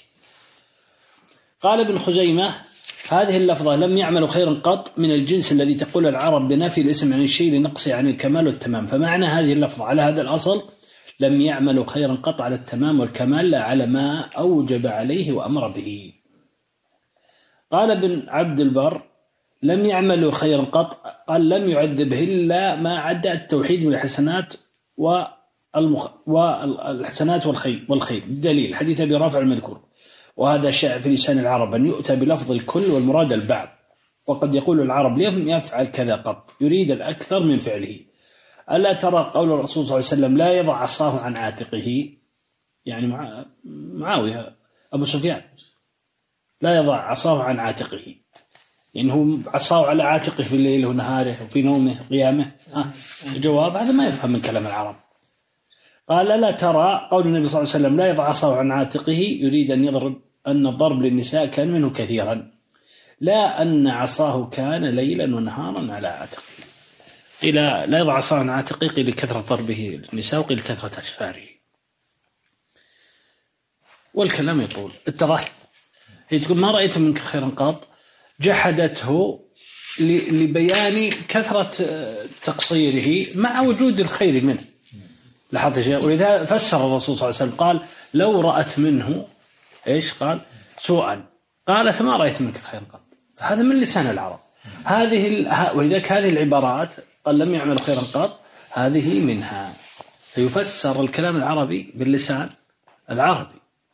وتفهم بفهم الصحابة رضي الله عنهم السلف لا بفهم من خالف الصحابة ولو كان من المتقدمين. فزل في هذا الباب. واضح يا شيخ؟ هذه مسألة عظيمة تعتبر ركن في المسائل مسائل الإيمان. الجواب على من استدل بأحاديث الشفاعة.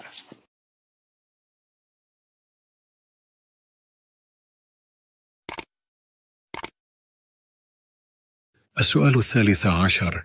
ما حكم من يدعو غير الله وهو يعيش بين المسلمين وبلغه القرآن؟ فهل هذا مسلم تلبس بشرك أم هو مشرك؟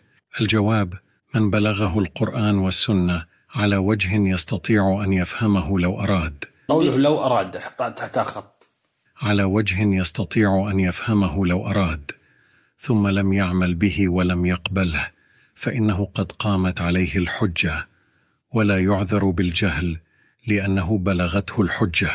والله جل وعلا يقول وأوحي إلي هذا القرآن لأنذركم به ومن بلغ سواء كان يعيش مع المسلمين أو يعيش مع غير المسلمين.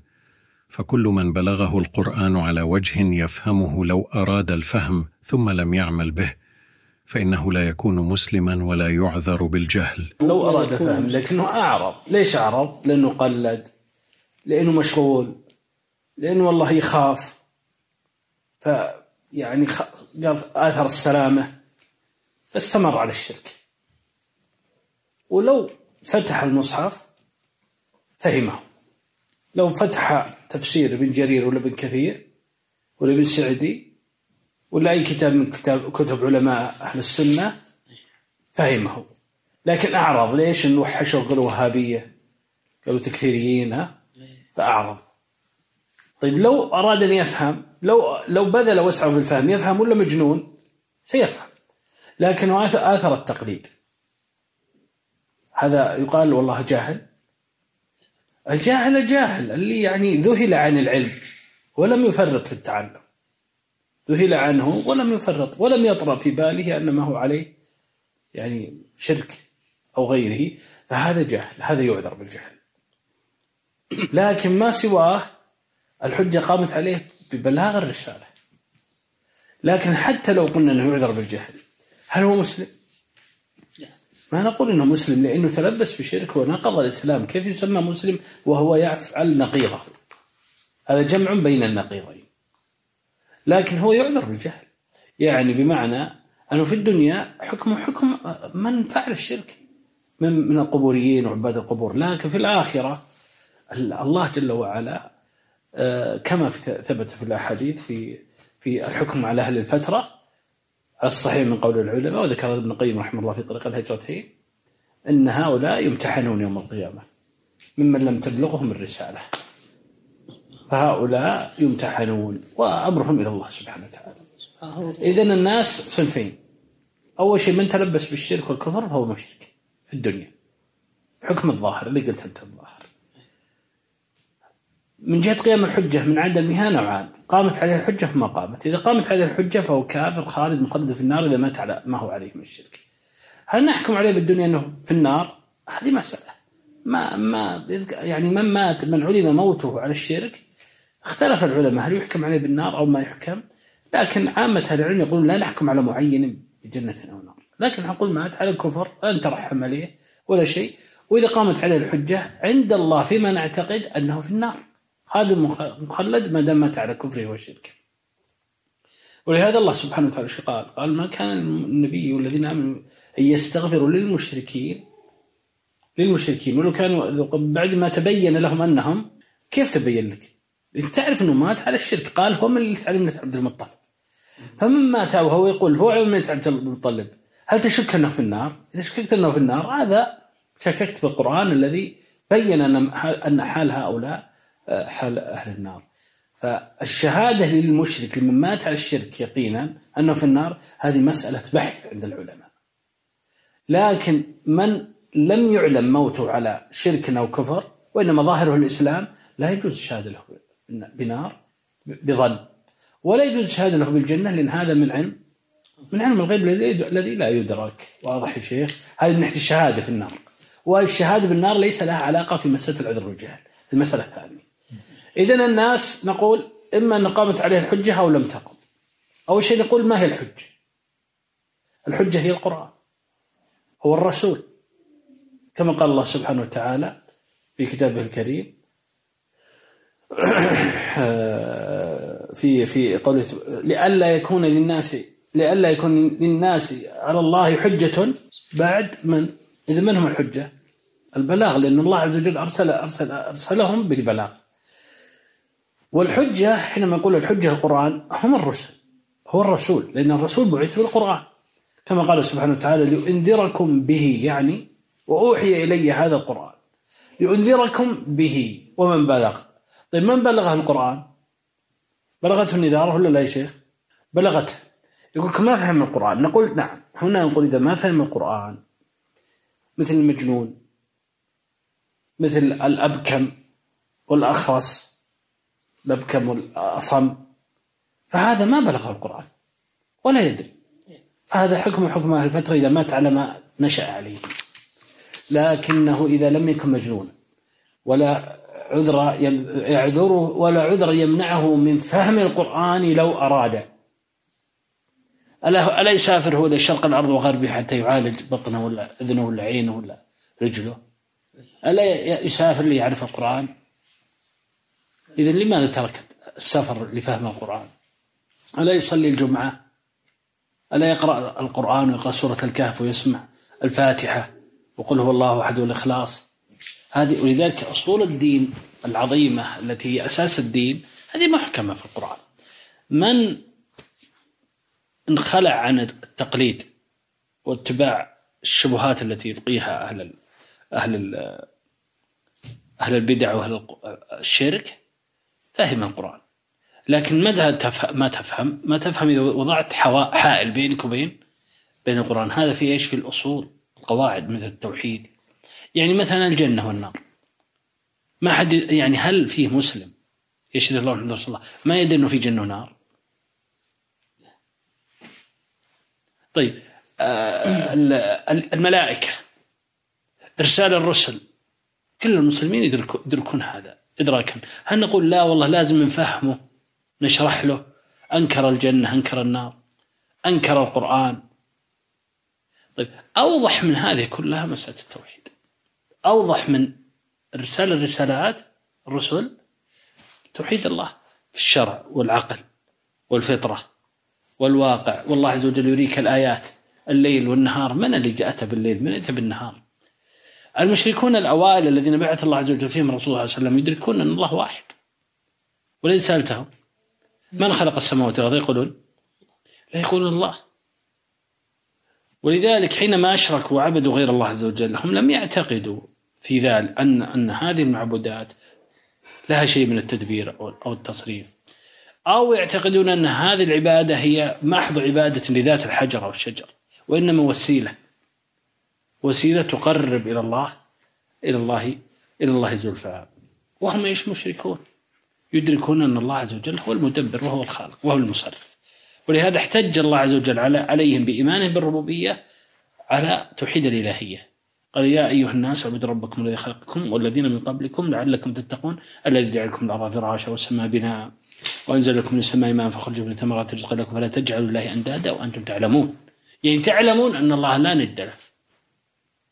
تعلمون أن الله هو الواحد. فكيف تجعلون له ندا؟ واضح. فهذه من المسائل الواضحة الجلية التي لا تخفى على على من تخلى عن التقليد العصبية للآباء والأجداد والشيوخ.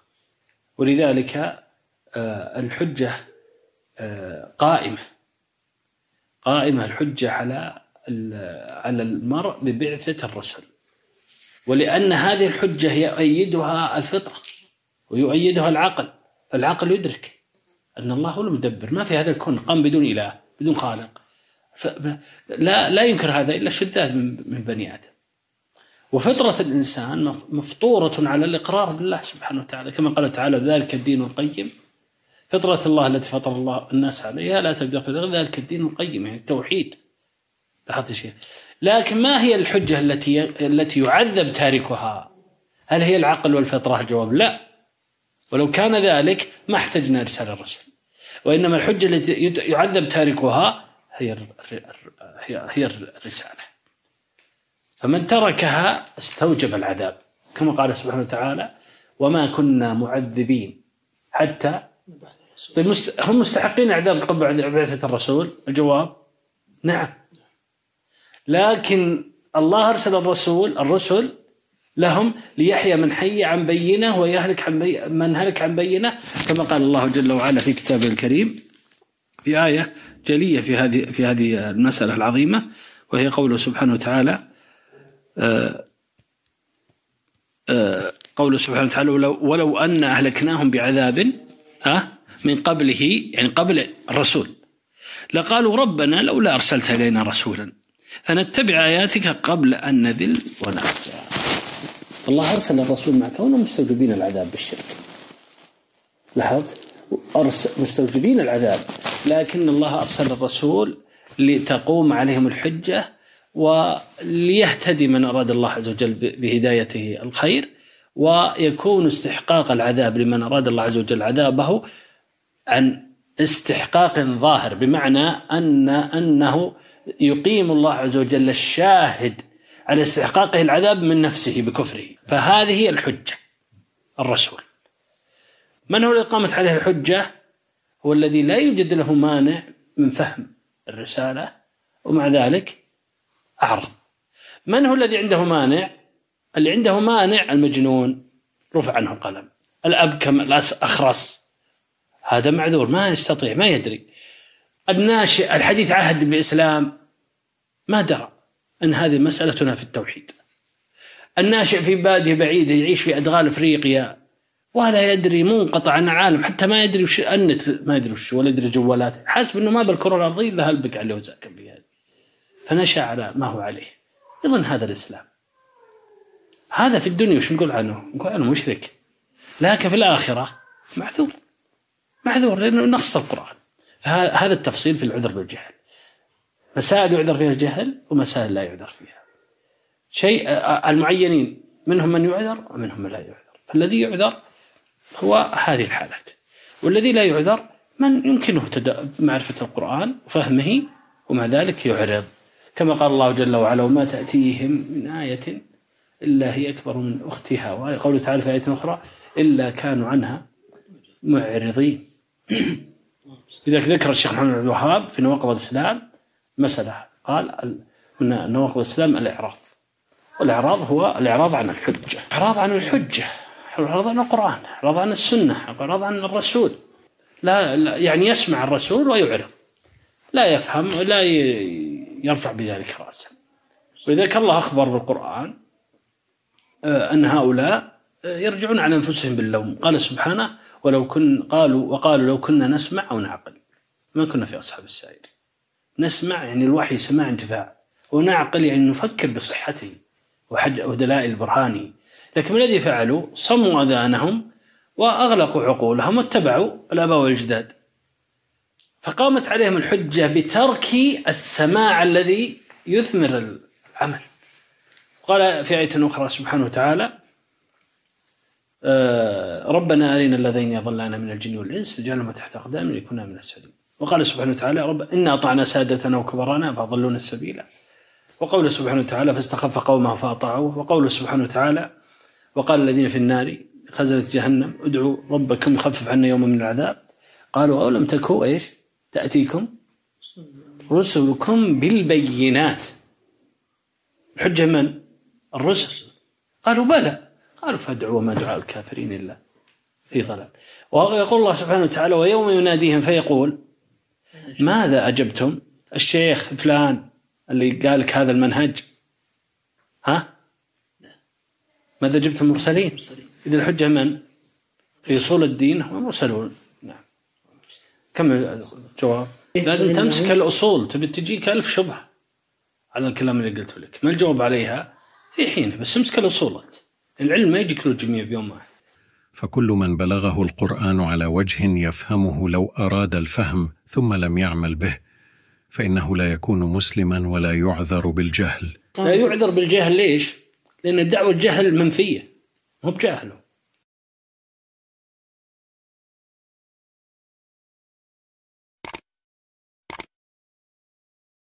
السؤال الرابع عشر هل يشترط في إقامة الحجة فهم الحجة فهما واضحا جليا أم يكفي مجرد إقامتها؟ نرجو التفصيل في ذلك مع ذكر الدليل. هذا ذكرناه في الجواب الذي قبل هذا أنه إذا بلغه الدليل من القرآن أو من السنة على وجه يفهمه لو أراد أي بلغته وعلى وجه يفهمه ثم لم يلتفت إليه. مسكنا مثلا نصراني بالبرتغال. وقلنا له الله ارسل رسل. أن تؤمن بعيسى؟ قال لي أؤمن بعيسى. تؤمن بكذا كذا. يؤمن عندهم دينهم. قلنا إحنا إحنا مسلمين. تعرف المسلمين؟ قال أنا أسمع عنكم المسلمين. وش تسمع عنا؟ قال أسمع إنكم تؤمنون بالنبي محمد وإنه نبي وإنه وإنه وإنه. طيب تؤمن فيه؟ لا ما أؤمن فيه. قامت عليه الحجه ولا لا؟ قامت. طيب واحد يقول لك لا ما لازم نجيب له القرآن ونترجمه بلغته عشان تقوم عليه الحجة. يدري انه فيه رسول لكن ما يؤمن. طيب وش دعا إليه الرسول؟ ما علم منه. كيف؟ إذا ما في كافر على وجه الأرض إذا أخذنا عن هذا هذا هذا النظر الإرجائي الغالي جبنا قبوري عند البدوي. يعكف عند البدوي ويدعو يتمسح بالقبر ويا سيد البدوي يا سيدة نفيسة ويعبد غير الله سبحانه وتعالى. وقلنا له الله خير من البدوي الله خير من سيدة نفيسة. الله خلق السماء خلق الأرض. ليس له ند في خلقه وملكه. كذلك الله ليس له ند في عبادته. قال هو عن وجهي وهابي. قامت عليه الحجة ولا لا؟ قامت عليه الحجة. كل واحد لا لازم نا لازم نصير رحماء وناخذه ونلطف فيه ونعلمه هذا يبقى أن أخونا المسلم. هو أعرض. هو أصر. هو يعرف. هو هو أصلا معتكف بالمسجد. يقرأ القرآن يجيه القارئ في الليل والنهار يقرؤون عليهم ويأخذون فلوس في المآتم والمع... وفي الأفراح وال... ما يقرأ يقرأ لكن أعرض هذا أو قامت عليهم الحجة. نعم. الجواب هذا ذكرناه في الجواب الذي قبل هذا أنه إذا بلغه الدليل من القرآن أو من السنة على وجه يفهمه لو أراد أي بلغته وعلى وجه يفهمه. ثم لم يلتفت إليه ولم يعمل به فهذا لا يعذر بالجهل لأنه مفرط.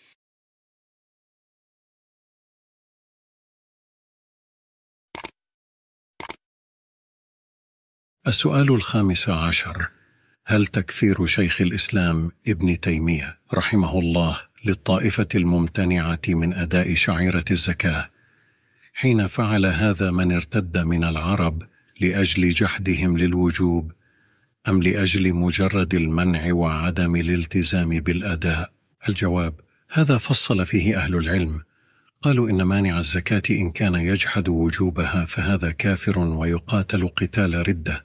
وأما إن كان منعه لها من أجل بخل وهو يعتقد وجوبها فهذا يقاتل حتى يخضع لأداء الزكاة فلا يحكم بكفره فيقاتل امتناعا لمنعه الزكاة حتى تؤخذ منه. وأما ما نسب إلى الشيخ تقي الدين ابن تيمية إلى أنه كفرهم مطلقا فأنا لم أطلع على هذا الكلام. واضحه أوكي.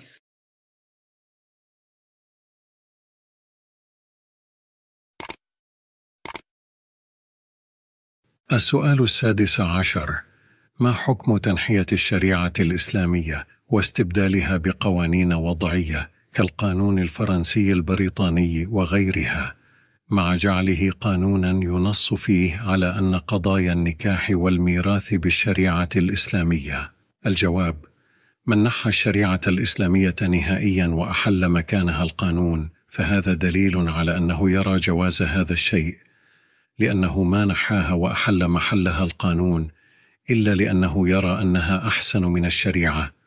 ولو كان يرى أن الشريعة أحسن منها لما أزاح الشريعة وأحل محلها القانون فهذا كفر بالله عز وجل.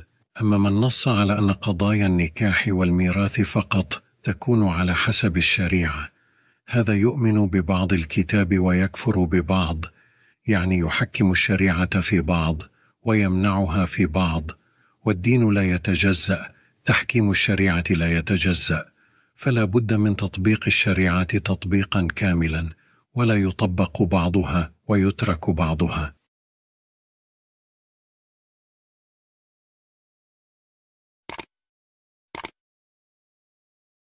السؤال السابع عشر ما حكم من يقول بأن من قال أن من ترك العمل الظاهر بالكلية بما يسمى عند بعض أهل العلم بجنس العمل أنه كافر؟ أن هذا القول قالت به فرقة من فرق المرجئة. الجواب هذا كما سبق.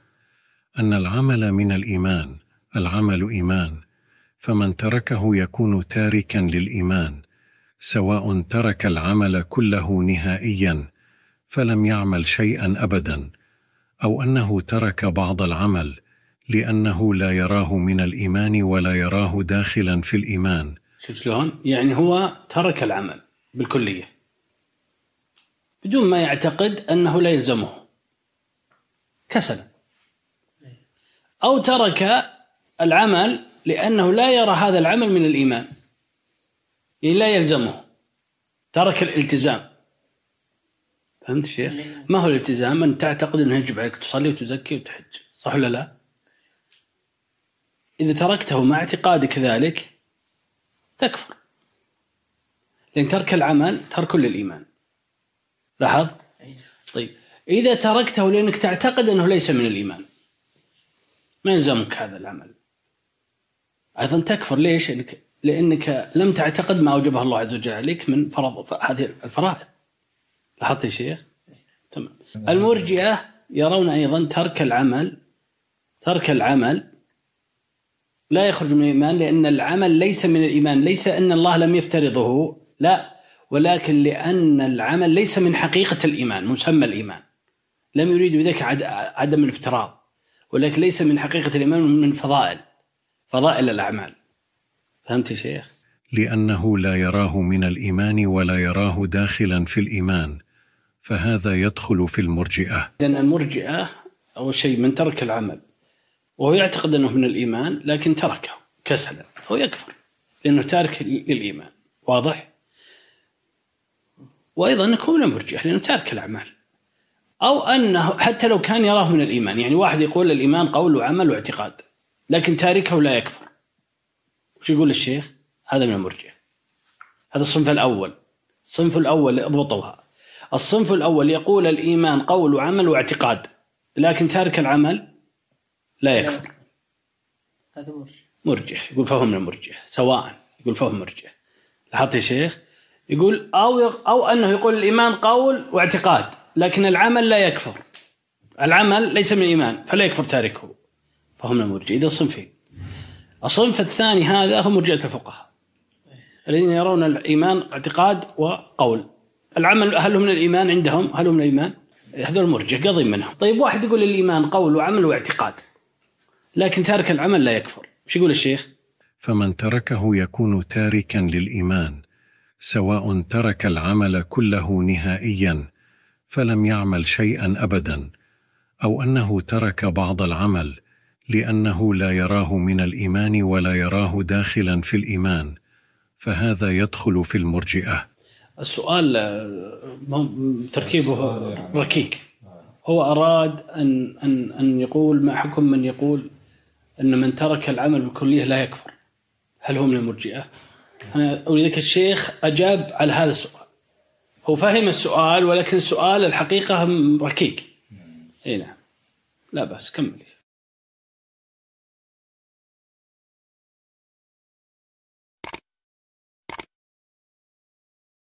السؤال الثامن عشر.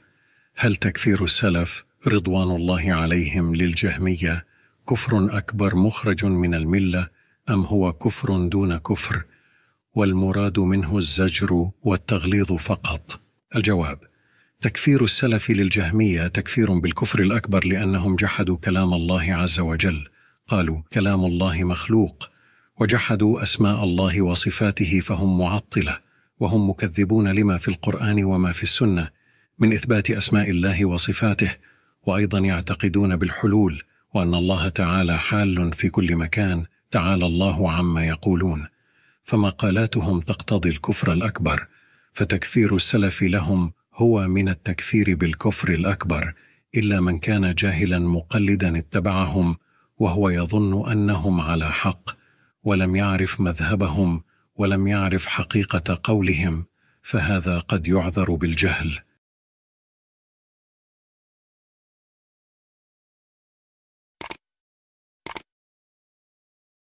السؤال التاسع عشر. هل إطلاقات السلف في تكفير أعيان الجهمية كتكفير الشافعي لحفص الفرد حين قال بخلق القرآن؟ فقال له الشافعي كفرت بالله العظيم. كما نقل ذلك اللالكائي في شرح أصول اعتقاد أهل السنة وكتكفير الجهم بن صفوان وبشر المريسي والنظام وأبو الهذيل العلاف. كما ذكر ذلك ابن بطة في الإبانة الصغرى. يراد منه تكفير أعيان هؤلاء أم تكفير ألفاظهم لا أعيانهم؟ الجواب من نطق بالكفر أو فعل الكفر فإنه يكفر بعينه فمن فعل الكفر أو نطق به وهو ليس ممن يعذر بالجهل فإنه يكفر بعينه. نعم يعني مثلا واحد آه، زل بلسانه مثل ما ذكرنا لكم يعني. قال اللهم أنت عبدي وأنا ربك. قال الله الرسول أخطأ من شدة الفرح. هذا ال- الحال يتبين منه ان ان أن حاله ليست حال اختيار. يعني هو يعني كان على هالك لا محالة. إذا قال صلى الله عليه وسلم عليه زاد وطعام. وفي فلات يعني ما حوله أحد فلات من الأرض. فمثل هذا مثل هذا ارتفع عنها الحكم. لماذا؟ لأنها كالمغلق عقله. كالمغلق عقله. مثله الغضبان الغضب ال- ال- الذي يغلق عقله به. حتى لا يدري ما هو يفعل. فكأنه سكران من شدة الغضب. حتى إذا هدأ لا يذكر ماذا فعل. ليس الذي غضب وعنده مبادئ الغضب ويسب ويشتم الله ثم يقول كنت غضبان. تقول تذكر لما قال لك فلان كذا وكذا قال لي بس كنت غضبان. هذا ما هو غضبان هذا أحمق. أحمق فعل ما يوجب التأديب والزجر بحقه. لكن من أغلق عقله فهذا حكم من ارتفع عنه تك- التكليف. و وأما من قال الكفر وهو مختارا لذلك غير مكره ولا غضبان ولا ولا مجنون. ويدرك حاله. كم كمثل ال- الذين قالوا ما رأينا؟ فهذا هذا هذا الذي لا لا يعذر بذلك. هذا هو الذي لا يعذر بذلك. وأما الجهل الذي يعذر به كما تقدم مثل الجاهل حديث العهد بالإسلام ناشئ في البادية البعيدة الذي ما يدري إن ما قاله كفر فتقول له أخطأت. ترى كذا كذا كذا وتعلمه. خلاص انتهى. رجع عما فعل أو عما قال. انتفى عنه الحكم. نعم اكمل يا شيخ. هؤلاء الخمسة كفرهم السلف بأعيانهم؟ لا شك نعم. من نطق بالكفر أو فعل الكفر فإنه يكفر بعينه. فمن فعل الكفر أو نطق به وهو ليس ممن يعذر بالجهل فإنه يكفر بعينه. ونحكم عليه بالكفر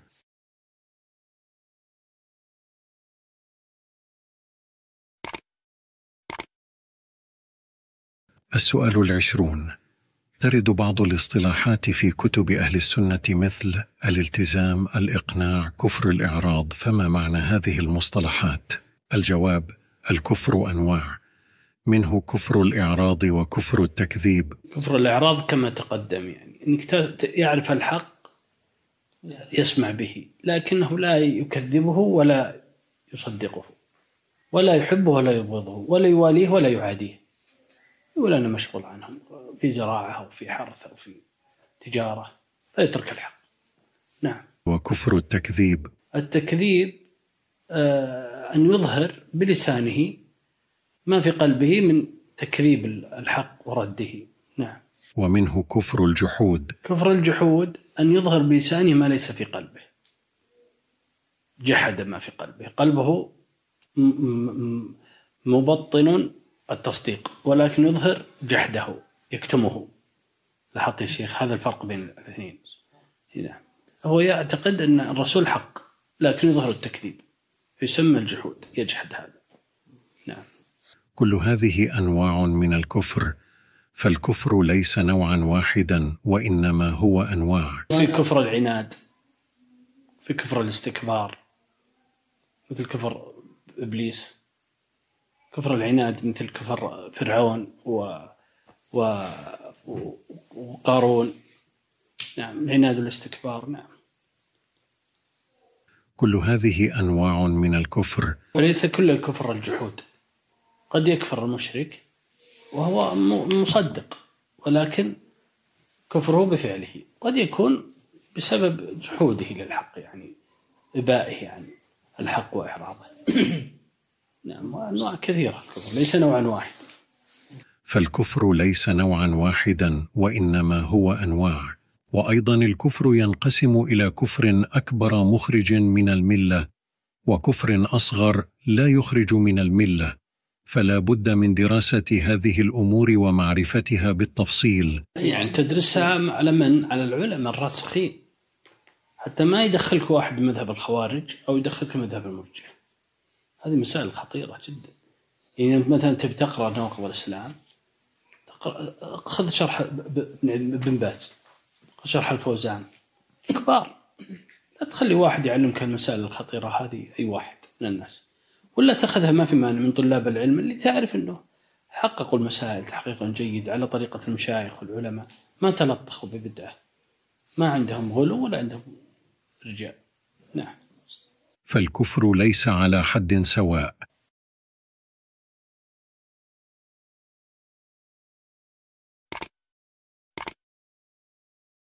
السؤال الحادي والعشرون. ما معنى قول شيخ الإسلام محمد بن عبد الوهاب رحمه الله في الناقض الثالث من نواقض الإسلام؟ من لم يكفر المشركين أو شك في كفرهم أو صحح مذهبهم فهو مثلهم؟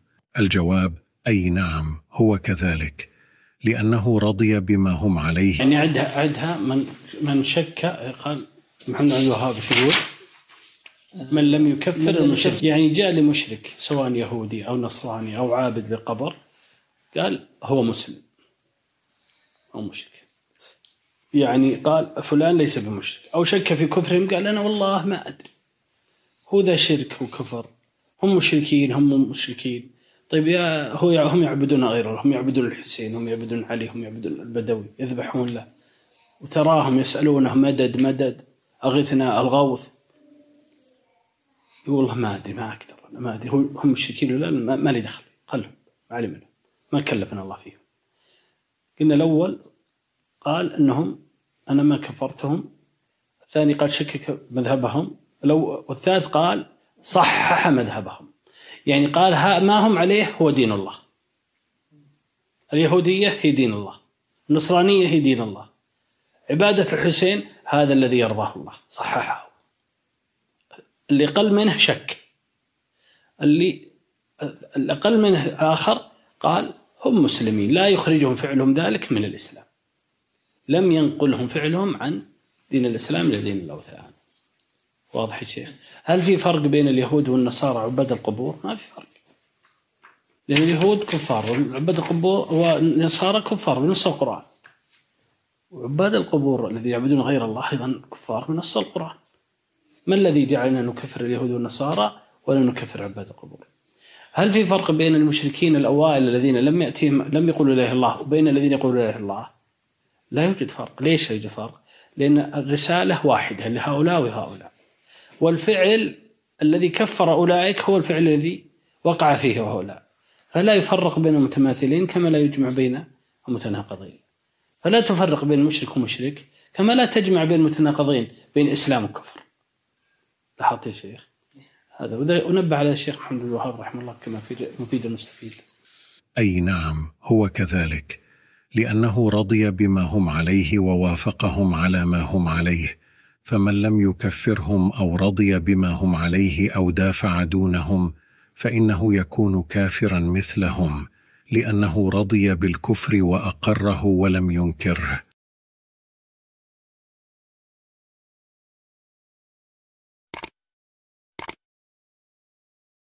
السؤال الثاني والعشرون ما حكم من يقول إن الشخص إذا لم يكفر النصارى لعدم بلوغ آية سورة المائدة لقد كفر الذين قالوا إن الله ثالث ثلاثة فإنه لا يكفر حتى يعلم بالآية. الجواب ليس تكفير اليهود والنصارى قاصرا على سورة المائدة بل تكفيرهم كثير في القرآن وأيضا كفرهم ظاهر من أقوالهم وأفعالهم وما في كتبهم التي يتدارسونها مثل قولهم المسيح ابن الله أو قولهم إن الله ثالث ثلاثة وقولهم إن الله هو المسيح ابن مريم أو قول اليهود إن عزيرا ابن الله أو أن الله فقير ونحن أغنياء. قوله تعالى إن الذين كفروا من أهل الكتاب والمشركين. شوف حتى ما فرق بين المشركين والكفار اليهود والنصارى. أو أن الله فقير ونحن أغنياء أو يد الله مغلولة أو غير ذلك مما هو موجود في كتبهم التي في أيديهم. كفر اليهود والنصارى من أظهر ما يكون ولذلك أخطأ أحدهم. يقول إحنا ما نكفر الذي يقول اليهود والنصارى ليسوا كفار فنحن نعذره بالجهل يقول. سبحان الله أمور عجيبة. يعني يعني ما يدري إن اليهود والنصارى كفار. يعني إذا هذا بعد يعذر ما, ما يكون كافر من لم يكفر اليهود والنصارى؟ وش باقي من دين الإسلام؟ ترى إحنا إحنا بندور التكفير ونكفر يحسبون معنا السيوف نروح نذبح خلق الله. لا هذه أصول الدين يعني. فما الله قال فمن يكفر بالطاغوت ويؤمن بالله. انت مسلم؟ وش تعتقد؟ كفر من نقض الإسلام. هذا دين الإسلام. يعني ما ما مو شيء جديد يعني. لكن هل يعني إننا إذا قلنا كفار نروح نقتلهم ولا نصير ارهابيين ولا دواعش ولا لا. لكن نتكلم عن العقيده يعني. نعم. دواعش أصلا ما يقتلون اليهود والنصارى. دواعش يقتلون المسلمين. ولا لا يا شيخ؟ أخوان اليهود والنصارى الدواعش امثالهم أو غير ذلك مما هو موجود في كتبهم التي في أيديهم فكفرهم ظاهر في غير سورة المائدة. يعني لا تشغلوننا يعني تقولون أخوان النصارى أخوان اليهود. واضح المسألة. لكن فوزان لما سئل عن من يقول الرافضة أخواننا قال والله ما هم باخواننا نعم هم إخوانه يقول الشيخ. يعني اللي يقول إخوان الرافضة اخواننا النصارى نعم إخوان. اخوان هو مو باخوان المسلمين من وذاك فوزان ابن عثيمين إيش يقول؟ يقول من قال إخواننا النصارى فانه فانهم يرتد يستتاب فإن تاب ولا قتل. تكذيب لا شك. الله عز وجل حكم بكفرهم انت تقول إخوان والاخوه هنا اخوه دينية ليست اخوه نسب ولا اخوه إنسانية. عندهم شبهة. مثلا يقول ولا عاد أخاهم هودا هو أخاهم في النسب أخهم في القبيلة. وأما حينما تقول حنا إخوان في الإنسانية. الله عز وجل قطع الأخوة بالإنسانية بالعداوة.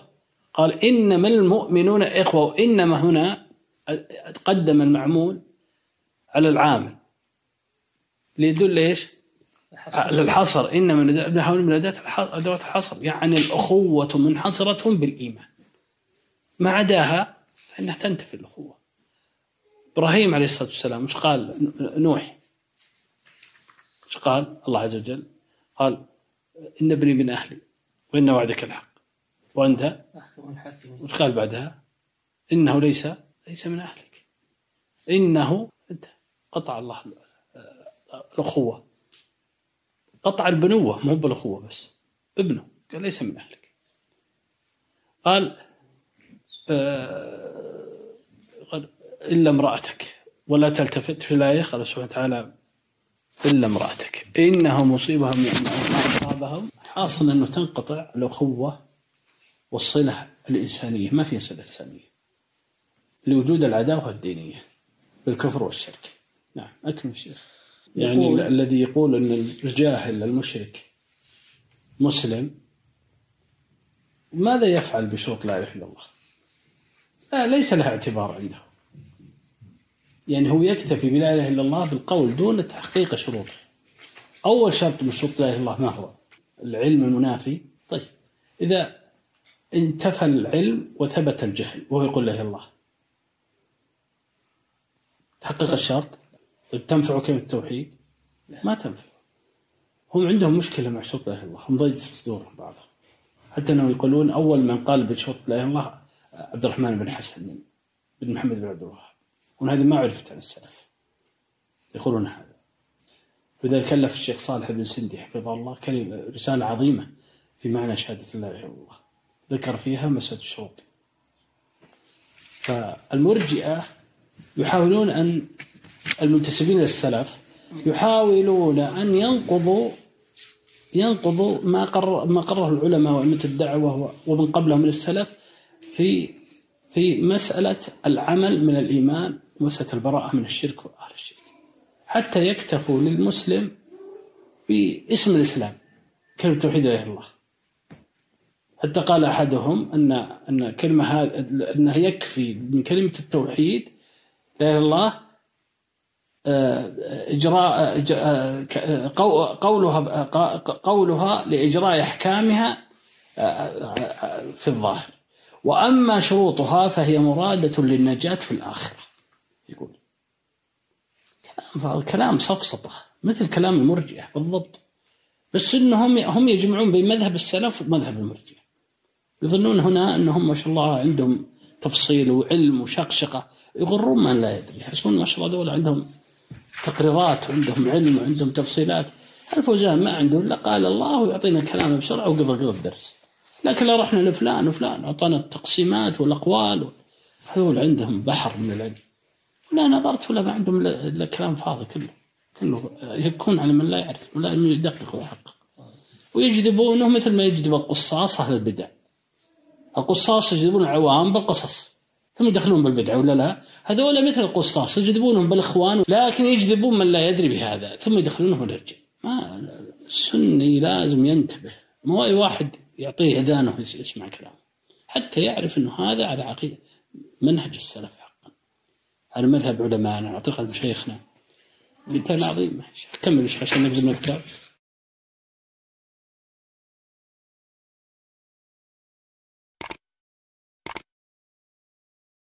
السؤال الثالث والعشرون.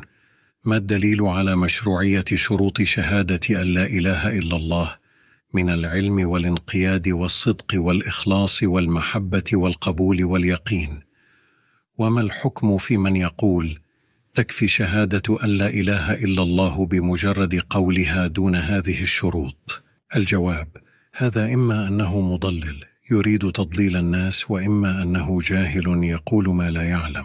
الجواب هذا إما أنه مضلل يريد تضليل الناس وإما أنه جاهل يقول ما لا يعلم. فلا إله إلا الله ليست مجرد لفظ بل لا بد لها من معنى ومقتضى ليست مجرد لفظ يقال باللسان. والدليل على ذلك قوله صلى الله عليه وسلم من قال لا إله إلا الله وكفر بما يعبد من دون الله. وش فائدة لا إله إلا الله إذا كانت قول دون عمل دون دون مقتضى ودون براءة من ما ينقضها. المشركين لو أنهم يدركون أن قول لا إله إلا الله يكفي وحده باللسان ما دخلوا المعارك مع الرسول صلى الله عليه وسلم. إيش قالوا؟ أئنا لتاركوا آلهتنا لشاعر مجنون تاركوا آلهتنا. وش فهموا من كلمة التوحيد؟ ترك ما يعبد من دون الله. هذول إيش يقولون؟ لا تصح كلمة التوحيد مع عبادة غير الله. هم ما يقولون بهذا ب... لو قالوا بهذا كفر. لكن شو يقولون؟ يقولون هم مسلمين. ولا إله إلا الله تنفعهم. طيب ينقضونه بالشرك لا يخرجهم ذلك من الإسلام لانهم عندهم عذر عندهم عندهم عندهم. طيب هل العرب اللي كانوا بعهد الرسول العرب القحاح الذين هم أغبياء مثل نص العرب اللي موجودين ما يفهمون الكلام العربي هم عرب باللسان لكن ليسوا عرب بالفهم. هؤلاء ما يفهمون أنهم لو قالوا لا إله إلا الله لن يخلون أيضا من أعذار تبقيهم على الشرك والكفر. هل كل العوام اللي في في اللي بيعلن فيهم الرسول صلى الله عليه وسلم من النساء والكبار والصبيان وال والأرقة والإماء كلهم علماء يفهمون كل تفاصيل الدين؟ لهم أعذار. لكن علموا لأنهم عرب. أن قول لا إله إلا الله ينتفي مع بقائهم. مع الشرك ولو علم الرسول صلى الله عليه وسلم أن قوله لا إله إلا الله قوله لا إله أن قولهم لا إله إلا الله يكفي يكفي لما وقعت العداوة. والدليل الدليل الدليل. قصة الغرانيق على اختلاف عند العلماء في ثبوتها. فلما قال الرسول صلى الله عليه وسلم كم من ملك أفرأيتم اللات والعزى ومناة الثالثة الأخرى؟ قال ألقى الشيطان في أسماع المشركين قيل وقيل في لسان الرسول صلى الله عليه وسلم تلك الغرانيق العلا وأن شفاعتهن لترتجى.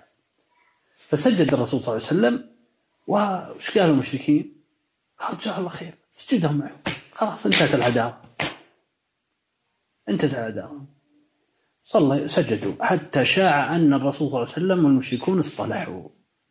ورجع من هاجر من الحبشة. رجعوا.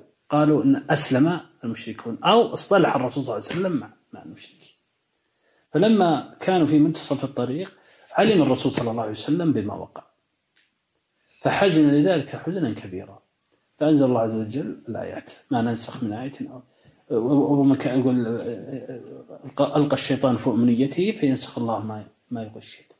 وهذه القصة مختلف فيها. والألباني رحمه الله له كتاب في الرد على على يعني على من أثبت صحتها.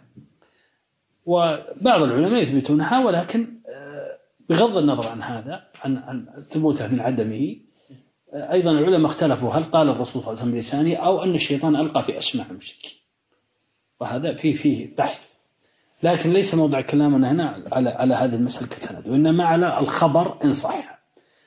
أن هؤلاء المشركون ماذا يريدون من الرسول صلى الله عليه وسلم؟ هم ما عندهم مانع يوافقون الرسول صلى الله عليه وسلم. لكن يقولون اتركنا على ما نعبد. وإذا قالوا نعبد إلهك سنة وتعبد إلهنا سنة. فأنزل الله ودوا لو تدهن فيدهنون الآيات. فهم يعرفون أن أن كلمة التوحيد لا تجتمع مع عبادة غير الله سبحانه وتعالى. ولذلك وقعت العداوة والبغضاء. فكيف بمن ينتسب للعلم ويدرس العقيدة ويقول أنها تجتمع كلمة التوحيد مع عبادة غير الله في تصحيح إسلام المشرك.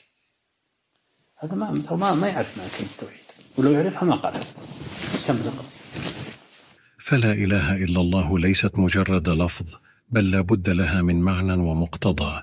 ليست مجرد لفظ يقال باللسان. والدليل على ذلك قوله صلى الله عليه وسلم من قال لا إله إلا الله وكفر بما يعبد من دون الله أو قوله صلى الله عليه وسلم فإن الله حرم على النار من قال لا إله إلا الله يبتغي بذلك وجه الله.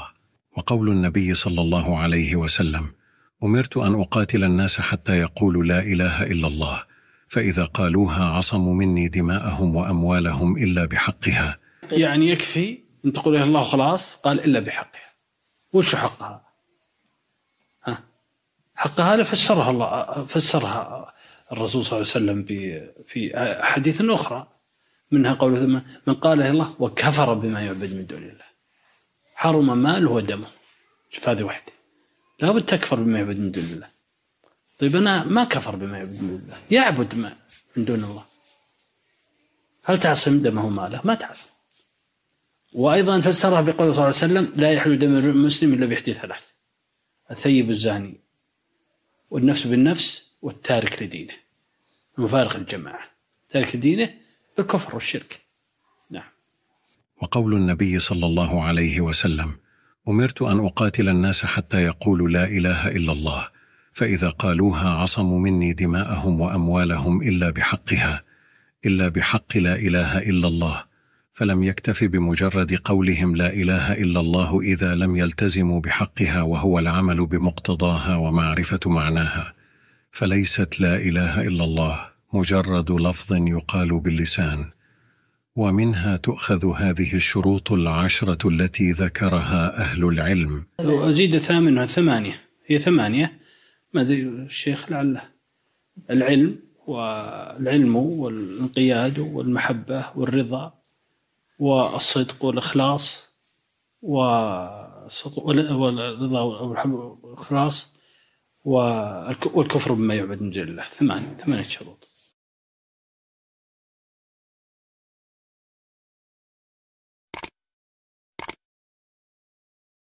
السؤال الرابع والعشرون نرجو تفسير قوله تعالى من كفر بالله من بعد إيمانه إلا من أكره وقلبه مطمئن بالإيمان. الآية تفسيرا مفصلا مع بيان حكم الإكراه في هذه الآية. الجواب هذه الآية تدل على أن من نطق بكلمة الكفر مكرها عليها وهو غير معتقد لها وإنما قالها ليتخلص بها من الإكراه فإنه معذور. كما في قصة عمار بن ياسر رضي الله عنه لما أجبره المشركون على أن يسب رسول الله صلى الله عليه وسلم وأذوه وأبوا أن يطلقوه حتى يسب الرسول صلى الله عليه وسلم فتكلم بلسانه بما يطلبون منه. وجاء يسأل النبي صلى الله عليه وسلم قال كيف تجد قلبك؟ قال أجد في قلبي الإيمان بالله ورسوله فأنزل الله تعالى من كفر بالله من بعد إيمانه إلا من أكره وقلبه مطمئن بالإيمان ولكن من شرح بالكفر صدرا فعليهم غضب من الله ولهم عذاب عظيم. ذلك بانه مستحب الحياة الدنيا على الآخرة. فإذا قال الإنسان كلمة الكفر مكرها عليها يريد التخلص من الإكراه فقط ولم يوافقه بقلبه فإنها رخصة رخص الله فيها للمكره. وهذه خاصة بالمكره دون غيره. وكذلك في قوله إلا أن تتقوا منهم تقاه ويحذركم الله نفسه وإلى الله المصير أي من الكفار. فهذا في الإكراه. وأما في غير الإكراه فلا يجوز موافقتهم ولا إعطاؤهم ما يطلبون من كلام الكفر أو من فعل الكفر. ضبط الإكراه يكون إكراه ملجئ إكراه ملجئ والإكراه الملجئ هو الإكراه من قادر على تنفيذ ما ما يكره من تنفيذ ما يهدد به. مثل سلطان يكرهك على سب الله وإلا قتلك.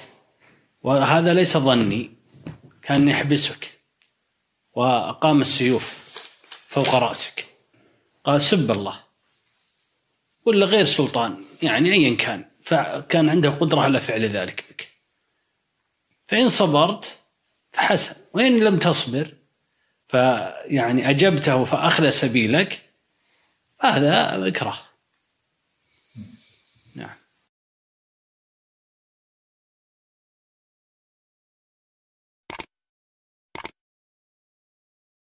السؤال الخامس والعشرون ما حكم موالاة الكفار والمشركين ومتى تكون هذه الموالاة كفرا أكبر مخرجا عن الملة؟ ومتى تكون ذنبا وكبيرة من كبائر الذنوب؟ الجواب الله جل وعلا يقول يا أيها الذين آمنوا لا تتخذوا اليهود والنصارى أولياء بعضهم أولياء بعض ومن يتولهم منكم فإنه منهم. إن الله لا يهدي القوم الظالمين. وقوله سبحانه لا تجد قوما يؤمنون بالله واليوم الآخر يودون من حاد الله ورسوله ولو كانوا آباءهم أو أبناءهم أو إخوانهم أو عشيرتهم أولئك كتب في قلوبهم الإيمان وأيدهم بروح منه. فيجب معاداة الكفار وبغضهم وعدم مناصرتهم على المسلمين وقطع الصلة معهم من ناحية المودة والمحبة وبغض ما هم عليه من الكفر كل هذا يجب على المسلم أن يقاطعهم فيه وأن يبتعد عنهم ولا يحبهم ولا يناصرهم على المسلمين ولا يدافع عنهم ولا يصحح مذهبهم بل يصرح بكفرهم وينادي بكفرهم وضلالهم ويحذر منهم.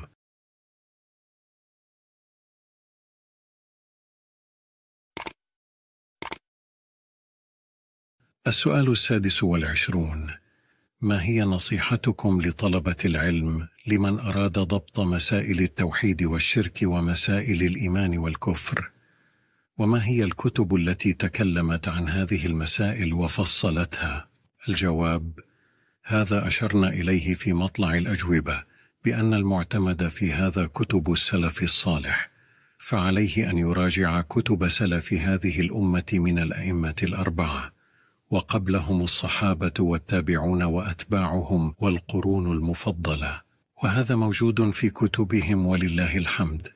في كتب الإيمان وكتب العقيدة وكتب التوحيد المتداولة المعروفة عن الأئمة الكبار رحمهم الله مثل كتب شيخ الإسلام ابن تيمية وكتب الإمام ابن القيم وكتب شيخ الإسلام محمد بن عبد الوهاب. وكتب السلف الصالح مثل كتاب الشريعة للآجري والسنة لعبد الله بن الإمام أحمد والسنة للخلال وشرح أصول أهل السنة للالكائي كلها موجودة ومطبوعة ومثل كتاب العقيدة الطحاوية وشرحها للعز بن أبي العز ومقدمة القيرواني لرسالته المعروفة. كل هذه من كتب أهل السنة. ومن العقائد الصحيحة الموروثة عن السلف الصالح فليراجعها المسلم. ولكن كما ذكرنا لا يكفي الاقتصار على مطالعة الكتب وأخذ العلم عنها بدون معلم وبدون مدرس. بل لا بد من اللقاء مع العلماء ولا بد من الجلوس في حلقات التدريس إما الفصول الدراسية وإما في حلق العلم في المساجد ومجالس العلم. فلا بد من تلقي العلم عن أهله سواء في العقيدة أو في غير العقيدة ولكن العقيدة أشد لأنها هي الأساس ولأن الغلط فيها والخطأ فيها ليس كالخطأ والغلط في غيرها. وبالله التوفيق وصلى الله وسلم على نبينا محمد وعلى آله وصحبه أجمعين. جزاك الله خير. أوصيك بتقوى الله سبحانه وتعالى. دائما والاعتصام به واللجأ إلى الله أن الله يرزقك العلم. النافع والعمل الصالح. إن الله يريك الحق حقا ويرزقك اتباعه والباطل باطل ويرزقك اجتنابه دائما اسال الله هذا السؤال. ثانيا عليك بالرفق. لا تستعجل. لا في العلم ولا تستعجل في الدعوة. ولا ولا تدخل ميدان الدعوة. إلا بتعليم أهلك وأصحابك والقريبين منك حتى ترسخ تضبط العلم. وحتى لا لأنك إذا دخلت ميدان الدعوة يمكن ما في خط رجعه تخطئ أخطاء ثم تبرر لنفسك ثم تصير إمام في بدعة ولا في ضلالة ولا. لأنك الرجوع صعب أحيانا ترى يخجلك. وإذا رجعت أحيانا تسقط من من أعين الناس. يظنون أنك يعني ما عندك علم. لا تستعجل في دخولك للدعوة. اضبط العلم. والثالث يا شيخ عليك بالرفق في في الحكم على الناس والحكم على الأشخاص. لا تستعجل. حتى يعني لا تظلم أحد. ويكون علم حكمك لا احد عن علم وعن بينه وعن بصيره. والرابع إذا أشكل عليك من أمر أحد مسائل وقع فيها مخالف لما عليه العلماء ما يلزم كل أحد إنك تعرف هو مرجئ ولا مرجئ مبتدع ولا مو مبتدع. قد إنه مطلوب هذا لكن إذا لم يتبين لك يعني هل إذا كان مو مبتدع أخذ عنه العلم؟ طيب إذا كان عنده أغلاط كثيرة زلات وتخبطات ولكنه سني هل تأمنه على نفس على عقيدتك؟ هنا المسألة لذلك دائما احرص على العلماء الراسخين في بلدك الأقرب للسنة لأنك حتى في بلدك ما معقول إنك تقول ما أنا برايح المشايخ بس بستمع بالمقاطع والفيديو لا العلماء اللي بالسعوديه. لابد الإنسان يختلط بالعلماء، يختلط بطلبة العلم، يختلط بالناس. لكن عليك بالعقيدة خذها اسمح لي عن مشايخنا ابن باز ابن عثيمين فوزان الراجحي اللجنة الدائمة يعني وانت هناك حاول إذا عندك نت قوي وكذا اقرأ امسك امسك الخطة قد أعطيتك خطة. الكتب هذه امسك الشروح شغل اليوتيوب وقاعد دخل معك الدفتر. كأنك جالس عند الشيخ. ادرس. والسؤال اللي يشكل عليك من كلامهم دوره لاحظت يا شيخ؟ هذا التدوين إما أن تسأل فيه راسخ في العلم عندك أو تسأل منه من تثق فيه. تسأل عن من تثق في علمه في وسائل التواصل. اللجنة الدائمه للفتوى أوصيك بها. فتاوى اللجنة. يعني لو يعني تحصل تروح للرياض يمكن يضيق وقتك وتاخذ فتاوى اللجنة أو تشتريها. أو يعني بالنت الشامل أو غيره فتاوى اللجنة الدائمه سواء بالعقيدة أو في الفقه لكن في العقيدة خاصة في مواضع الفتن. مثل موضع مثل التكفير الإيمان الولاء والبراء الجهاد السمع والطاعة الامر الموقف من الأحزاب والجماعات التيارات التبديع التصنيف التجريح. اللجنه الدائمه أوصيك بها. ولذلك إحنا علينا أننا نعرف منين ناخذ عقيدتنا. هذا الشيخ دلنا. اللجنه الدائمة مشايخ كبار خاصة السابقين منهم هم امتداد السلف. هم امتداد الشيخ بن باز محمد بن إبراهيم الشيخ عبد الله بن حميد بن سحمان أبناء الشيخ محمد بن الوهاب محمد بن عبد الوهاب الأئمة من قبل. هذول هم خلاص أهل السنة. لكن أوصيك بأخذ العقيدة عن هؤلاء. هذا تاخذ اعتقاد من الأكابر الراسخين. قلت لك أنا بن باز بن عثيمين الفوزان الراجحي الحيدان. وعلى هذا فقط هذه وصيلك وفقكم الله يا شيخ